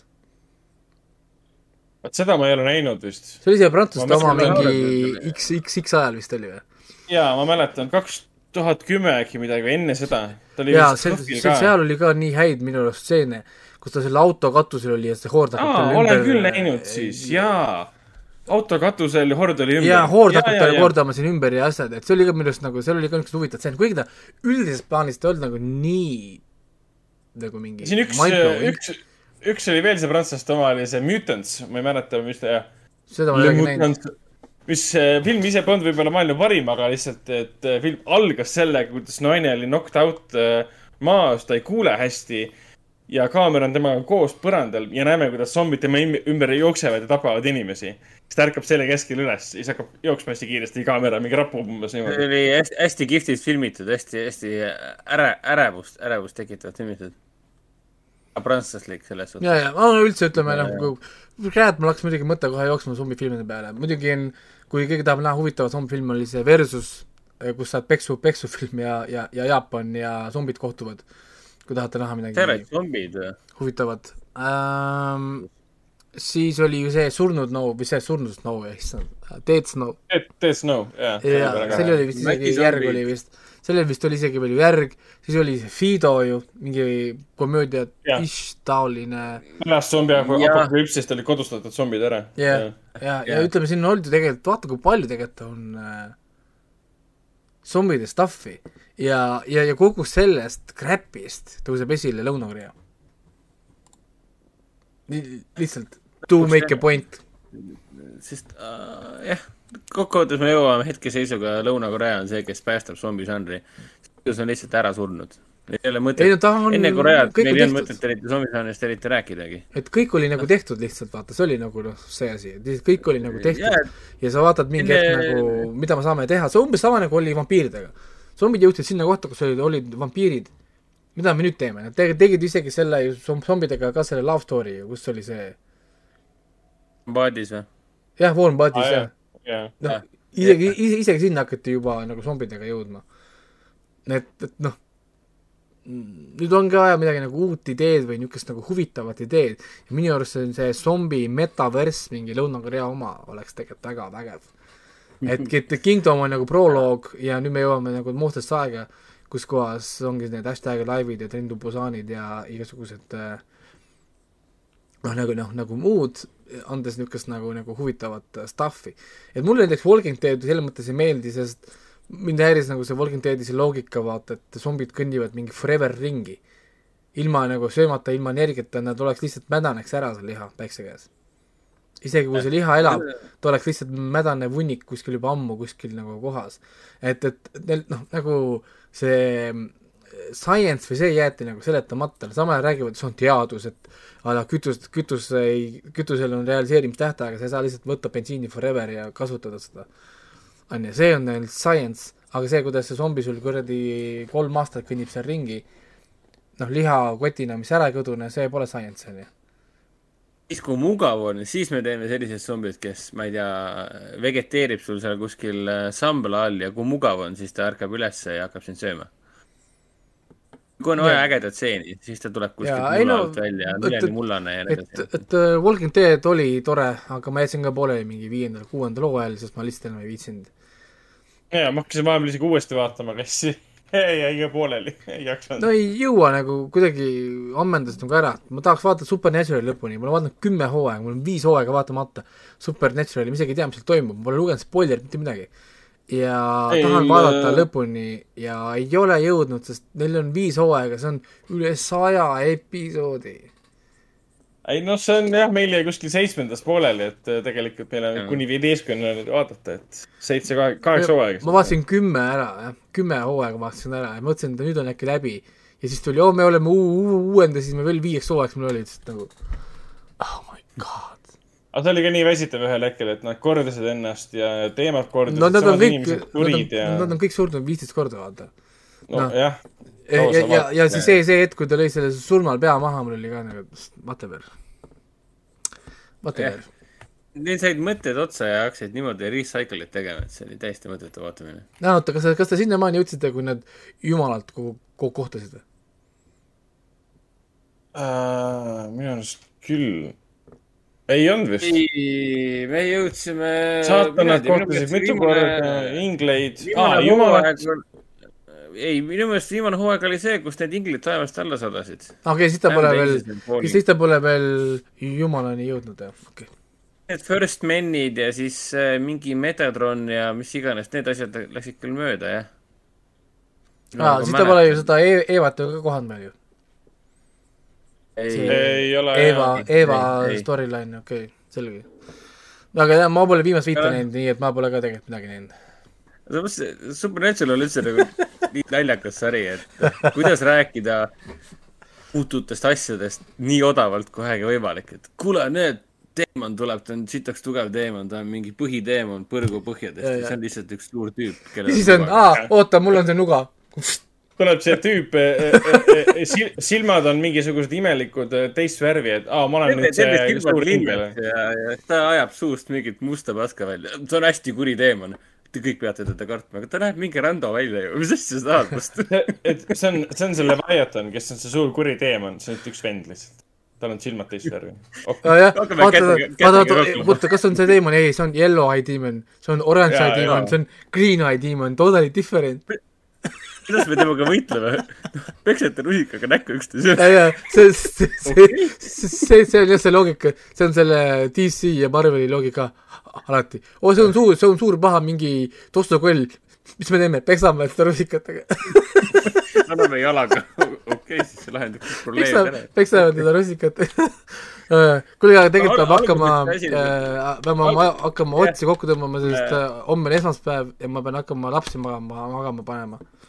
meil, meil on veel nagu filmidest rääkimata jaa, aga rääkige kiiresti, sest ma tegelikult lähen meil äh, toon ühe, palju. ühe lapse siis siia tõenäoliselt. uh,. jaa, teeme kiiresti.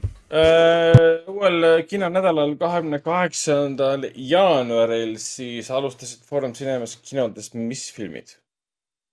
algas siis äh, kogu pere animatsioon nimega Kaheksakümne päevaga ümber maailma ja selle, mitte Zack Snyderi, vaid äh, Zac Efroni äh, ellujäämispõnevik nimega Kuld. aga Artises? Artises äh, alustas samamoodi kaheksakümne päevaga ümber maailma ja siis tuli, tuli ka Peeter, Peeter Naessi draamakomöödia, Norra draama, draamakomöödia, siin pole midagi naljakat. Prantsuse, kaks prantsuse draamat äh, kahe maailma vahel ja siis äh, Francois Ozoni uusim film Kõik läks hästi ja samal ajal jätkusid meil, jätkuvad siis ka neljanda, neljanda veebruarini äh, Luupaina ja Allee eelseansid.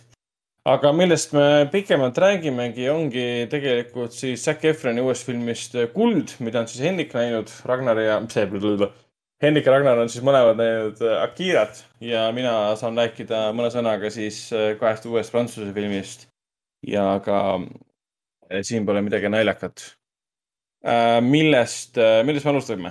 kas ma räägin kähku enda filmid ära ja siis räägime Akirast ja Kullast? teeme nii.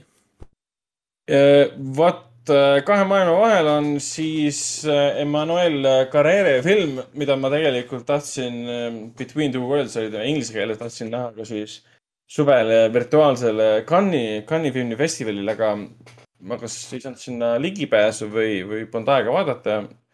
mis iganes see põhjus võis olla Äh, tegemist on siis äh, kokkuvõtlikult öelda, et Juliette Binoche'i uue filmiga, milles siis äh, kirjanik Marianne Winkler otsustab siis äh, liituda põhimõtteliselt sellise alla keskklassi kildkonnaga, et näha, kuidas elavad need inimesed, kes sõna otseses mõttes elavad peost suhu, kelle jaoks iga euro on ülimalt tähtis.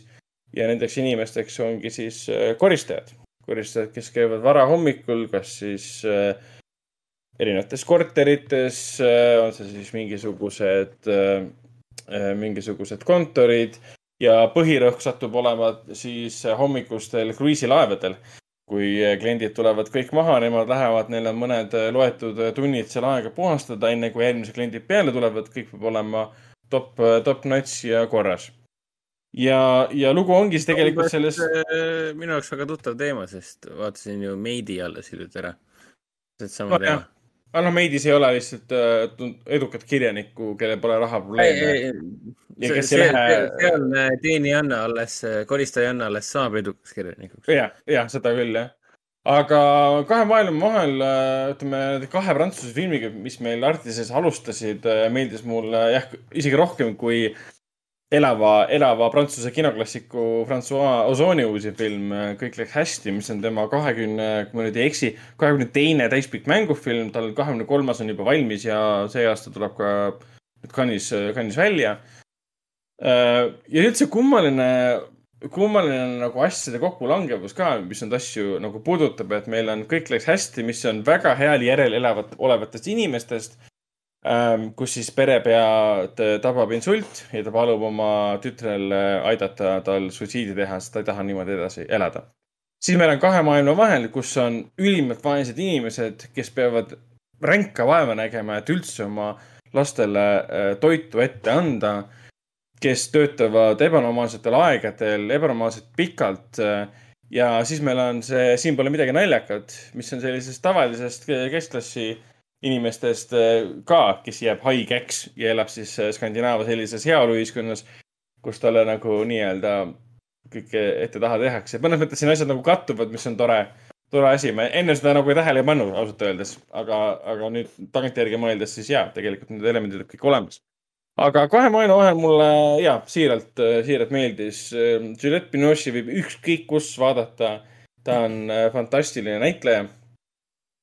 Aga filmi nagu see tuum tegelikult, või see raamistik ongi tegelikult see, et ta kirjutab raamatut kogu selle aja.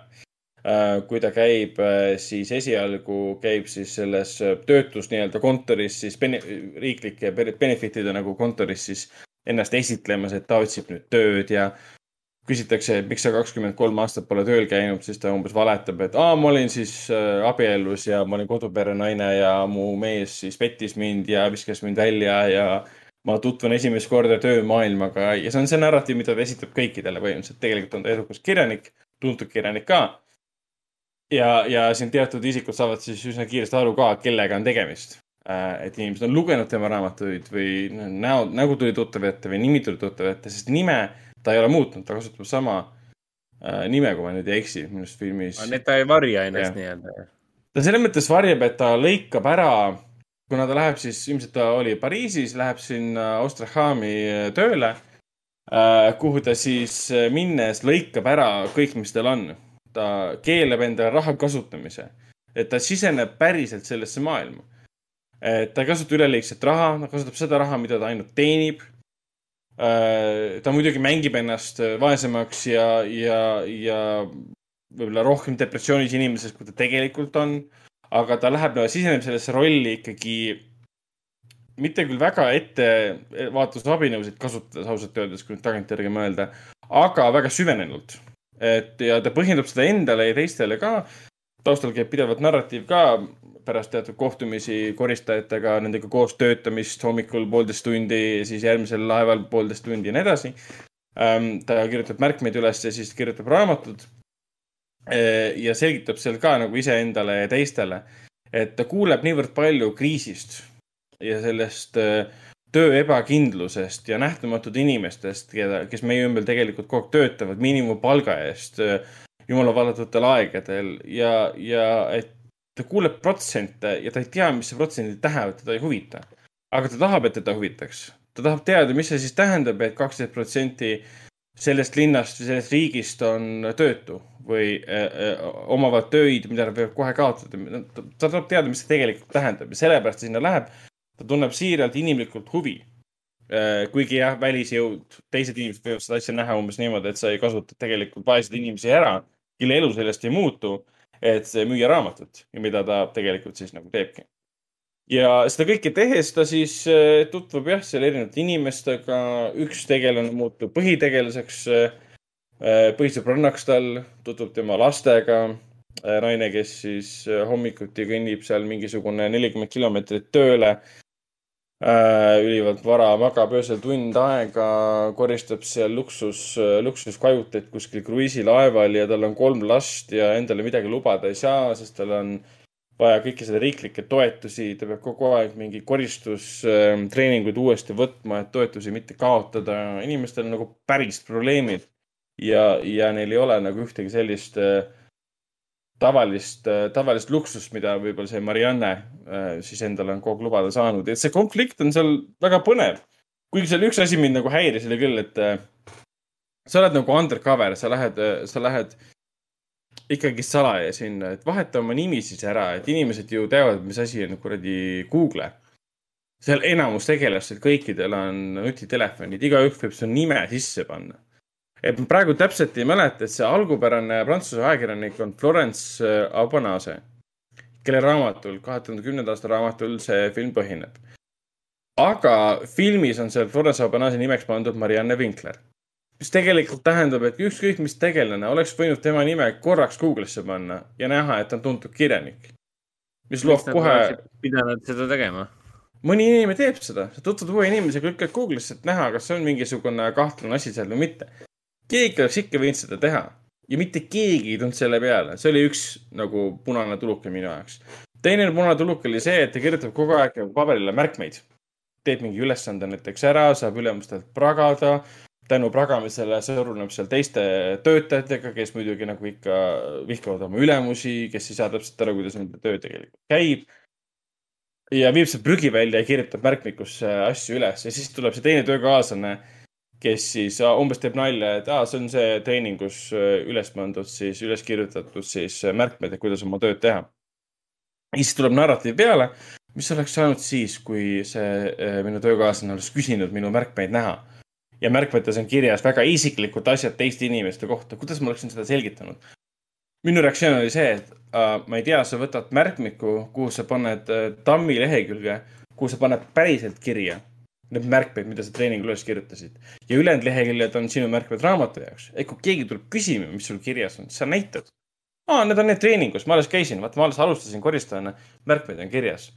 Et ma hakkasin siukeste asjade peale mõtlema filmi ajal, et kui sa oled, aga ma saan aru, ta on, ta on aeg, ta on kirjanik, ta ei mõtle selle peale, et ta peab käituma nagu FBI salaagent selles mõttes. ma saan aru, et ta vist ei püüdnudki olla otseselt nii salajaselt seal sees. ta, ta Ei, ei varjanud oma ide- identiteeti. Ident-, identiteeti ei varjanud, aga see lõigi olukorra, kus, kus väga lihtne oli avastada, kes ta on. aga lõppkokkuvõttes film mulle väga meeldis, ta oli väga inimlik, näitas reaalselt, reaalselt kujutatud inimeste elusid sellisel töö ja, ja, ja rikkuse vaesuse piirimail äh,. väga, väga hästi käsitletud äh,.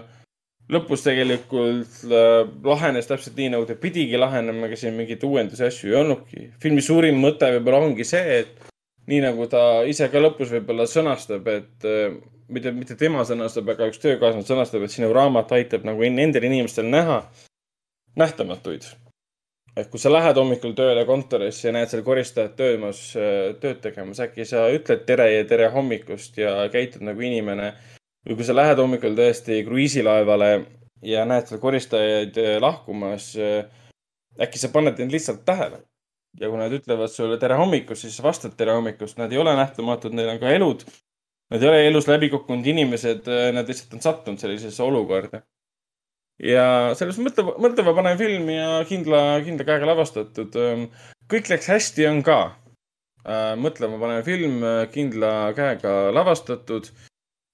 Francois Ozoni enamus inimesi peaks teadma, alates siin sellistest filmidest nagu äh, Bassein, millega ta vähemalt minu oli Swimming Pool, kui ma ei eksi, orbiiti esmakordselt sattus tal on nii palju filme olnud, ta on niivõrd äh, viljakas režissöör, et selle aja peale, kui mina olen Artises olnud äh,, äh, oligi ah,, tegelikult selle aja peale nii palju ei ole, suvi kaheksakümmend viis ja enne mind oli siis By the Grace of God äh,, äh, see Le Mans Double, ma ei mäleta, mis ta eestikeelne pealkiri oli. siiamaani on mul see üks tema film meeles. mäletan, mis selle filmi pealkiri oli.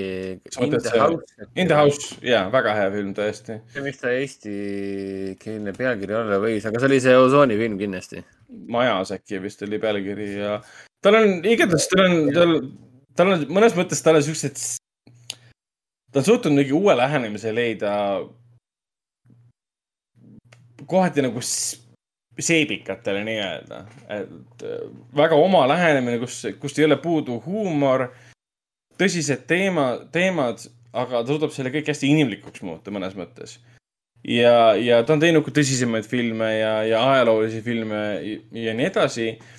ja tegelikult kõik läks hästi, ei erine sellest väga palju Äh, siin põhi, põhitegelane, põhitegelasi mängivad siis Sophie Marceau, kes mängis selles ühes äh, Bondi filmis äh, Bondi tüdrukut. Ta on muidugi muid asju ka teinud elus ja, ja Charlotte Rampling äh, lööb siin ka kaasa. Ja lugu ongi, nagu ma enne eelnevalt mainisin, perekonnapea saab insuldi, lõpetab haiglas intensiivosakonnas, tuleb sellest, tuleb sellest väga raskelt ja aeglaselt välja. Ta ei suuda ise süüa, ta ise ei suuda iseennast pesta, WC-s käia, peab haiglas passima, kõik peab tema eest ära tegema ja olukord hakkab küll paranema tema jaoks, aga ta võtab vastu otsuse, et tema ei taha, olles, mis ta oli peaaegu kaheksakümmend, jätkata oma elu viimaseid aastaid, olles elanud väga-väga täiuslikku elu, nii nagu ta ise ütleb.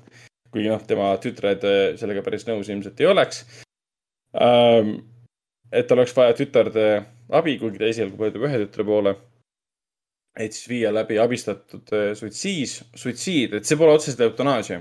et meil käis Artises äh, Merike Värik äh,, kes on siis äh, meditsiiniõde ja vähihaigete nõustaja, rääkimas pärast seanssi publikule ka, et siin eutanaasia ja abistatud suitsiidi ikka erinevustest, et see ei ole sama asi. eutanaasia on inimene, kes ei saa oma kehaga midagi enam teha, ise enam põhimõtteliselt otsustada, et keegi teine justkui võtab otsuse, et nüüd on aeg, et on ainult voolikute peal ja see ei muutu kunagi paremaks. Aga abistatud äh, suitsiid on inimene, kes äh, saab äh, kontakti astuda, saab iseennast liigutada, noh, nii palju, et näiteks tõsta topsi, kus on tappev vedelik sees. aga ta on piisavalt, ütleme, hävitatud kehas, et ta ei saa normaalset elu elada ja ta võtab vastu otsuse, et noh, elu, elu lõpetada. ja, ja sellest see film ongi ja ta on nagu selles mõttes ikkagi raske film ja seda on kõike kurb vaadata, kui isa küsib tütardelt, et palun siis lõpetage minu elu. siin tulevad sisse mineviku meenutused siis äh, Emmanueli ja siis äh,, mis see tema õe nimi nüüd oli uh,?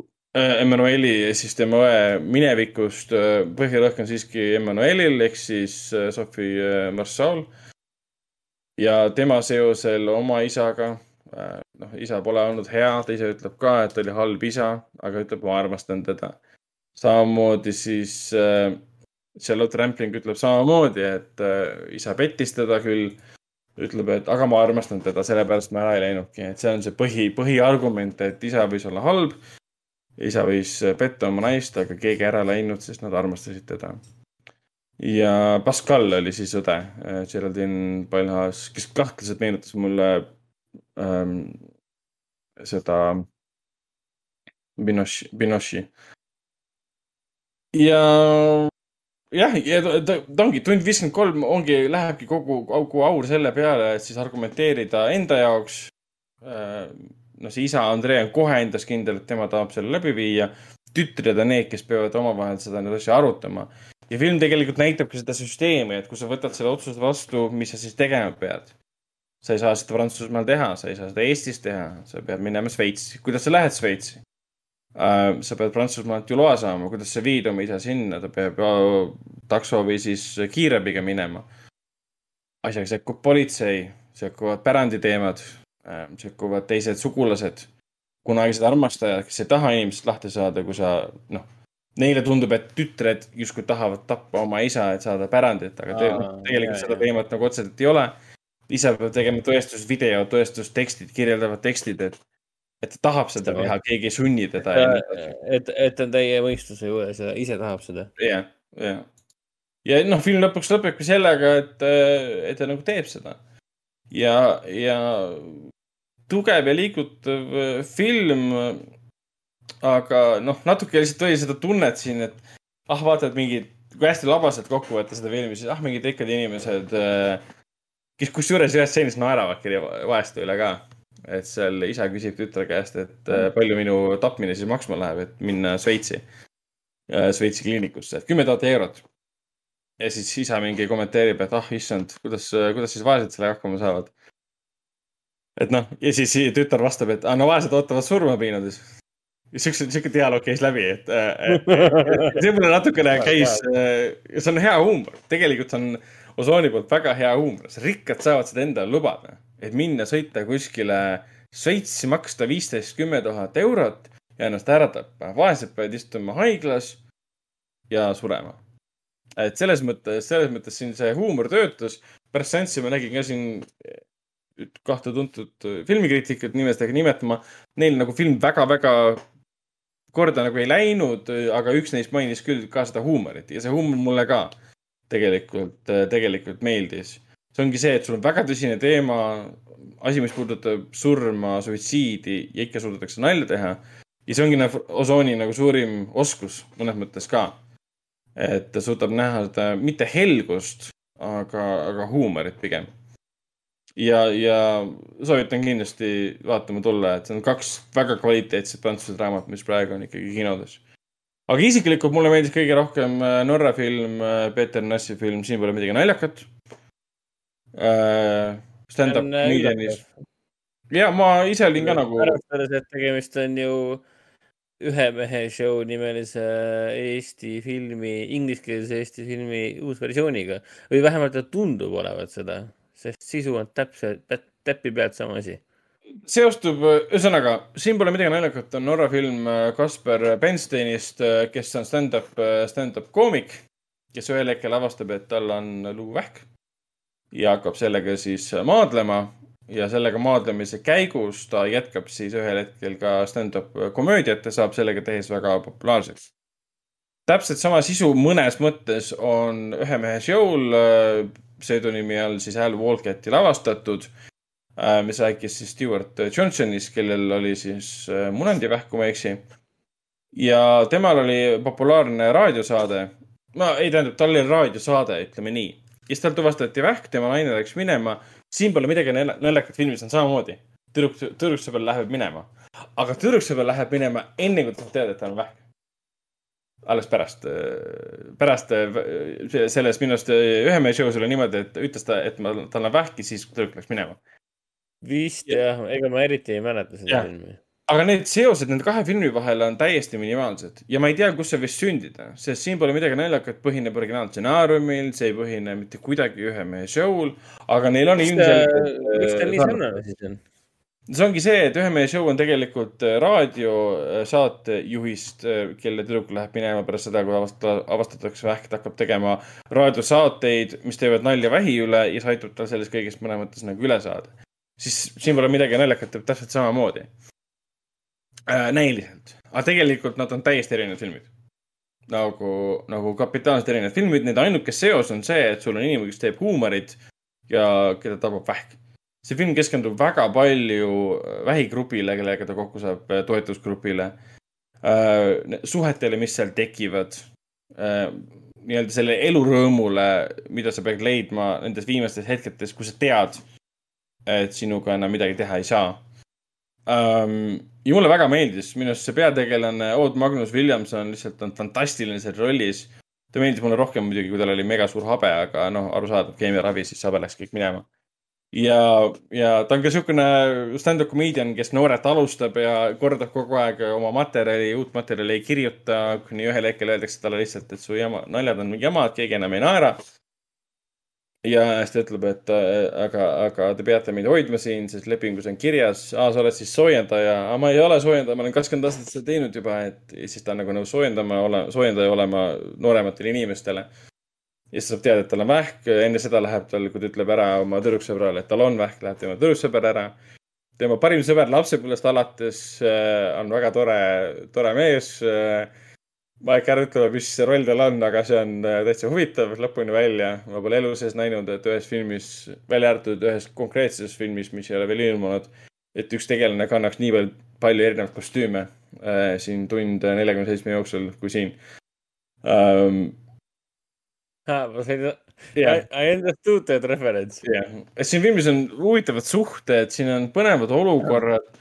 Ja ta on nii kuradi liigutav, ta on nii hästi tabatud, siin tuleb Jose Gonzalez'e äh, Stay Alive ühel hetkel sisse, see lihtsalt suht, suht murrab sind, et ma loodan, et, et, et siin tuleb ikkagi rohkem publikut, kui siin esimesel nädalavahetusel seda filmi vaatama ka, et äh, nendest kolmest uuest filmist mulle meeldis isiklikult jah, kõige rohkem.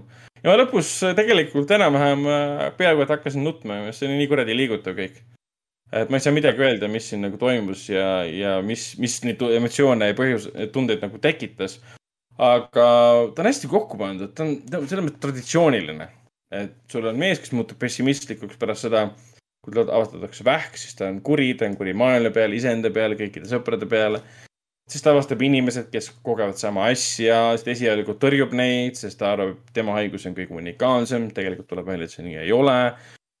Siis on nagu vähihaiged justkui armuvad omavahel, siis see suhe on justkui nagu hukule määratud, mida üldse teeme, siis ta hakkab nagu nalja tegema selle üle, kogu maailm armastab teda.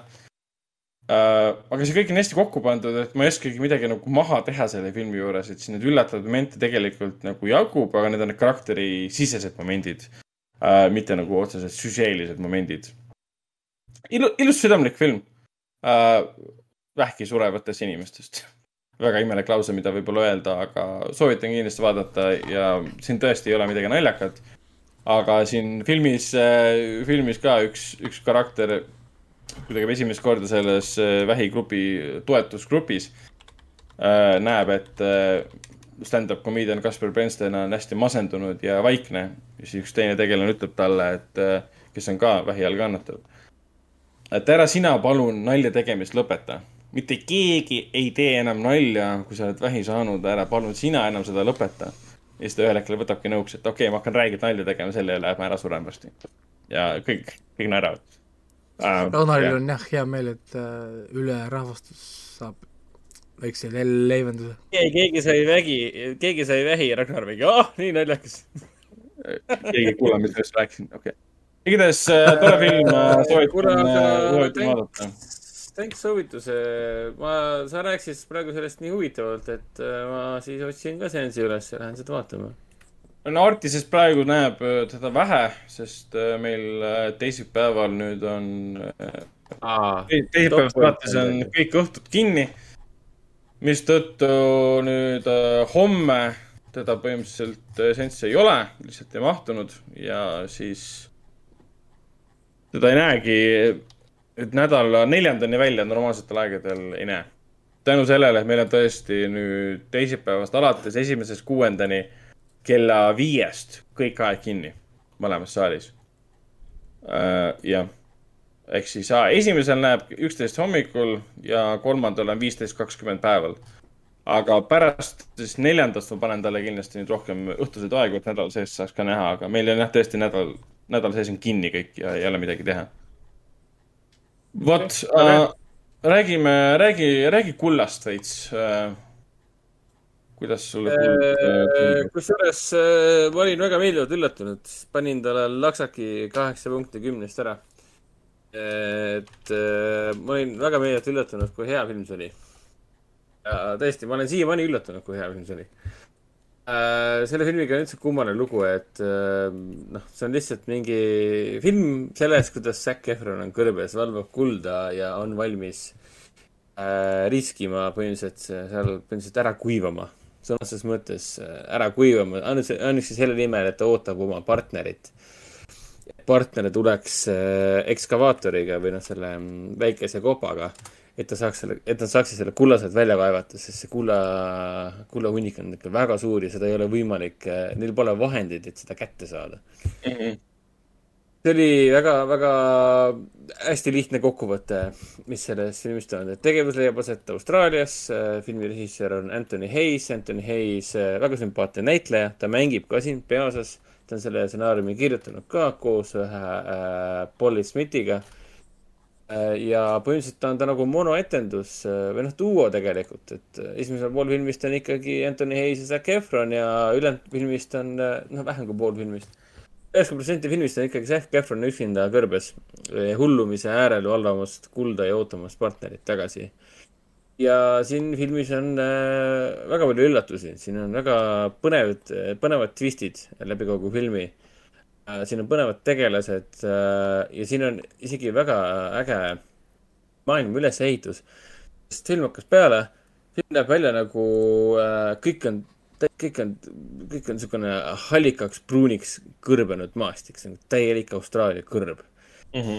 ja, ja, ja tegelane näeb välja nagu oleks ta kuskil põhjalikult läbi pekstud, ta on pidevalt must, kriimuline, tema riietus on kriimuline ja must, sihuke tunne nagu vaataksid mingit äh,, mängiksid Last of Us'i või, või seda Red Dead Redemptionit mängiksid.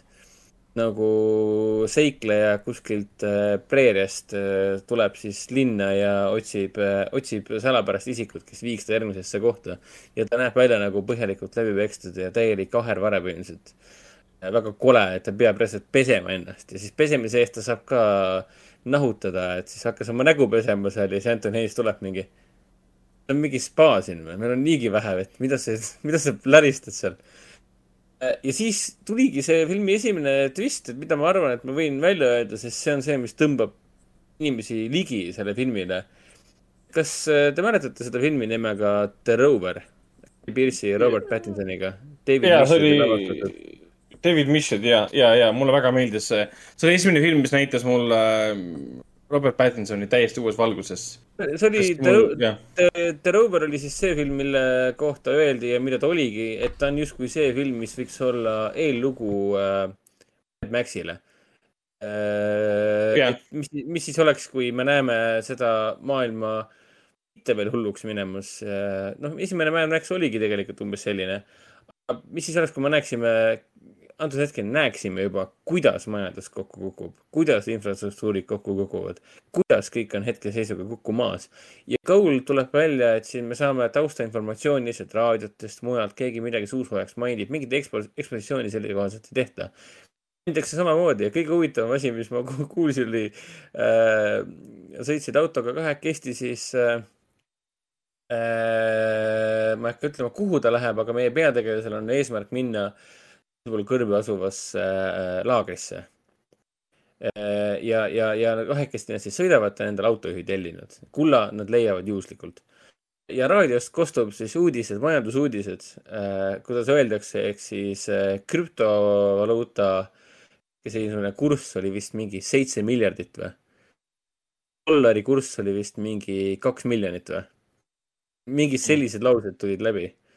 Räägitakse massiimmigratsioonist, kõik põhjast liiguvad, massiliselt liigutakse lõunasse. põhjas käivad äh, sõjad äh, hammas hamba vastu, vend venna vastu, naaber naabri vastu, siuksed sõnakõlksud käivad läbi, enne kui nad leiavad äh, kulla. mainitakse lihtsalt, et olukord on põhjas täiesti käest ära läinud ja nüüd hakatakse vaikselt siis massiliselt liikuma äh, lõunasse ja, ja ka meie peategelane, Zac Efroni tegelane tuleb põhjast, millest ta väga üldse midagi ei räägi, aga küsib, küsib, et kas põhjas on asi väga hull või? Zac Efron mingi, meile antakse ei, siis ta on väga Roveri vaimus. Et põhimõtteliselt selline, et ta, ta, see, see on see mitte postapo, vaid ta on äh, lähenemas postapokalüpsisele nii-öelda. ehk siis mitte päris äh, The Road, mitte päris. Mad Max. post-apo nii-öelda jah, et me näeme, milline võiks maailm näha välja siis, et kui inimesed ei ole veel peast soojaks täiesti läinud. jah, et see oli kõige suurem üllatus, ma arvasin, et see on lihtsalt see, et äh, meil on siin kullapalavik ja me valvame Te olete Austraalias ja siin on kuum. aga tuleb välja, et sellel filmil on suurem ja sügavam ja mitmekihilisem taust. ja seda on ka nendel tegelastel tegelikult ja ütleme niimoodi, et mäng läheb käima siis, kui Zac Efron jääb üksinda kulda valvama. ja ausalt öeldes Efron teeb tõenäoliselt oma karjääri ühe kõige huvitavama rolli, et äh, ta kohati meenutab tema rollisooritus siin isegi seda mm, DiCapriot äh, Revenantis. siin on ikka kõvasti roomamist ja kõvasti karjumist ja see, kuidas tänu pidevale kuumusele, sest varju on tõesti väga vähe, Äh, järgiks. huuled, tema nägu, tema pilk, tema juuksed, tema kukal, kõik hakkab äh, paisuma ja punduma, on äh, paiseid täis äh, nägu. filmi lõpuks on ta nii, nii hea meigitöö on siin tehtud, et äh, sa ei tunne seda Zac Efronit enam äragi, sa, sul on ta fü- füüsiliselt on ta valus vaadata ka lõpus on ka päris palju ägedaid twiste ka. selliseid asju, mis nagu, selliseid twiste, mida sellised filmid nagu peagi ootama ja see on väga kõlab nagu üllatus, väga tore film, mida vaadata mingi väga külma kokaga. Jaa Lähed, kinno ja ostad mingi väga külma koka, paned jä- ekstra jääd sisse, vaatad mingi. mina jõin pressilinastusel äh, kohvi ja kui see lõpuks otsa sai, siis mul hakkas suu kuivama, kui ma seda filmi vaatasin. ja see on kindlasti. Äh, väga kihvt, et kui sa ikkagi, noh, ma olin väga üllatunud, et ma saan seda filmi võrrelda The Roveri ja Mad Maxiga, et ta on ikkagi selline, ei ole sci-fi ega ulme, see ei ole fantaasia ka, kuidas ma seda nimetan? Survival thriller on vist kõige õigem, aga lähi- tegevus, tegevus, mis leiab aset meie lähimas tulevikus, võib vist nii öelda. et kihvt tõesti ja kogu see kontseptsioon, et see ei ole midagi uut come on, keegi on metsas ja varjab ennast ja, ja kannatab ja noh, kogu see lugu sünopsis, noh, see on, ta võib mõjuda tegelikult väga igavana, et keegi jääb kulda valvama. aga no treiler peaks juba maha müüma ja, ja see, mis ma ütlesin ka, et ta on tegelikult palju enamat, kui teda reklaamitakse. Siis jah, et see kaheksakümne film, et ma olin väga meeldivalt üllatunud. Anthony Hayes on väga huvitav näitleja, tõesti, ma tahan, ma tahan teda kuskil mujal veel vaadata. näitleja ja režissöör aa, oota, kus ta Äh, näidanud, näidanud on? ta on siin kuskil äh, pff, War Machine'ides ja selles mm, Freemani, Martin Freemani Cargos mänginud ja, aa, Cargos on Netflixi film zombidega, jaa. ja ah, reaalselt ta mängis ühte suvalist sõdurit ka Roveris. huvitav, kust ta küll idee sai seda filmi teha ta hmm.? mängis ka Animal Kingdomis ühte suvalist tegelast, et kihvt. see on David Fisheri film, okei, okei. jah, okei nii, aga räägime siis kähku Akirast ka ja hakkame ära lõpetama. Akira on äh, väga selgete põhjustega üheks parimaks animefilmiks, animefilmiks nimetatud film. siin oli just äh,, käib mingi tribute-videot nägin Akira äh, Ah. ah. nagu kohta ja seal oli see mootor, see motorbike slide. aa, jah, see, kus ta, kus ta teeb seda slaidi ja siis liigub nagu vaata, jääb seisma ekraanist eemale, siis kaks jutti värgi ja siis keegi oli teinud kom-, compilation'i kõik animatsioonid, mis siis, või noh, mitte kõik, aga no ütleme, mingi tuntud animatsioonid, mis kasutasid seda sama nagu slaidi, see video on mingi kümme minutit.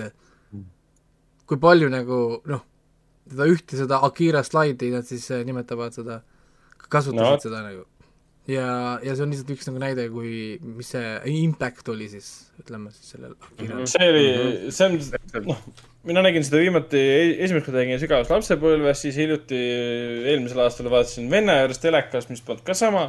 ja nüüd siis nägime 4K-s suurel ekraanil. Need detailid, iga asja detailid, siin pole ühtegi momenti, kus ei ole detaile.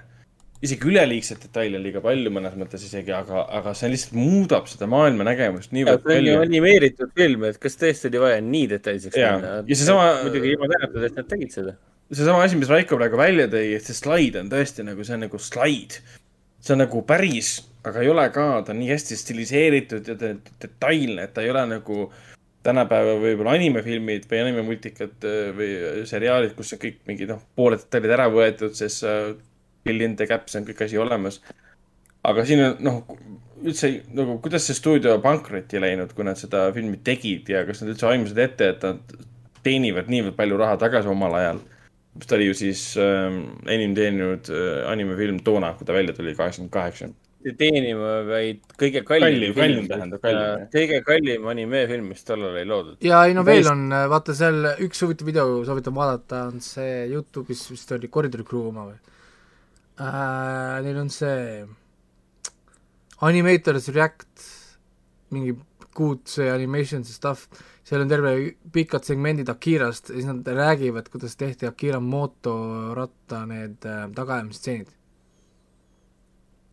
Nad nagu detailides räägivad nagu seda tehnikat ja stiile mis siis mõeldi välja, et kuidas teha neid mootorrattad tagaajamistseene, mis on niisugused nagu vaata vägevad kiired äh, asjad ja kuidas seda nagu animeerida.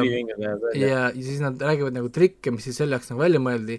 Ja, ja nad laenasid osa oma trikke Dis-, Disney käest äh,, just Felix the Cat mingisuguste tseenide käest, kus kohas mingi kassid tantsisid ja tegid mingeid trikke, siis nad laenasid sealt mingeid võtteid ja asju ja ja üldse niisugune huvitav äh, jälle informatiivne video, kui pakub huvi inimestele selline asi, et väga hea, võtan kindlasti ette. Ja on, nii- ja Akira lugu, Akira on hästi lihtsa looga film tegelikult, et noh, meil on siin äh, autogäng ja üks, üks liikmetest satub äh, õnnetusse, ta puutub kokku millegi või kellegagi, kes, kellega ta ei oleks pidanud kokku puutuma ja hakkab omandama erilisi võimeid ja see, need äh, võtte kasutamine väljub kontrolli alt täielikult ja, ja, ja ongi kõik. muidugi suurim omal ajal ma mäletan alati see, et hakkad filmi vaatama, et kus see Akira siis on, kas keegi peategelastest ei olegi Akira või?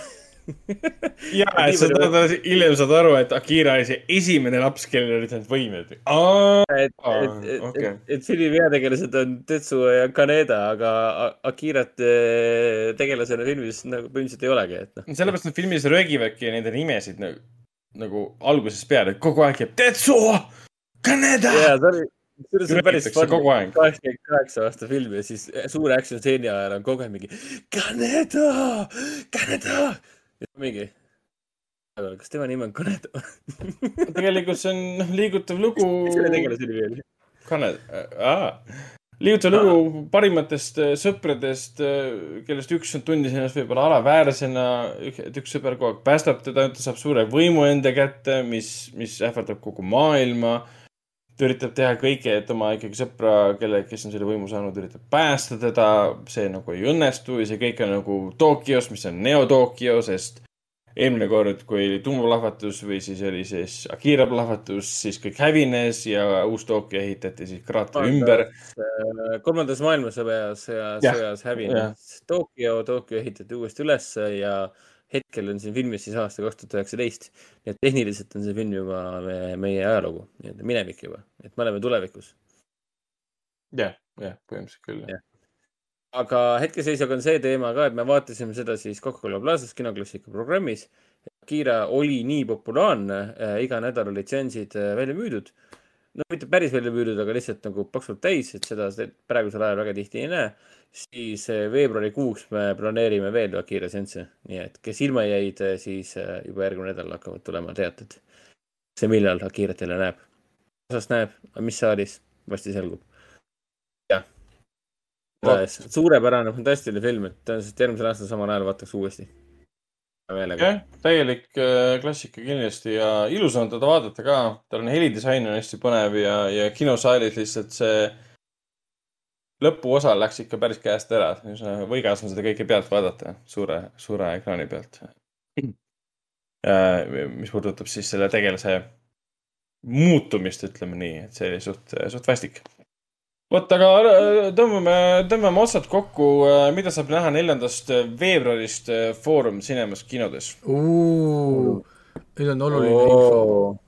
Mind blowing, tegelikult juba esmaspäevast, juba täna, juba reedest, mis see nädala, ma ei tea, mis päevast, kolmapäevast sai juba vaadata Del Toro uut filmi äh, Luupaina ja Allee. et ametlikult alustab neljandal veebruaril, aga seda saab siis kõikidel päevadel välja arvatud äh, teisipäeval ehk siis Kreisi teisipäeval ka Foorum Cinemas kinodes vaadata äh,. jalgpallifännidele tuleb kinno Zlatan Ibramovitši elust, elu, elu põhjal valminud film nimega Mina olen Zlatan ja ma saan aru, et äh, jalkafännide jaoks on see film asi, mida peab kinos vaatama Jah.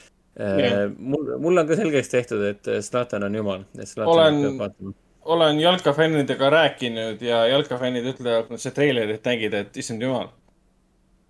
et see poiss näeb välja nagu noor Zlatan ja siis, siis see täiskasvanud, see teismeline näeb ka välja nagu noor Zlatan ja täiskasvanud versioon näeb välja nagu noor Zlatan, et see on kõik väga hästi kästitud tundub olevat. spekuleerin, et see ongi Zlatan, ta lihtsalt muutis ennast vahepeal nooremaks, tagasi lapseks ja tagasi teismeliseks, et siis näidata iseennast. Huvitav Äh, on, et, et äh, Zlatan on tegelikult Kõik- ke- täiesti kes-, keskpärane jalgpallur, tal on lihtsalt äh, ähm,, ei päriselt, ta ei ole tegelikult eriline, tal on driblingud ja, ja söötmised lihtsalt on tegelikult väga nagu keskpärased. aga mis tegi ta eriliseks oli see, et ta oli, ta on, oli, ta on endiselt äh, pikka kasvu. Ja ta on võitluskunstide suur huviline ja ta kasutas siis hästi palju oma neid võitluskunstist äh, inspireeritud siis lööke ja asju, ehk siis ta oli ekstra flashy, ütleme, ja siis see ente- entertainment value või noh, tema niisugune meelelahutuslik väärtus läks hästi kõrgele. ja siis inimesed tahtsid lihtsalt näha, mida crazy't ta jälle teeb. ja siis ta tegi oma neid käärlööke ja kannaga väravaid ja mida iganes veel, aga kui sa paned ta paberile korraks, et kuule, et okei okay,, hindame korra mängijat. söötmised, diplomamised, väljaku nägemised, siis on kuule, et tegelikult, tegelikult ei ole väga palju asju. aga see üks oskus, mis tal on, ta teeb seda tõesti väga, väga hästi ja kõige olulisem asi tegelikult, ta lööb väravaid. ehk siis äh, jah. Mi-, mind see tõenäoliselt ei tõmba, aga, aga siiski äh, on, on mingi põhjus, miks nagu vaadata. aga, aga ma tean, mis sind tõmbab. lastega saab vaatama minna uut äh, kogupereseiklust nimega Tulesüda, see on siis äh, tuletõrjujatest jutustav animafilm. ja, ja ma tean, et Raiko läheb esimesel võim- võimalusel äh, äkki koos meiega vaatama siis filmi nimega Moonfall ehk siis Roland. The Day After Tomorrow Emmerich on tagasi, ta toob oma lärmi kaasa, me kõik läheme. Roland, ma vihkan planeet Maad, Emmerich. Heiti, I hate it. saksa, saksa aktsendiga. või Austria, mis ta oli? Roland on nagu Anakin Skywalker, kellele ei meeldi liiv, talle ei meeldi maa. I hate earth. ja siis ka Monika Siimetsa äh, esimene ja, ja hästi kaua oodatud äh, uus dokumentaalfilm nimega Kaks tundi õnneni, mis ka siin äh, DocPointil jookseb, linastub ka alates äh, reedest, tegelikult juba siis neljapäevastest esilinastustest kinoklassikat, nagu mainitud, Akirat saab äh, veel välja kuulutamata kuupäevadel veebruaris veel vaadata. märtsis Silence of the Lambs igal kolmapäeval ja Basic Instinct äh, seal. vabandust, veebruaris Silence of the Lambs igal kolmapäeval ja Basic Instinct on siis märtsis igal kolmapäeval äh,. kolmapäevast algab meil ka Viljandi kogukino, kogukonna kino uus programm, see on meil kodulehel eriürituste all äh, kenasti välja toodud ka ütleme Viljandis siis äh, kogukonna kinoga koostöös äh, hästi palju Eesti dokumentaalfilme. Endi seast on ka siis Vaino Vahingu, Vaino Vahingu päevaraamat ja UQ näiteks, näiteid tuua. ja esmaspäeviti näitame siis parimat, parimaid uusi filme alates Põgenemisest, Raimo Kaarist ja lõpetades siis, lõpetades siis Paralleelemade ja Bergmani, Bergmani saarega. Ja müüki on läinud ka veebruarikuu film Ei miski muu kui Surm Niilusel, toimub see siis kümnendal veebruaril. müüki on läinud ka Jennifer Lopez'i ja Owen Wilsoni romantilise komöödia esilinastused Abiellume, Marry me, mis näeb välja nagu väga nunnu, väga totter film. ma lähen kindlasti esimesel võimalusel vaatama, sest see näeb nii, näeb nii maksimaalselt äh, romantiline komöödia välja, et seda peab nägema oma silmadega. ja ka seesamune Oskar Lutsu, Lutsu, mitte Lustu, Lutsu äh, jutustuse põhjal valminud Soo alustab nüüd siis kuueteistkümnendast veebruari, kuueteistkümnenda veebruari esilinastustest. nii, Artises toimub, mis? kinosartis saab näha üllatusüllatus täpselt samu filmi, mis sa just mainisid. Monika Siimetsa dokumentaalfilm, mis esilinastub DocPointi avafilmina kolmekümne esimesel jaanuaril. ametlikult alustate neljandal siis veebruaril Kaks tundi õnneni. Artises näeb teda siis äh, kuuendal veebruaril ka DocPointi raames. Kuna tema levi algab samal ajal kui DocPoint, siis ma mõtlen, kuidas ma litsentsi peale võtan, igatahes jah äh,, neljandast saab näha. ja, ja siis samuti Zlatan Ibranovitši film Mina olen Zlatan ja Luupaina ja Allee, mis on ka meil eelseanssidega juba mitu korda linnastunud. miks me seda näitame, sest noh, Guillermo del Toro, äh, igatahes, siis äh, kava hi- hiljuti lisandus ka siis äh, hääldamatu tai nimega reisijari Apitsete Pong äh, Vessetakuli film äh, Memoria, mida ma nägin, mida ma nägin äh, siis äh, seal ähm, PÖFFil, käisin koos emaga vaatamas. film jättis, ütleme, jälje. neljandal märtsil jõuab ta siis, jõuab ta siis kinno. jälje, jälje, sinu kommentaar oli, et see on film. jaa, see oli film, mida ma PÖFFil vaatasin. mis, mis on valesti? ei, selles mõttes ta on, ta on, ta on teistsugune, ta ei ole igale maitsele, aga Tilda See- Swinton on peaosas, ta liigume edasi, jah, sest meil on, me oleme suutnud mingi neli Jah. tundi üksteist minutit, nii jah. ja siis ma võin natuke spoilerdan ka, et siin aprillis toimub, toimub Jahv. ja Jahviga samal ajal äh, tuleb siis äh, Mamoru Hosoda Bell, mis nüüd hiljuti USA kinodes alustab, tuleb ka kinolevisse äh, pärast, pärast Jahvi. Me DocPointi juba mainisin, esimesest äh, kuuenda veebruaril saab näha igal, igal päeval siis äh, DocPointi, meil on umbes viis kuni kaheksa seanssi, nädalavahetusel on seansse rohkem.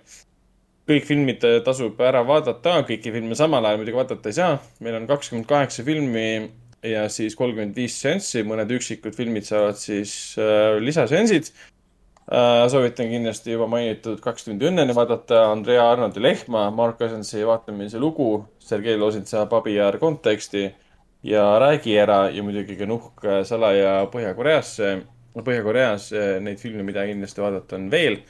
meil on tulemas ka Jean-Marc Vallée ja Kaspar Ulieli mälestusseansid. Jean-Marc Vallée on äh, Kanada filmirežissöör, kes lahkus meie hulgast äh, kahekümne viiendal detsembril ta lavastas sellised filmid nagu Demolition, Wild, Dallas Buyers Club, Cafe de Flore. Ja siis äh, Kaspar Uliel lahkus meie hulgast nüüd üheksateistkümnendal jaanuaril alles äh,. uskumatult imeliku õnnetuse tagajärjel äh,. enamus äh, maailmas teavad teda siis Hannibal Risingus, kus ta mängis noort äh, Hannibal Lecterit. üle maailm, ütleme haritud inimeste maailm teab teda Saint Laurenti filmist äh, ähm, selle Xavier Dolani filmist Ainult maailma lõpp äh,, Sibillist äh,, Evast äh,.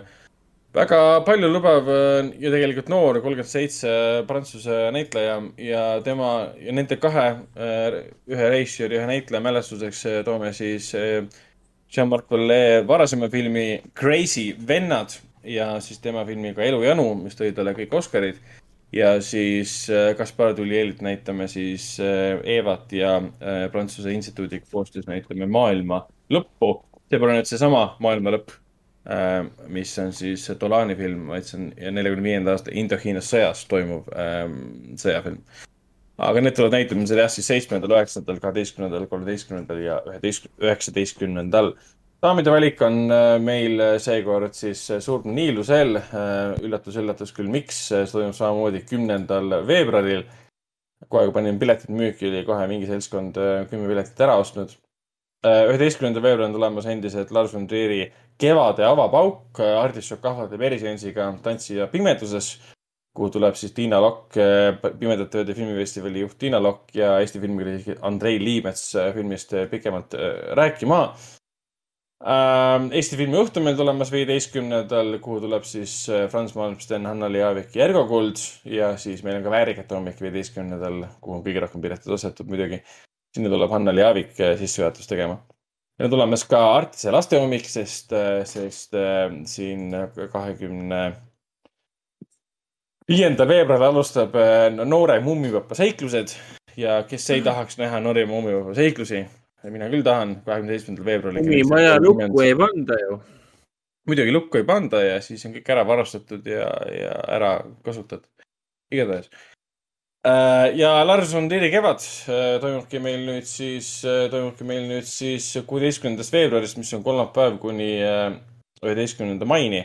see on iga jumala kolmapäev alates kuueteistkümnendast veebruarist kell üheksateist või kell üheksateist kolmkümmend. kõik Lars von Trieri filmid, välja arvatud tema lühifilmid äh, ja üks telefilm, aga kõik täispikad mängufilmid äh,. Soovitan vaatama tulla ja vastavat, vastavat ka planeerida, sest äh, neid äh, filme on palju ja ka neid filme tasub vaadata. vot, mis siis, mis siis veel, loeme saate, saateks või? me tahame rääkida sellest, et. meil on saadet, saadet olnud juba küll. kuule, Fast and Furious'i liitub Jason Momoa ja Mortal Combat kaks on tulemas. see My Mortal. Combat kaks on niuke see on ah, huvitav oli see, et see, see äh, uudis tuli samal ajal, kui oli väike hint Mortal Combat kaksteist videomängule. nii-öelda liik oli siis see, et Mortal Combati pro- pro- üks produtsentidest äh, pilditas merch'i omale Instagrami või Twitterisse, kummagisse nendesse. ja, ja siis äh, tal oli läppar seal taga, naha, täpselt niimoodi väikene nurk, et seal ühe faili nimi oli MK12 mingisugune whatever äh, nagu, nagu, nagu fail. väga mugavalt sinna jäetud. väga mugavalt ja, ja, ja. ja, ja, ja, märkaks ometi. ja see tuli samal ajal välja, kui kolm uudist tuli korraga, siis Mortal Combat kaksteist nii-öelda nagu liik nad pole ametlikult kinnitatud midagi. Siis tuli äh, Mortal Combat kaks film, mis tegelikult, tegelikult oli teada, sest nad tegid kolm, kolme filmi leping oli vist by default ja triloogia leping ja siis et ja Ed Boon saab siis selle Dice äh, Awardsi sinna um, Hall of Fame'i okei, nii okei. et äh, need, need kolm Mortal Combati uudist siis korraga. Aga selge äh,, asjad kotti kõik minema On, äh, jaa, ja, ja striim kinni. neli tundi striimi, oleks, oleks võinud mängida Tekkenit siin vahepeal siin äh, ühe lisaekraani teha, teha Tekkeni ränki samal ajal, kui te siin räägite, vaata. saate vaadata ühest nurgast, kuidas ma mängin äh, Tekkenit näiteks.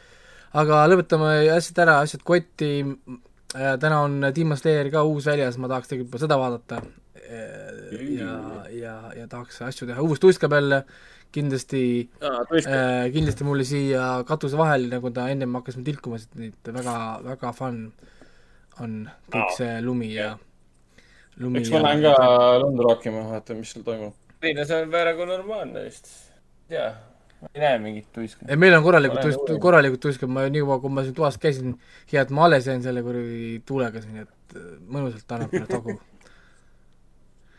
aga jaa, meil on täna pikk saade, palju ränti, natuke zombisid, natuke metauniversumit sai räägitud, sai kirjutatud siin Netflixi, kiidetud Netflixi, nii nagu see elus käib. et üks päev kiidab, järgmine päev peksab.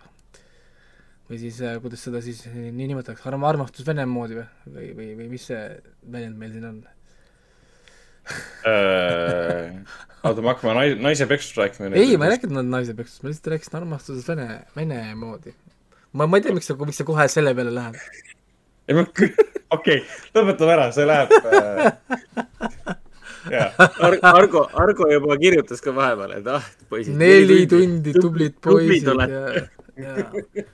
ma lähen koju. Argo praegu mingi, olge palun kinni, ma tahan teid kuulama hakata. mul, mul, mul, mul ei taha algusest peale kuulama hakata. ei, aga ikka, jaa äh,, ma luban enne seda mingi hetk ikkagi kokku võtta ja asjadega ilusti järgi jõuda, ma tean, mul on asjad tegemata, asjad vaatamata. ja mingi hetk me naaseme sinna momenti, kus te saate minu listi ette ja te kuulete kolm tundi, kuidas ma lihtsalt vaatasin ära kõik asjad äh, järjest tagant tulen äh, suure hooga äh,. ja siis ma saan ka rääkida, film, ärge arvake, et ma pole vaadanud asju, mul on siin päris hea list filme asju, varsti kuulete, mis mul seal listi, listis on ja siis räägin teile erinevatest õudusfilmidest, komöödiaõudustest ja igasugustest muudest veidrustest, mis ma olen siis vahepeal vaadanud. ja ongi minu poolt siis kõik, minge ho-, aa äh,, plaagin ka, minge Hobbygameri veebipoodi ka, hobbygamer.ee. jaa, minge kindlasti. ostke endale retro re,, retromänge, mida ma siin hooldan ja puhastan ja, ja lisan, kuidas ma palju jõuan. kulda. ikka Raiko kvaliteet ka, nii et. ja, ja, ja, ja, ja mul sai osta seda tuhat asja ka müüdud vahepeal. Nii et äh, kergelt väsinud pakkidest ja pakkimistest ja kuradi pakiautomaatidest. väike šampus ka siis, jah? nii väsinud pakiautomaatidest. Omniva võiks teha mingi int-, interface'i, nii et Omniva, kui sa kuuled, palun tee mingi interface, mida on in- inimestel võimalik ka kasutada. ma ei tea, mis kuuenäpulised ja, ja, ja mis imeolendid teil on seal, aga, aga inimesed tahaks ka kasutada teie automaate. jaa seal töötavad ainult botid niikuinii, et. kõik, kõik on ainult botid. aga me lõpetame nüüd äh, omalt poolt ära ja kuulama hakata. jaa, et ärme kiusa rohkem Argot, las ta okei kuulab ka okay., kuulge, aga selge, tšau ja järgmine nädal uuesti. saate Teeme nii. nädal aega kuulata ühte episoodi lihtsalt. iga päev viis minutit. mis asja? ei no, ei, tuleb ka korraga kuulata. iga päev iga päev pool tundi, sa kuulad seda kaheksa päeva, nii et äh, no sa saad Netflixi teha iga päev viisteist minutit. Kahekümne minuti kaupa, täpselt. kuule, me me tegime siin, me tegime praegu kahe, kahe hoo, hooajaga jagu e e episoodis moodsalt. peame selle tegema lühikesteks episoodideks, siis kõik vaataksid kohe selle läbi ühe päevaga.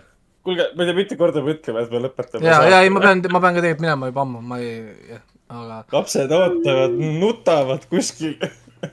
nonii, okei okay., ja näeme siis. tšau. tšau. okei, näeme jälle. Kinoveebi Jututuba podcast.